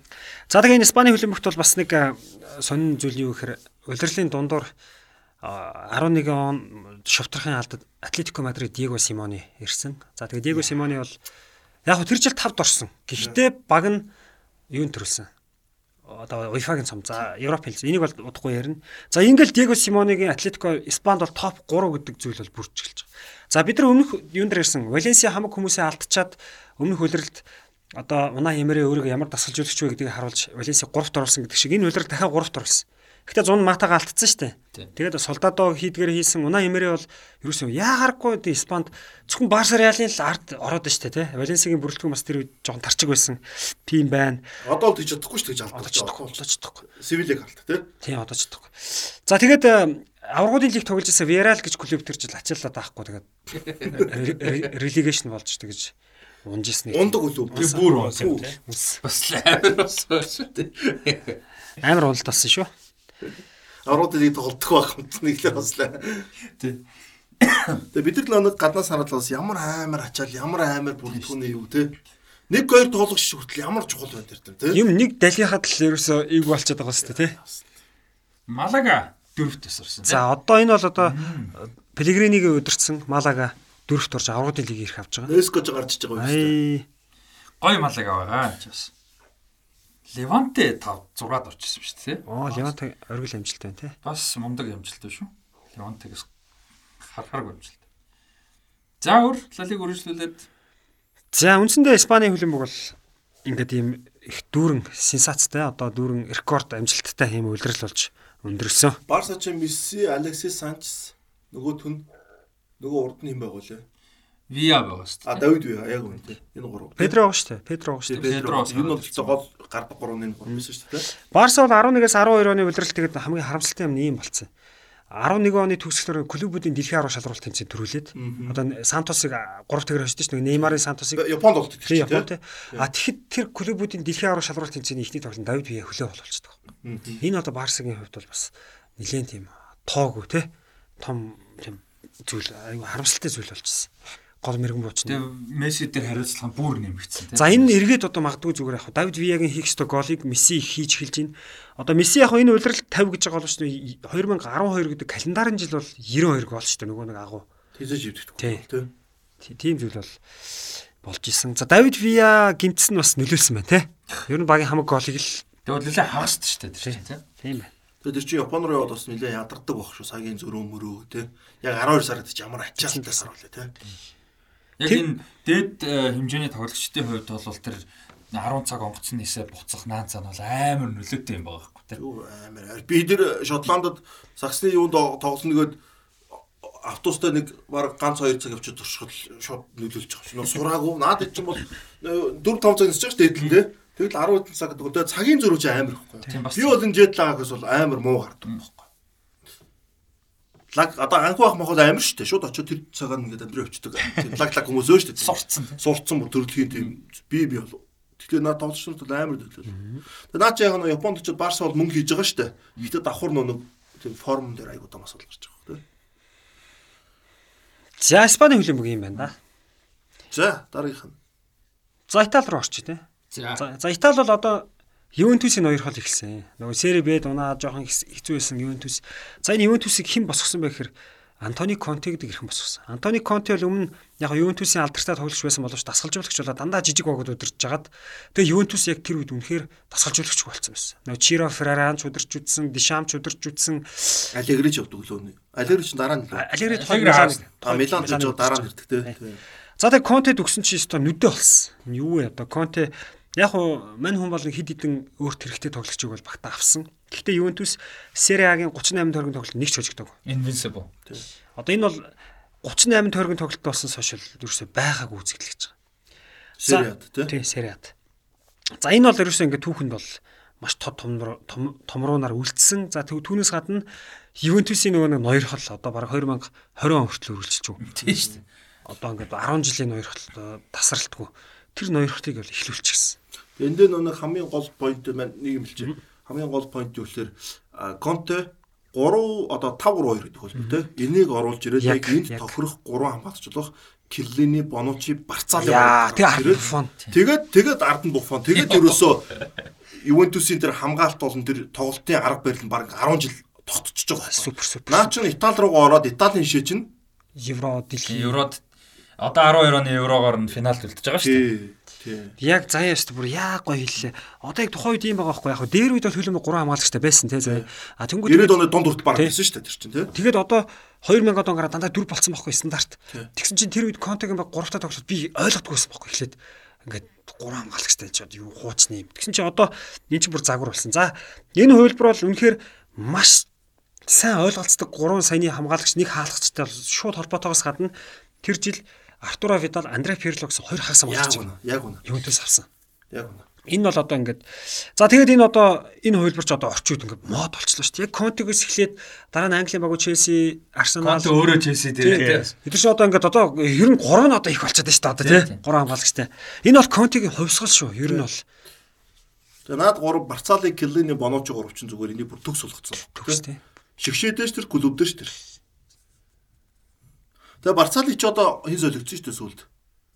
Өө Ювентус нөгөө Барцали Боночи Гэлиний өртөө цуг тоглолт чинь байла. Хин. Тэгээд Барцали болоо дахиад нэг хүн орчиж байгаа шүү дээ. Нэг Тий. бас нэг өргөжлүүлээд. Би одоо орж ирэхгүй байна. Барцали ч юм бол аль 6 оны нэг хөрч. Барселонаар хөгшин шүү дээ. Тий хамаагүй хөрш.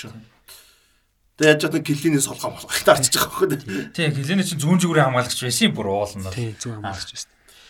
За Ювентусын хувьд бол ийм домогт үйлрэл байна. За Интер бол хогдор гэрсэн. За юу Раси өсөлттэй сайхан яриад. За Интер бол хог дээр өсөрсөн өсөрсөн. Интер 7-д орж 6-ад орж үлрэлийг дууссан. Ливерпулийн бодвол гайгүй багт төрсөн шнэ. А Ювентус 4 онооны зөрүүтэй. Гэтэ Милан бас сайн бас үдсэн баа шүү. Нэг ч хожигдоогүй багийн араас 4 онооны зөрүүтэй гэдэг. Бас тий. На Милан ч нөө Ночорине дэргээ бахан залуучууд аваад айгүй гоо цусгдсан байлаа гэсэн байхгүй. Тэгээд э, 80 оноотой орсон. За тэгээд Удинесе 3-т орж исэн. Лацио 4-т, Наполи 5-т, Интер 6, Рома 7 гэж орж исэн. А Ювентус байгаа. юм юм чи. Видал Пирло ороосод нь Маркиси алсан надад одоо санаж байна. Маркисо ч баг мэрэгэн булчин салтын нэг Ювентусын мэрэгэн булч босож магадгүй шүү. За юунаас бол А Сериагийн мэрэгэн уч Златан Ибрахимович 28 гоолт э, тэргүүлсэн байгаа. Милито 24 араас нь тэгээ Эдисон Кавани Антонио Динатл нөгөө л Динатл 23 гоолт. А эхний 10-т бол ерөөсөө Ювентусээс А Ювентусийн хувааж идэв. Гэтэ хувааж хийгээд Маркисо ч мэрэгэн булч болдог ч илүү. Нэг сонь сонь довтлож байгаа Матри За багасаа бол 3 тоглогч Матри 10 маш сайн байна. Клаудио Маркизио, Мирко Вучинич тэгээд Алессандро Матри 3 10 10. Ханд на Маркизо ч айгуу. Яг тэр нөө Видал өөр амар мондо тактик тоглогч штэ. Артуро Видал. Тэгээ голтой. тий, Долоон голтой. гол хийсэн ба. Тий. Тэгвэл Пирло өөрөө ямар найруулагч хүлээ. Тэнгүүд НАТО хоёр чинь төв долонгууд Маркизо урагшаа тоглох айгуу юу тоглоод. Тэгээ Маркизо чинь 14 оны дэлхийн аваргал 12 оны Европын аварга дээр Италиан шат амар сайн тоглох байхгүй.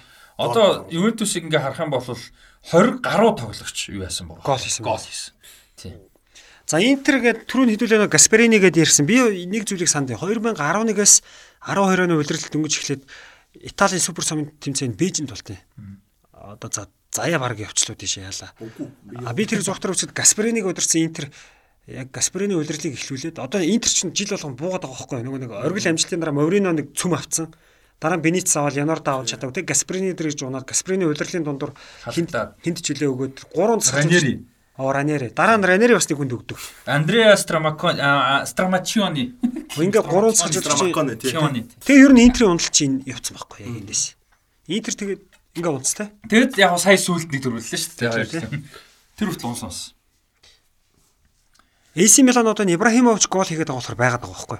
Ибра одоо Парис руу яваал AC унана. Одоо тийм. Бүр бүр. Оо Эбра Тиаго Силвага аваа юм. Тий, Тиага тий бас Тиагоос илүү явж байгаа шүү. Хамгаалтан байхгүй болж байгаа байхгүй. Тэгээ нөгөө хэд нь хөгшрөөд тэгээд Тэгээ наад Миланаас аваад байгаа юм чинь Леонардо шүү дээ тий. Тий. Тий. Зөөгөл Жермен тий. Одоо сая л халагдлаа шүү дээ Леонардо ч. Тэглээ. Тий, Парис Сен Жерменс. За Serie A-гийн хувьд ийм продуктов үзүүлэл байгаа. Нийт.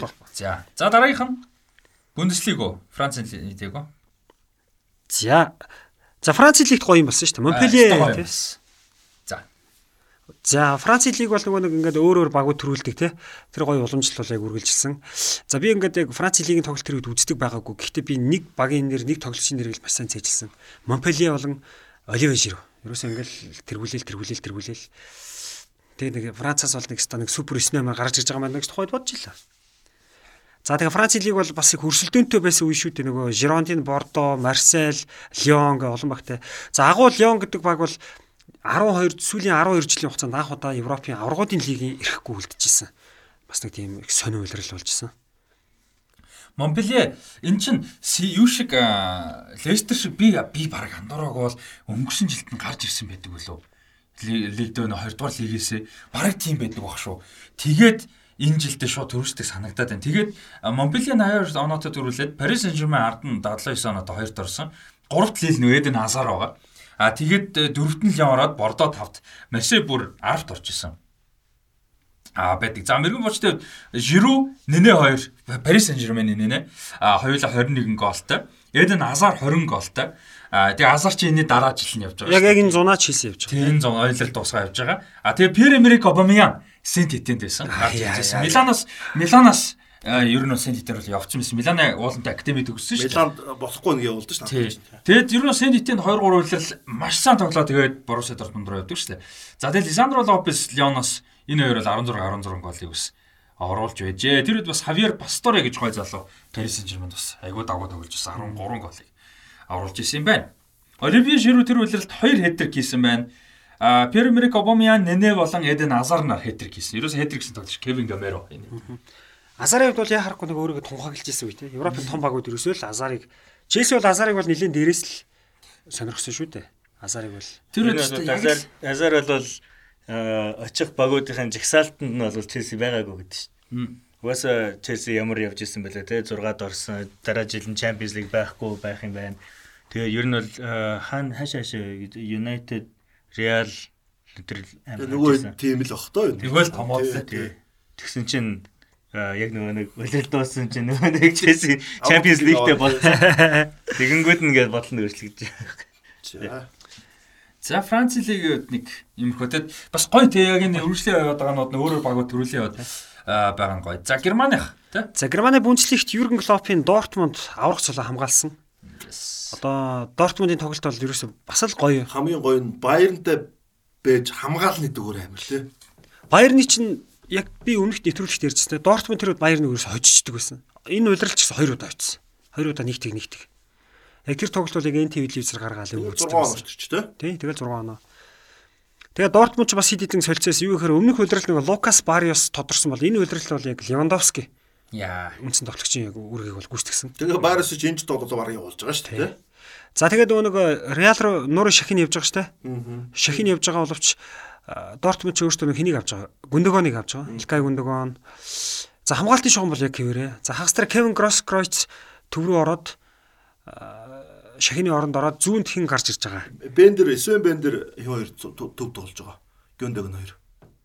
Тэгээ Гросс Кройц Кросс Кройц энд их төв тогсон байл энэ үйлчлэгтэй тий. Зүүнд байж байгаа төв рүү орсон байл.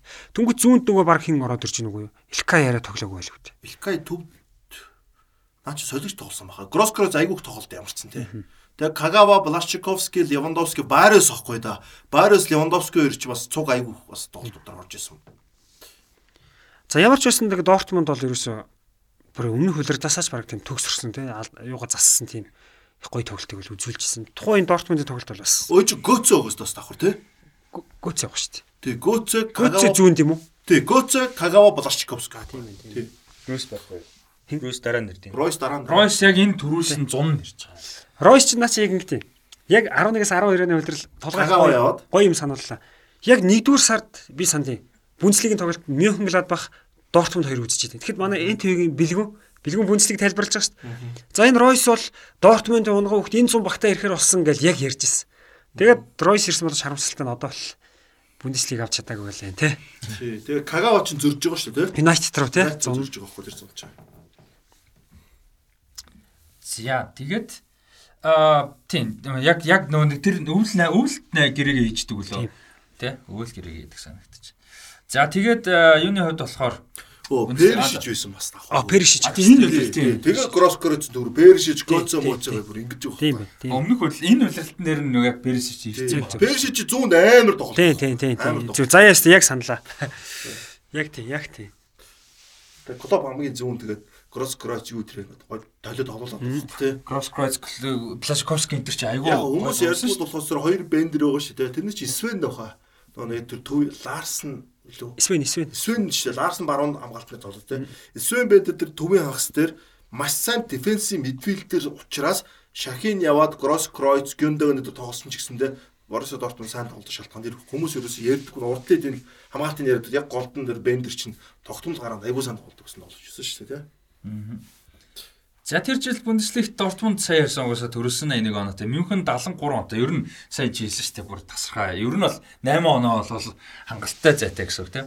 Тэгээ Шоке 3-т ороод Мюнхен Гладбах Леркүзен гэдэг А энэ дээр ингэж байгаа шүү. Германы лиг чи энэ жилээс л нөө 10 дэлхийн 3 ихтэй болдог шүү. Коэффициент дээр. 4 дөрв болж байгаа. Итали 3 болоод Герман 4 болтой. Яг үнэ Итали би амд урт. А тийм Германы дөрөвт нь болоход плей-офф раундаас тий орж байгаа. Яг үнэ Итали ч 3 болоод Герман 4 болж шилж байгаа байхгүй энэ. Би тэгэд гайхаж сони Италиас 3 болдголын багтаа гэж бодчихсон.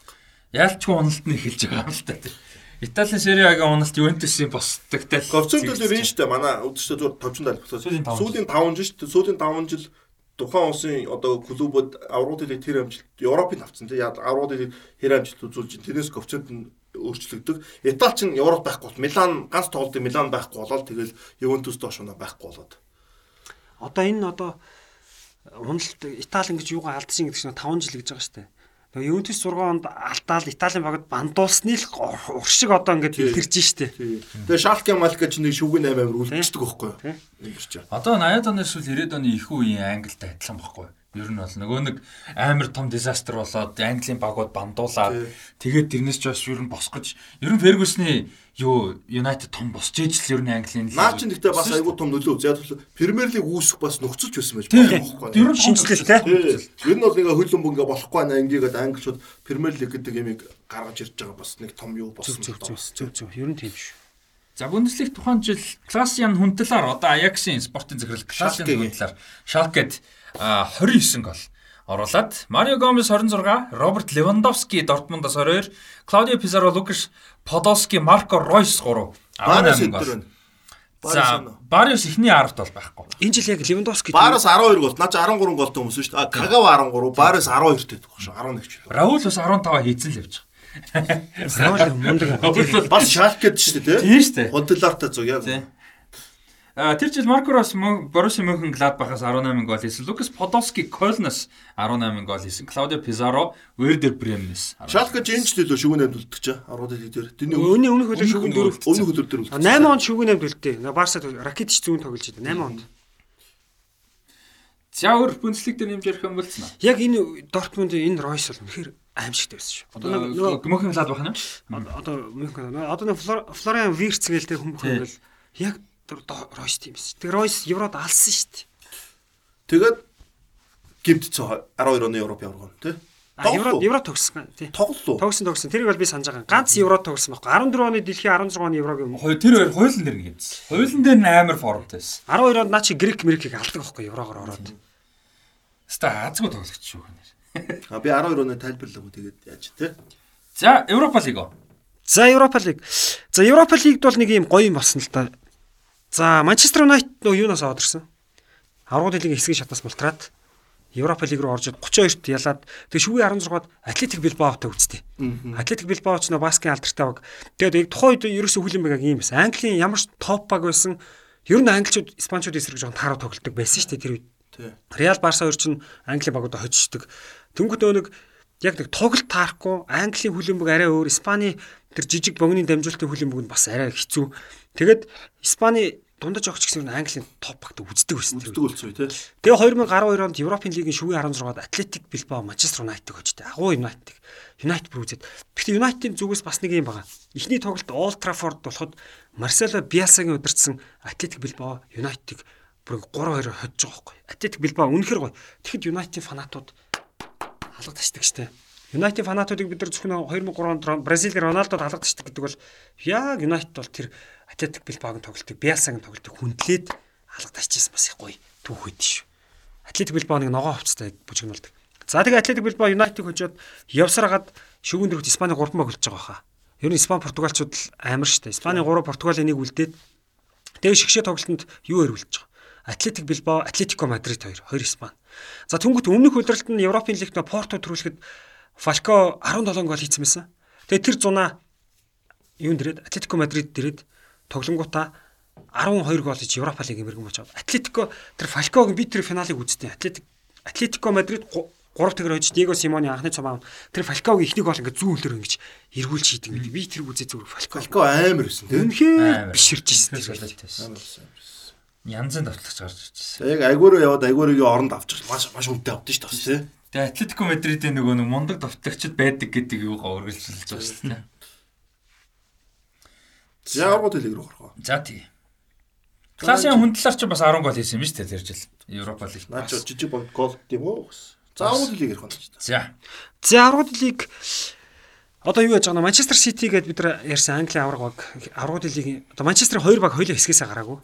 За Манчестер Сити бол үнэхээр өхлийн хэсэгт орж байгаа. Байер Мюнхен, Наполи, Виарал. Йоо өст. За, Амар хэсэг. шиг. Тухайн үед тий. Ер нь зүгээр таад анзаарах юм бол Сити бол ер нь 3 улирал баг шахуу дараалж өхлийн хэсэгт орсон шүү. Тэгсэн тэгсэн тэгсэн. Ер нь нэг хэсэг бол гардаггүй байсан Хэсгээс шүү. гардаггүй байсан. Юу хэцүү байсан. За нэг Манчестер Юнайтед ч нөгөө нэг өмнөх хөлрөлт нь аврагын лигт финалцсан том багч нь нөгөө Швейцарын Базил, Базил Базилист гардаг үтэй нэгс байна.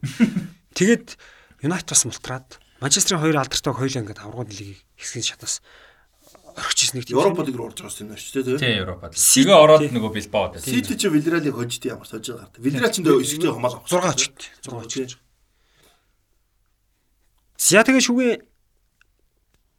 16 эхлэнд ямар ямар оноолт. Юун дээр Манчестер Сити чин дээр юун дээр Дортмунд 5 дугаар тойрогт Наполитой голдоо голдог. Наполи гэсэн юм шүү дээ. А тийм. Тэгээ дараа нь Баерныг хожиж гардаг. Нь 2 дугаар байгаа гаргачихсан шүү дээ. Тийм тийм. Яг тэгдэ. Бага бацаанууд гаргаад нөгөөд нь тэгээ гардаг. Тэр үе Наполи бас зэвүүн баг. Амар шүү дээ.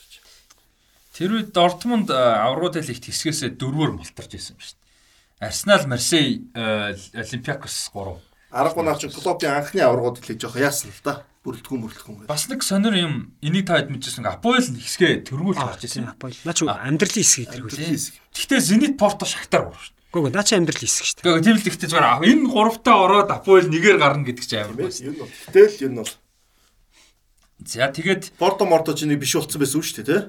Порто нэг үе биш болцдог тийм. за тэгээ хасагч шат тий. За хасагдах шатны гол бас 16 эхэлж байгаа нь Мессигийн амар юм ба шүү дээ тий. Баяр Ливеркузны хаалган 5 гол хийдэг. Одоо аврагын лиг нэг тоглолтод пентатрик хийсэн анхны тохиолдол болж шээ тий. Тэрийг бол ерөөсө мартдаггүй. 7-1-ээр биш ээ 7 1-ээр тий 7-1 тий. 7-1-ээр. За шүгэ 16-гийн хамгийн том тоглолт нь энэ Челси ч. Челси ч явангаа алдчих. Наполид тоглоод. Эхний тоглолтод 3-1-ээр хожигдоод.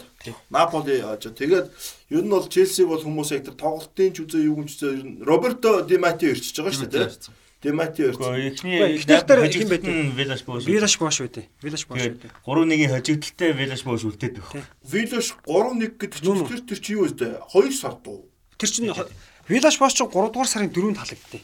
А тэгвэл яг Наполи чинь би санд байна. Одоо наад Наполитэй хийс тоглолч баг ийм байдаг шүү. Битүүний орой илүү битүүнээс шиний нэг шилжих шин болдог шүү. Наполи. Тэр өглөө нь манай ах нэг англиас ирчээд бас дахиад нэг англи явах болоо гаргаж өгөх гээд яг тэрийг санд шүн босч үзэж жагаад гаргаж өгч ийсэн. Тэгэхэд дөрөөсө алуулсан шүү дээ. Челси. Тэгэхэд Вилаш бош. Аа тийм билүү тий. Тэгээ 3-1-ээр дуусаа. За тэгээд Ди Тэгээд Мати West Brom хожигдоод халагддаг. Тэгээ 3 сарын 4-нд West Brom таж. Тэнгүүд нь Демате орж ирээд Аа. Тэгээ Демате чи өмнө West Brom-ийн дасгалж болгож байсан шүү дээ. Тэгэнгүүт нь бид нэр яг тэгдэгсэн. Аа тас нэр яг West Brom-ийн тоглолт харах байна. Тэ West Brom West Brom гэдэг бүр толгойн. Тэгээд Вилош Бошин туслага байсан шүү дээ Мати ч тий. Тэгээ туслахаар авчихсан. Ягаад тэгэхээр урд нь Челсид нөө тоглогч байсан. Тэгээд Вилош Бош тэр бас өөрөө хүссэн тусган байгаагүй л дээ бас тий. Энэ бол тий.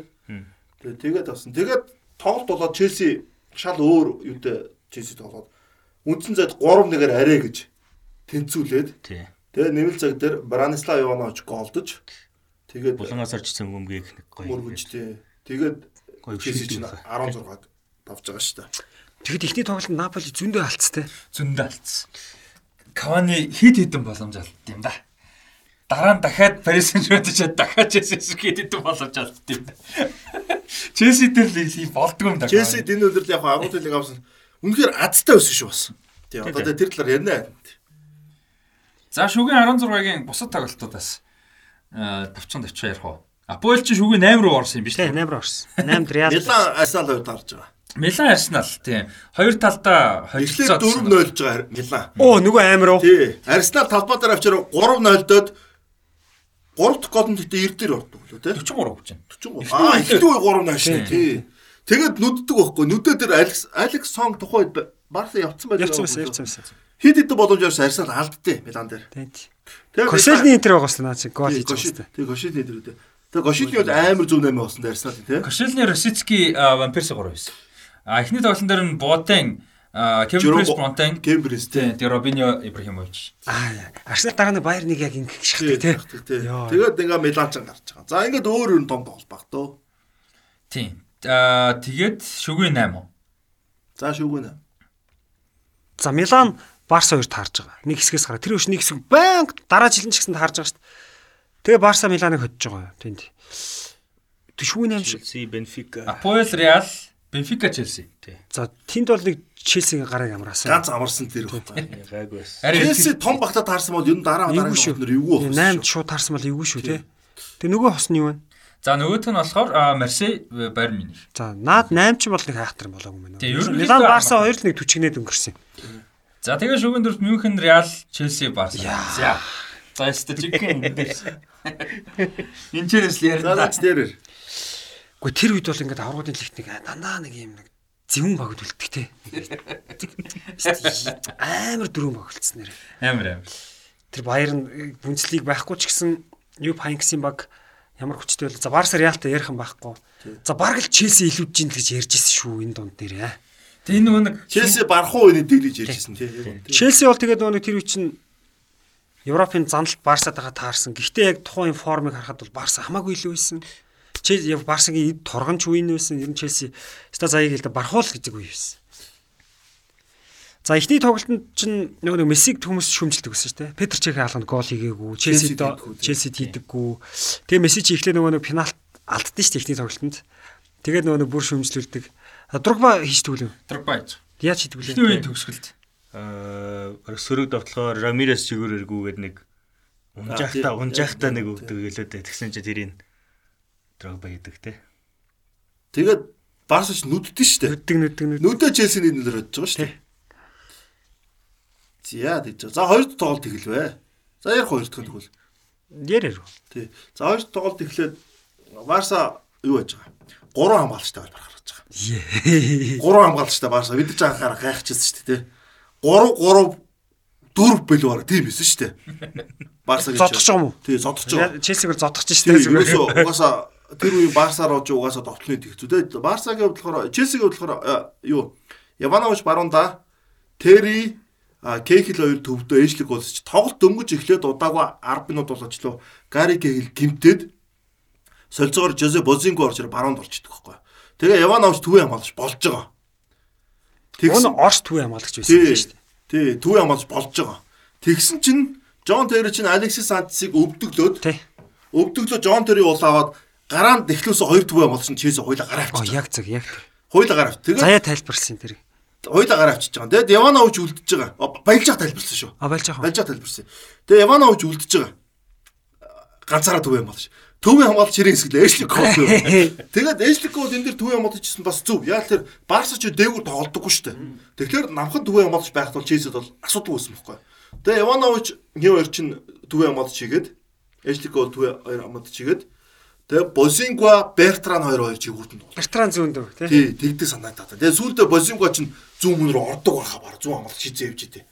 Тэгээд нэг ямар ч сан тоглолт явж. Тэгээд энэ дээр Калу орж иж ирсэн юм сэлгээр. Торрес Бозинго Калу хоёр гоор орж. Тий, Бозинго сүүлд- Бертран бол яагаагүй маань тоглоагүй маань. Бертран тоглоог. Тоглоог. Тэгээ хин байсан юм бэ тэр хамгаалт. Бертран чи финалт байт юм а тий. Финал Финалд гараад эхэлдэг. Тэгээ хин гард юм. Одоо Эшликෝ За гараа болно шүү дээ. Петр Чех, Ашли Кол, Терри Кегл, Иванович, Мерелиш, Микел, Лампард, Мата, Рамирес, Дрогба. Аа энэ ихгүй. Одоо ингээд Кехл тэр хоёр байхгүй болчихлоо шүү дээ. Төвийн хамгаалтан дээр хоёр жигүүрээ хамгаалж болох Иванович Эшликоо ороод Тийм ирж шүү. Хоёр жигүүрлүүд юм байна.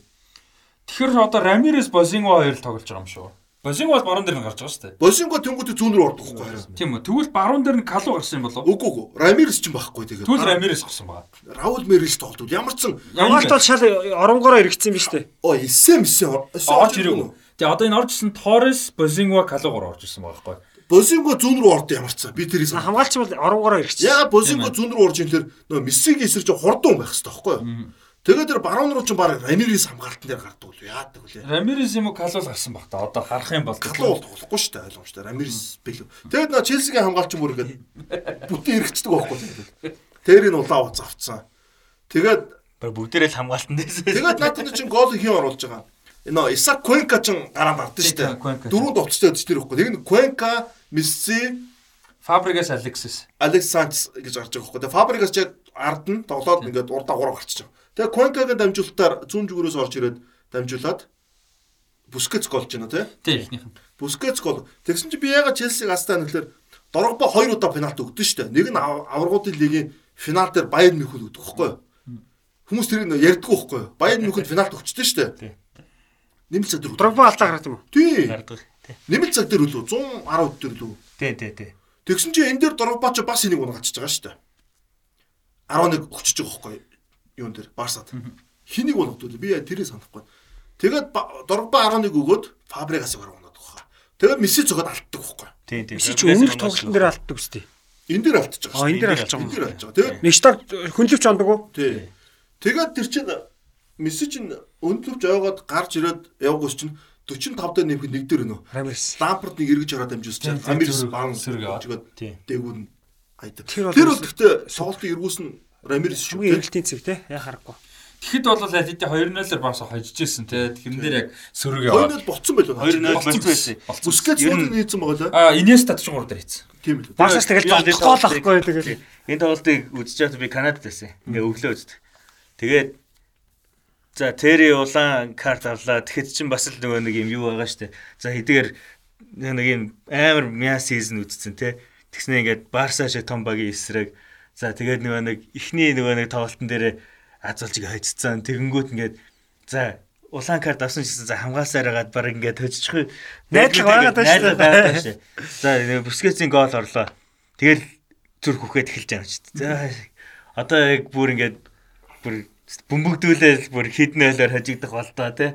Тэгэж бодвол тэгсэн чинь дараагийн гол нь ороод хэнийг гол Инеста. Инестагийн гол ороод тэгэл яг манай нэг айл гэд найз байсан. Айл тэгээ одоо бид нэр ингээ үзэж үзэж байхад айл бүр наваа тэгжээс аахгүй. Одоо Too sorry. Sorry bro гэдэг намайг тэгж байгаа.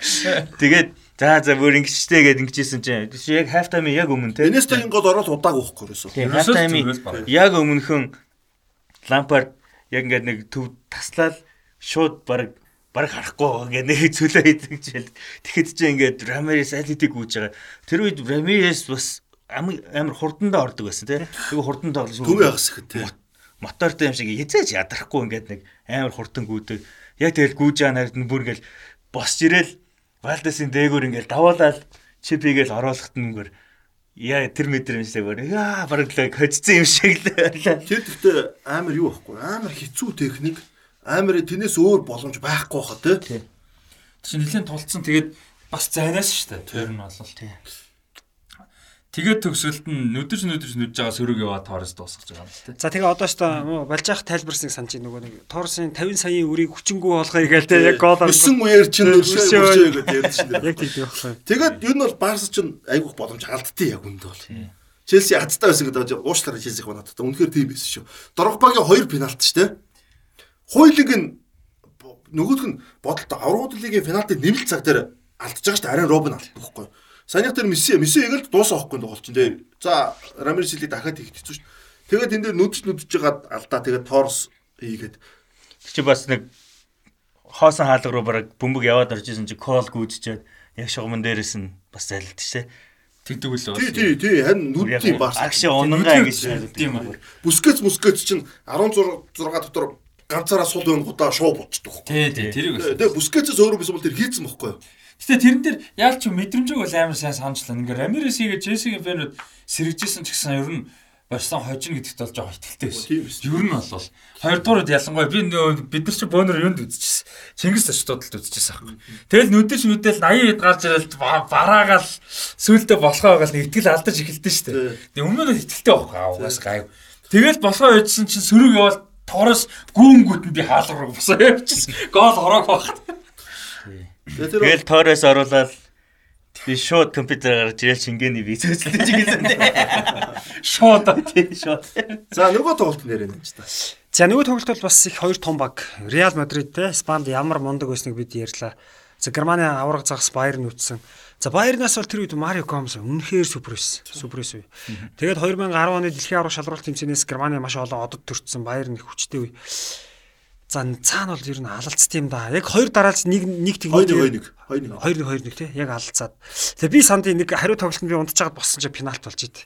Тэгээ Роналдо алдаж үйлдэг. Тэрийг л би яг санд юм да. 2-1 2-1 талбай айл альныхаа өөрсдөө талбай дээр хайдсан. Тэгээд Кака Роналдо Рамос 3 тэгээ явж шамиг пенальт алдах уу гэж хэлж Оо, болохоор за, 3 тий. алдсан байна тий. Тэгээ нөгөө талд Кросс Лам 2 алдсан. Гэтэ Алаба Бас Гомес алдахаар гоё шүү дээ. ерөөсөө алдгааргүй хүмүүс таалтад. Нөө Рамос бүр амар дэшээ өшөлдөг мөн үү? Тий, тий, тий.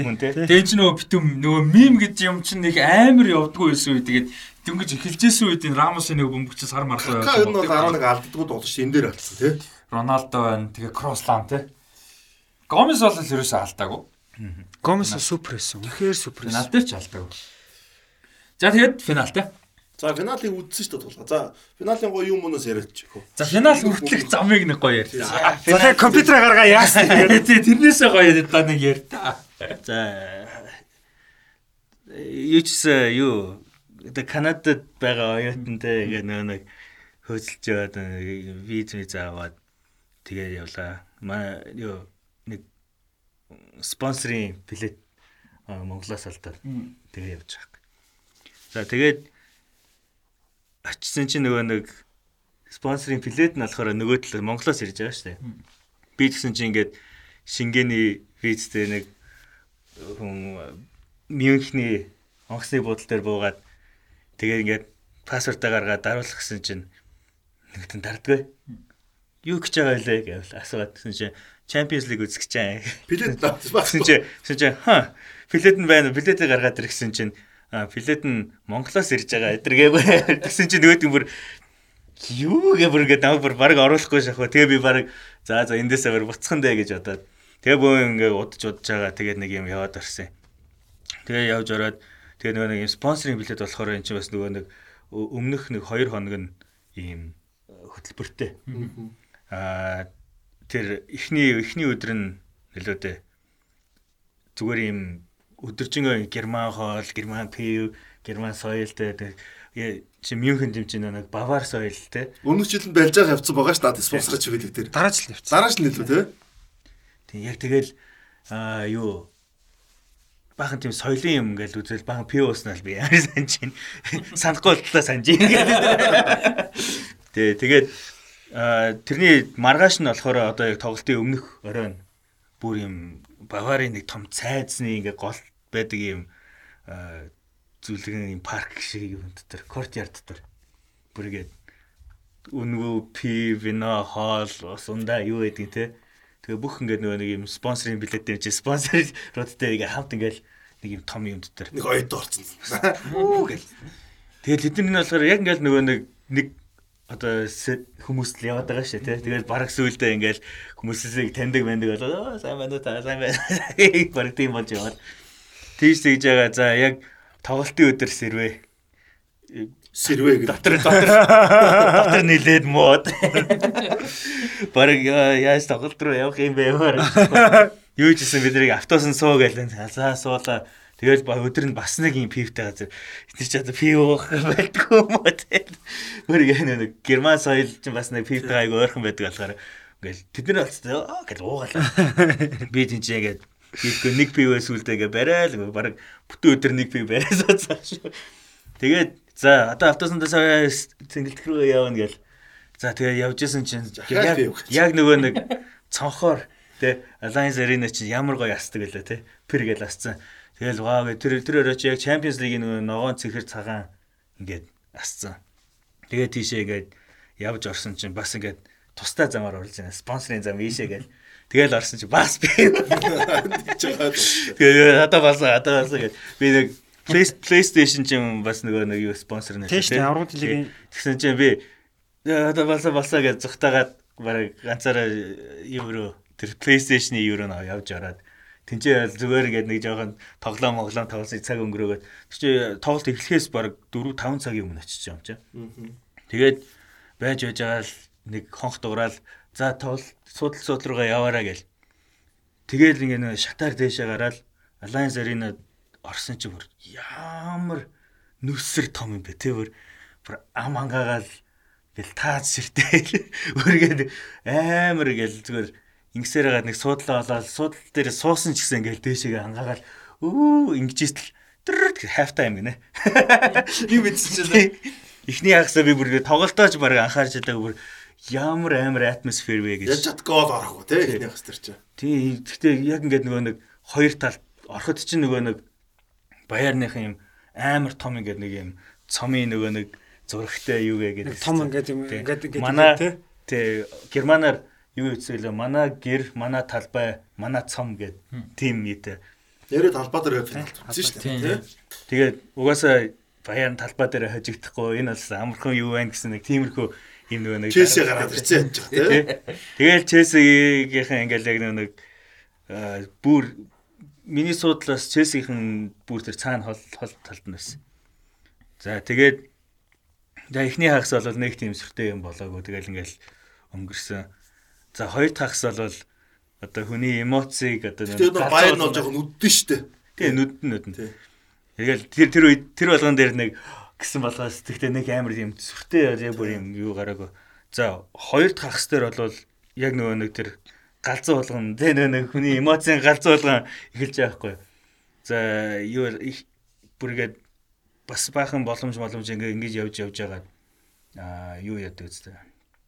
Мюллер 82 дахь минут. Тий 80 тий 82 4. Тий. 83 гэнэ. 83. Тий. Тэгэл орсон. Тэгэл бүр суудлаасаа босч чадахгүй болоод тэгэл за за ингээл өнгөрчтэй ёо гэл ингээл нилээд даун болоод Челси аврагын лиг төрүүлэг байсан. Дандаа азгууддаг байсан. Би би тэр өдөр нөгөө нэг юу 2008 онд алдсан шүү тий финал дээр Москвад. Тэгээ тэр өмсгөлтэй би суусан байхгүй. Муу яраа юмсгэл юмсч байгаа юм шиг. Үгүй тэр тэр өмсгөл чинь бас тэр моментыг хочих юм бол тэр моментыг бас мэдрэх хэвээр тэр өмсгөлээс байхгүй. Тэгээд яг суужсэн. Тэгээд нилээ даун болцсон байжсэн чинь аа гэл нөгөө нэг тэр нөгөө Челсигийн тал орилол эхэллээ. Юу болоод байна ингээл яг ингээл харсан чинь Торрес Торрес тийшээ гүйж ягаад булан авдаг байлаа те. Тийм ба. Тэгэл за булангийн нэг харж ирсэн чи Дрогба гэл оруулан гацтай нэрэ буцаал нөгөө даун байсан чи. Гэл босч ирээл дэсч ирээл амар гэл яжсэн чинь. За тэгээд юу руу яваа те Экстра. экстра руу яваад нөгөө нэг Дрогба пенальт алдаа Пенальт өгчөж байгаа. өгчөө өгчөөд өгцөн тэгсэн чинь яа буцаал даун болоо тэрийн чек яг үсрээд ингээ хаачдээ штэ. Тэгэнгүүт буцаалаа болоо.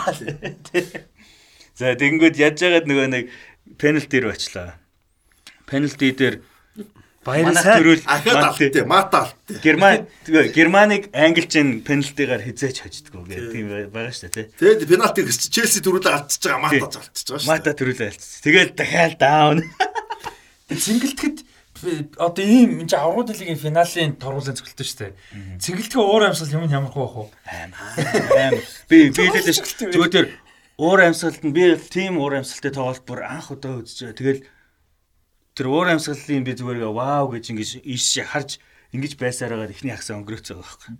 Торгуулийн цогцолтой мангар бүр амар баг тий. Амар. Торгуул торгуулийн цохилт үзтээ амар удаан үргэлжсэн юм шиг надад санагдсан бүр дэг дэг дэг дэг дэг гэл бүргээл зүрх бүр Тэгээ мата алдаад баян ч ихний 3 хийждэг байх шүү чараа. тий Тий, эхний 3. Тэг ихний 3 хийждэг. Тэгээ Челси ч хамгийн ихнийхээ алдаад яг араас нөхөд бараг ахад дуусах гэж боддог байхгүй. Тэгээ одож алдчихж байгаа шүү тий. Олж алдаад Дөрөв дээр одож алдчихж байгаа шүү. Тэгээд Олж Дрогба яг олж яг сэлгээгээр орж ирсэн. Тий. Баггүй тэгээд э, олж алдаад тэгээд э, олж алдаа араас нь Дрогба байж. Үгүй үгүй одож алдаа Эштикоо тэнцүүлдэг байхгүй. Шо мата э, Швайнштайгер нэг нь алддаг. юу Тэр нь хамгийн сүүлд байхгүй. Гэтэ төрүүлж эн чинь шууд дараараасаа зогсож байгаа шүү дээ. Тэгэхээр мата төрүүлж Челси зогсон болвол Кол цохоод олж алдаа Дрогба хийгээд тэгээ Шванштагаар алдаад Үгүй үгүй да. Шванштайгаар алдаад Дрогба цохоо шүү. Дрогба Дрогба хийж Тэгвэл лам хийж юм тийм лам ихлээд Аа. мата алдаж байгаа байхгүй. Челси ихнийх нь. А биш Челси эхлээд алдчихсан үгүй гэхээр би Челси ихнийх гэж байгаа байхгүй. Тэгээд Олж ихтэй дөрөв алдсан. дээр алдаад Олж дөрөв дээр алдаад энэ Эштикоо цохоо тэнцүүлдэг байхгүй.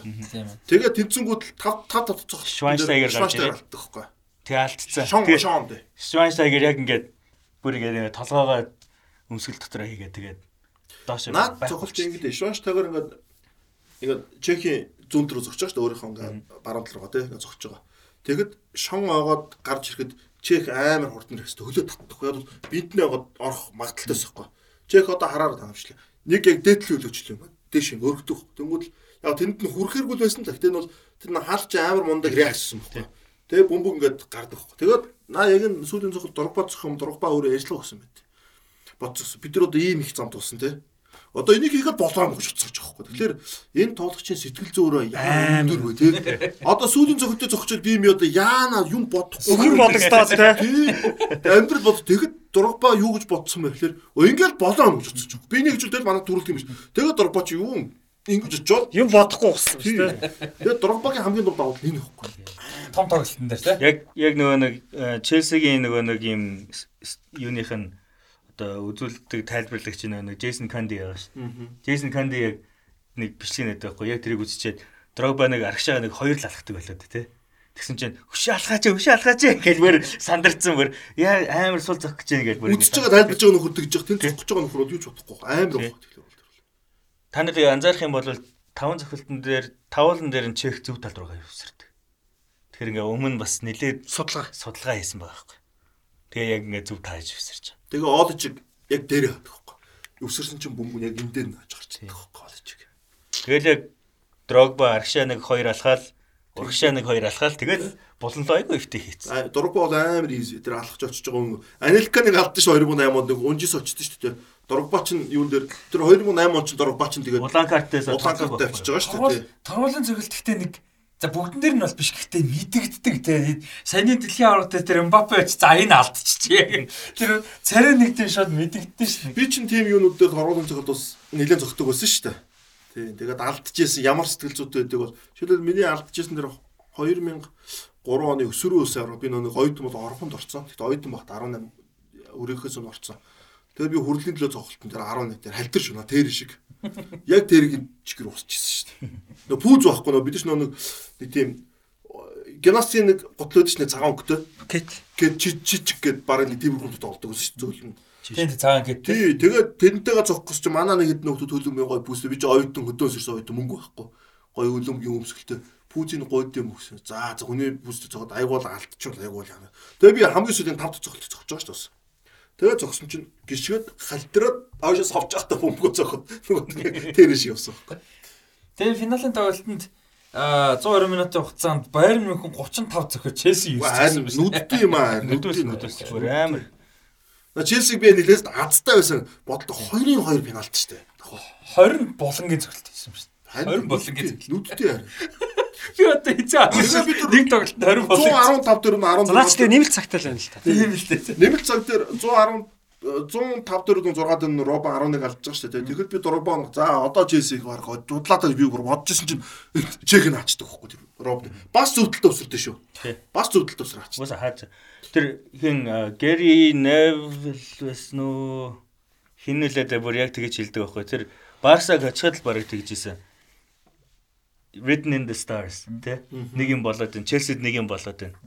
Энэ болохоор бүр цаанаасаа бүр юм тавилттай юм одоо киноны ингээд скрипт бичиж байгаа юм шиг бүр андердог тэ бүр ингээд навс унаад тэгээ бүр одоо эргэлтээр нь очих гэж байна. Нэг юм ингээд мэдрэгдээд ингээд бүр Барсагийн дараа тэгжсэн. Тэгээ тэрэн дээр чинь Челси хожид аврагууд хэлийг эргээ авч байгаа шүү. Бүр тэгээд тэр аваад авчихсан. Тэгээ 6 дууссан.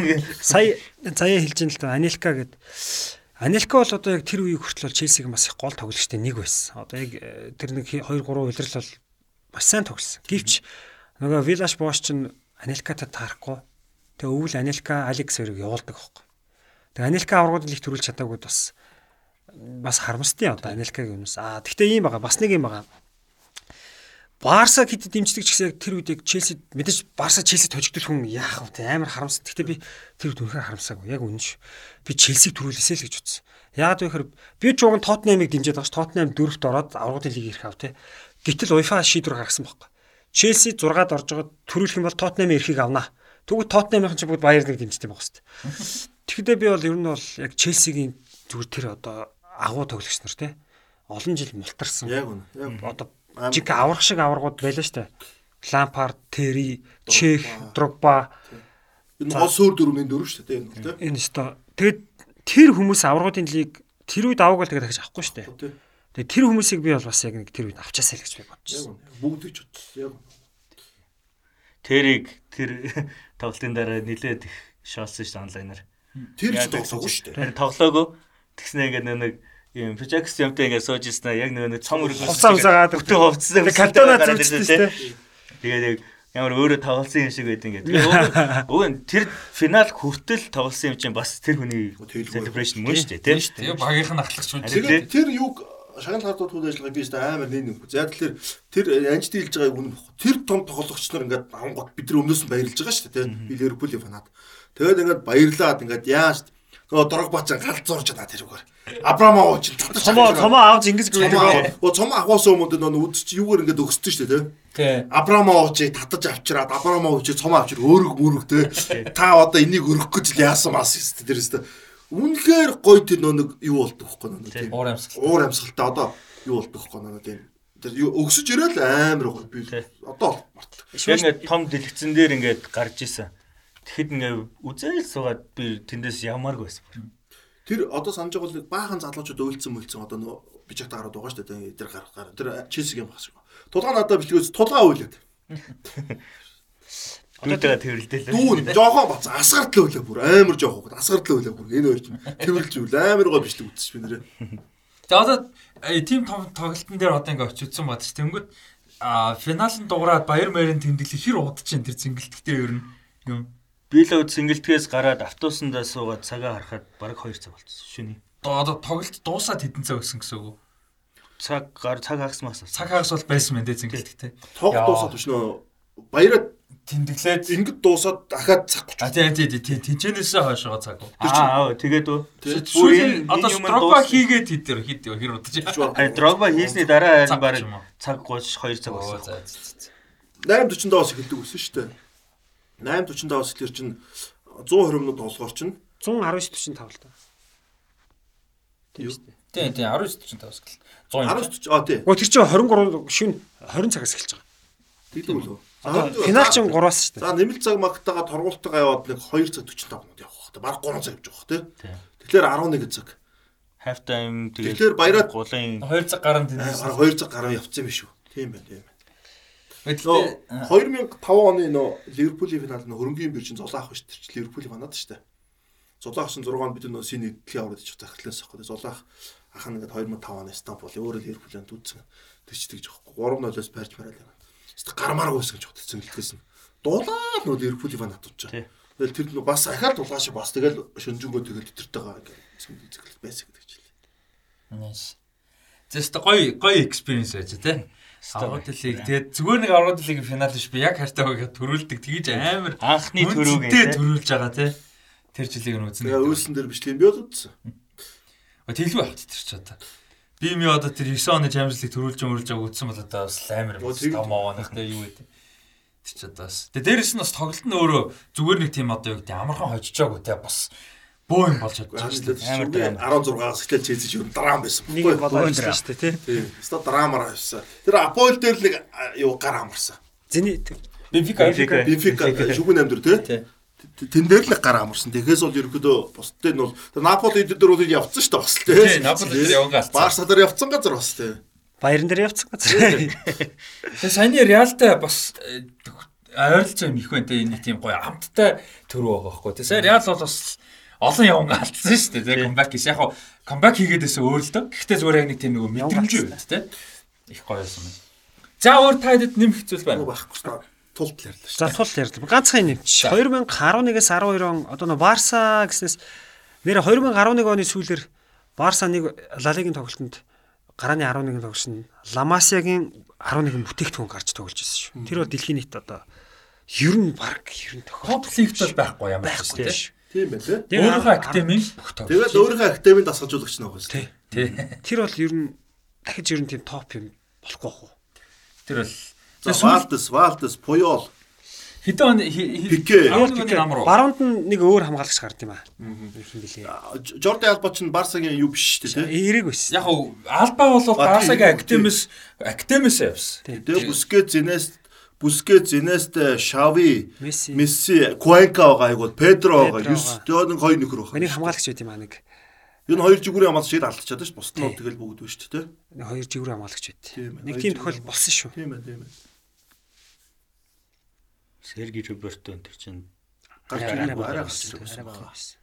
За айгүй бол нөгөө нэг Дааны алс тэгэхээр бас Силент байсан. Суугаад нэг нөхөр гарч иртээ. Абидал суусан байна. Тийм байна. За тэрийг харах гээд. За яг хаа тэгээд Тийм. наа ч бол бас нэг амархан олдохгүй юм хуу. Левантигийн эсрэг байсан юм байна. За. За 12 оны 12 оны а юу юм биш үү? 12-оос 13 оны үеэр. Аа за за амдч Тийм. шүү. Тэгээ дараа үлрэл дээр 12 оны 11 сарын а, юунд юм байна? 20 паунд юм байна. Ер нь бол тэгээ Барселон гэлтгөө ер нь Европын топ лигүүдийн түүхэнд а Ла Масиягийн 11 Фабригас шүү нь. Тийм Фабригас. Тийм Фабригас чинь. За Месси, Дани Алвес цаа Жорди Алба шүү дээ. Алба чинь юу? А тэгвэл 12 онд 12 онд ирэхгүй алба. Еврогийн дараа ирэхгүй. Алба чинь Барсад очоод өөр байгаа буцаа ирж А за энэ гарааны юм. За а Валтес, Алба, Пуйол, Пике, Монтоя, Мартин Монтоя юм байна шүү дээ. Тэгээ Шави Бускетс, а Инеста, Фабригас, Месси, Педро. Куэнка гасчих юм байна шүү дээ тий. Тийм. Мартин Монтоя юм байна. Дараа нь ирээ те. Дараагийн уйлалт нэсэн. Тито Велановыг үед. А Тито ч гэсэн тэгэл за за за. За за тэгээд энэ үргээд өндөрлөх. Өнөөдрийн дугаар нэлээд цаг сонирхолтой дугаар боллоо. Баг 3 цаг болчихсон байна. Болж байгаа бах сонирхолтой байсан гэж найдаж манай хуваагаад ч хамаагүй сонсоорой. Тэгээд аа тийм тэгээд лайк дараад, subscribe дараад сэтгэлээ гол нь хуваалцаарай. А тэгээд бас нэг юм бэлчээ. Шүүмж байж болно. Байж бол болно зэ. Ямар ч юм дээр доромжилж харааж байгаа юм юмыг бол угаасаа хүлээж авахгүй шүү. А тэр би ингэж хэлээ зогсохгүй л дээ мэдэж дээ. Гэхдээ хүлээж авах нь аваарай please. Ягаад тэр хараа эрүүл шүүмж хүлээж авмаар байхгүй. Зүгээр доромжилж шүүмж юм доромжилж юм хэлэхээр ямар ч хүн юу ч хүлээж авах хүсэл төрөхгүй хамгийн гол нь. А түүнээс биш шүүмж хүлээж авмааргүй байгаа. Юу шүүмж амар дуртай шүү дээ. Тийм шүүмж авмаар байгаа байхгүй. А гэхдээ тэрийг доромжилж хэлэхээр чинь хинч тийм авахгүй байхгүй. Тэгэхээр шүүмж хэлмээр бол хэл гэхдээ доромжилт арих байх. Тэгтээ юу болсон нараас тэ хамаагүй багасцсан. Тэр анх намайг замайг тайлбарладаг бах та нар намайг юу туул гарч ирсэн гэж болсон. Тийм баг. Тэр бол тийм баг. Тий. Одоо л ханастай амар соёлтой юу болчиход байгаа. ч сурчаад байгаа. Монголын шигийн тоглолтын дээр Монголын шиг эсрэг фанатууд нь битүү битүү дууж ирэлдэг ус. Наатгаа суулган муулга гэдэг тоглолт эхлээд нэг алдсан шүү дээ. Наатгаа суул арц хойд зулгансууд тоглож энэ чинь Монголын хамгийн сайн он тоглож юу яриад байгаа юм бол суулга өөр юм дээ. Фанатуудтайгаа бүртэл мууд тус одоо л тийм биш болчиход байгаа шүү дээ. Монголын фанатууд Монголын эсрэг нэлээ их хувинд явдаг байсан шүү дээ. Тэ? Амар олон юмны эсрэг тоглоод тийм шүү дээ. би дунд чи ингээд э, фанатуудтайгаа Монголын шигээ дэмжихээс гадна Монголын фанатуудтайгаа баг золтон олон юм болж байгаа юм чи. Монголын хамгийн сайн тоглож байна. Юу харж байгаа. Өө энэ бүтэхгүй байна ч шиг заа. Шал тийм цагаа урч ирлээ бэл чи. Амар тийм юу яриад байхгүй тийм. Наацхан ойрхон юм яриад байхгүй те. За тэгээд аа одоо юу маань шоу маань улам олон жил тэ үргэлжлээсэ гэж найж олон жил үргэлжлэнэ гэж найж байгаа. Спонсортой болгож байгаа. Одоо дэлхийн аваргын өмнө түрүүн хийсэн 8 хэсэгтэй холбоотойгоо мэдээлэлүүд гарan дээрээс нь нэмээд ингэ зөндөө юмнууд байгаа. Аа тэгээд цаашаа ярих юм зөндөө байгаа. Тийм учраас аа, дагцгаагаараа subscribe дараарай. Тэгээд сэтгэлдээ гоё бичээд шүүмж байвал гоё бичээ. Шүүмжнүүдийг ер нь харж байгаа одоо аудиотой холбоотой ч юм уу намайг яриад таслаа гэдэг ч юм нэмэх юмнууд байгаа. Би сая анзаарах хичээлээ. Аа тэгээд тийм учраас шүүмжнүүдэд ирүүл бичээрэй. Сэтгэлээ хуваалцаарай. Саяны удирлууд а тэ дээрээс нь бас одоо амьдрал дээр цэнгэлтэд нь очиж үзчихсэн гой түүхүүдээ бас хуваалцаарай те бид нар ч бүгд уншиж байгаа тулгаан маань сая гой түүхээ хуваалцлаа. Та хэд бас тэрийг хуваалцаарай. Энд энэ байсан үзэгчд маань те. А тий тэгэд энэ үрээд подкаст маань 10 юу лээ? 5 те 15 дахь дугаар а, өндөрлжин сонирхолтойсэн гэж гэдэгт итгэлтэй байна. Тэгээд дараагийн дугаараар уулзлаа баяр та.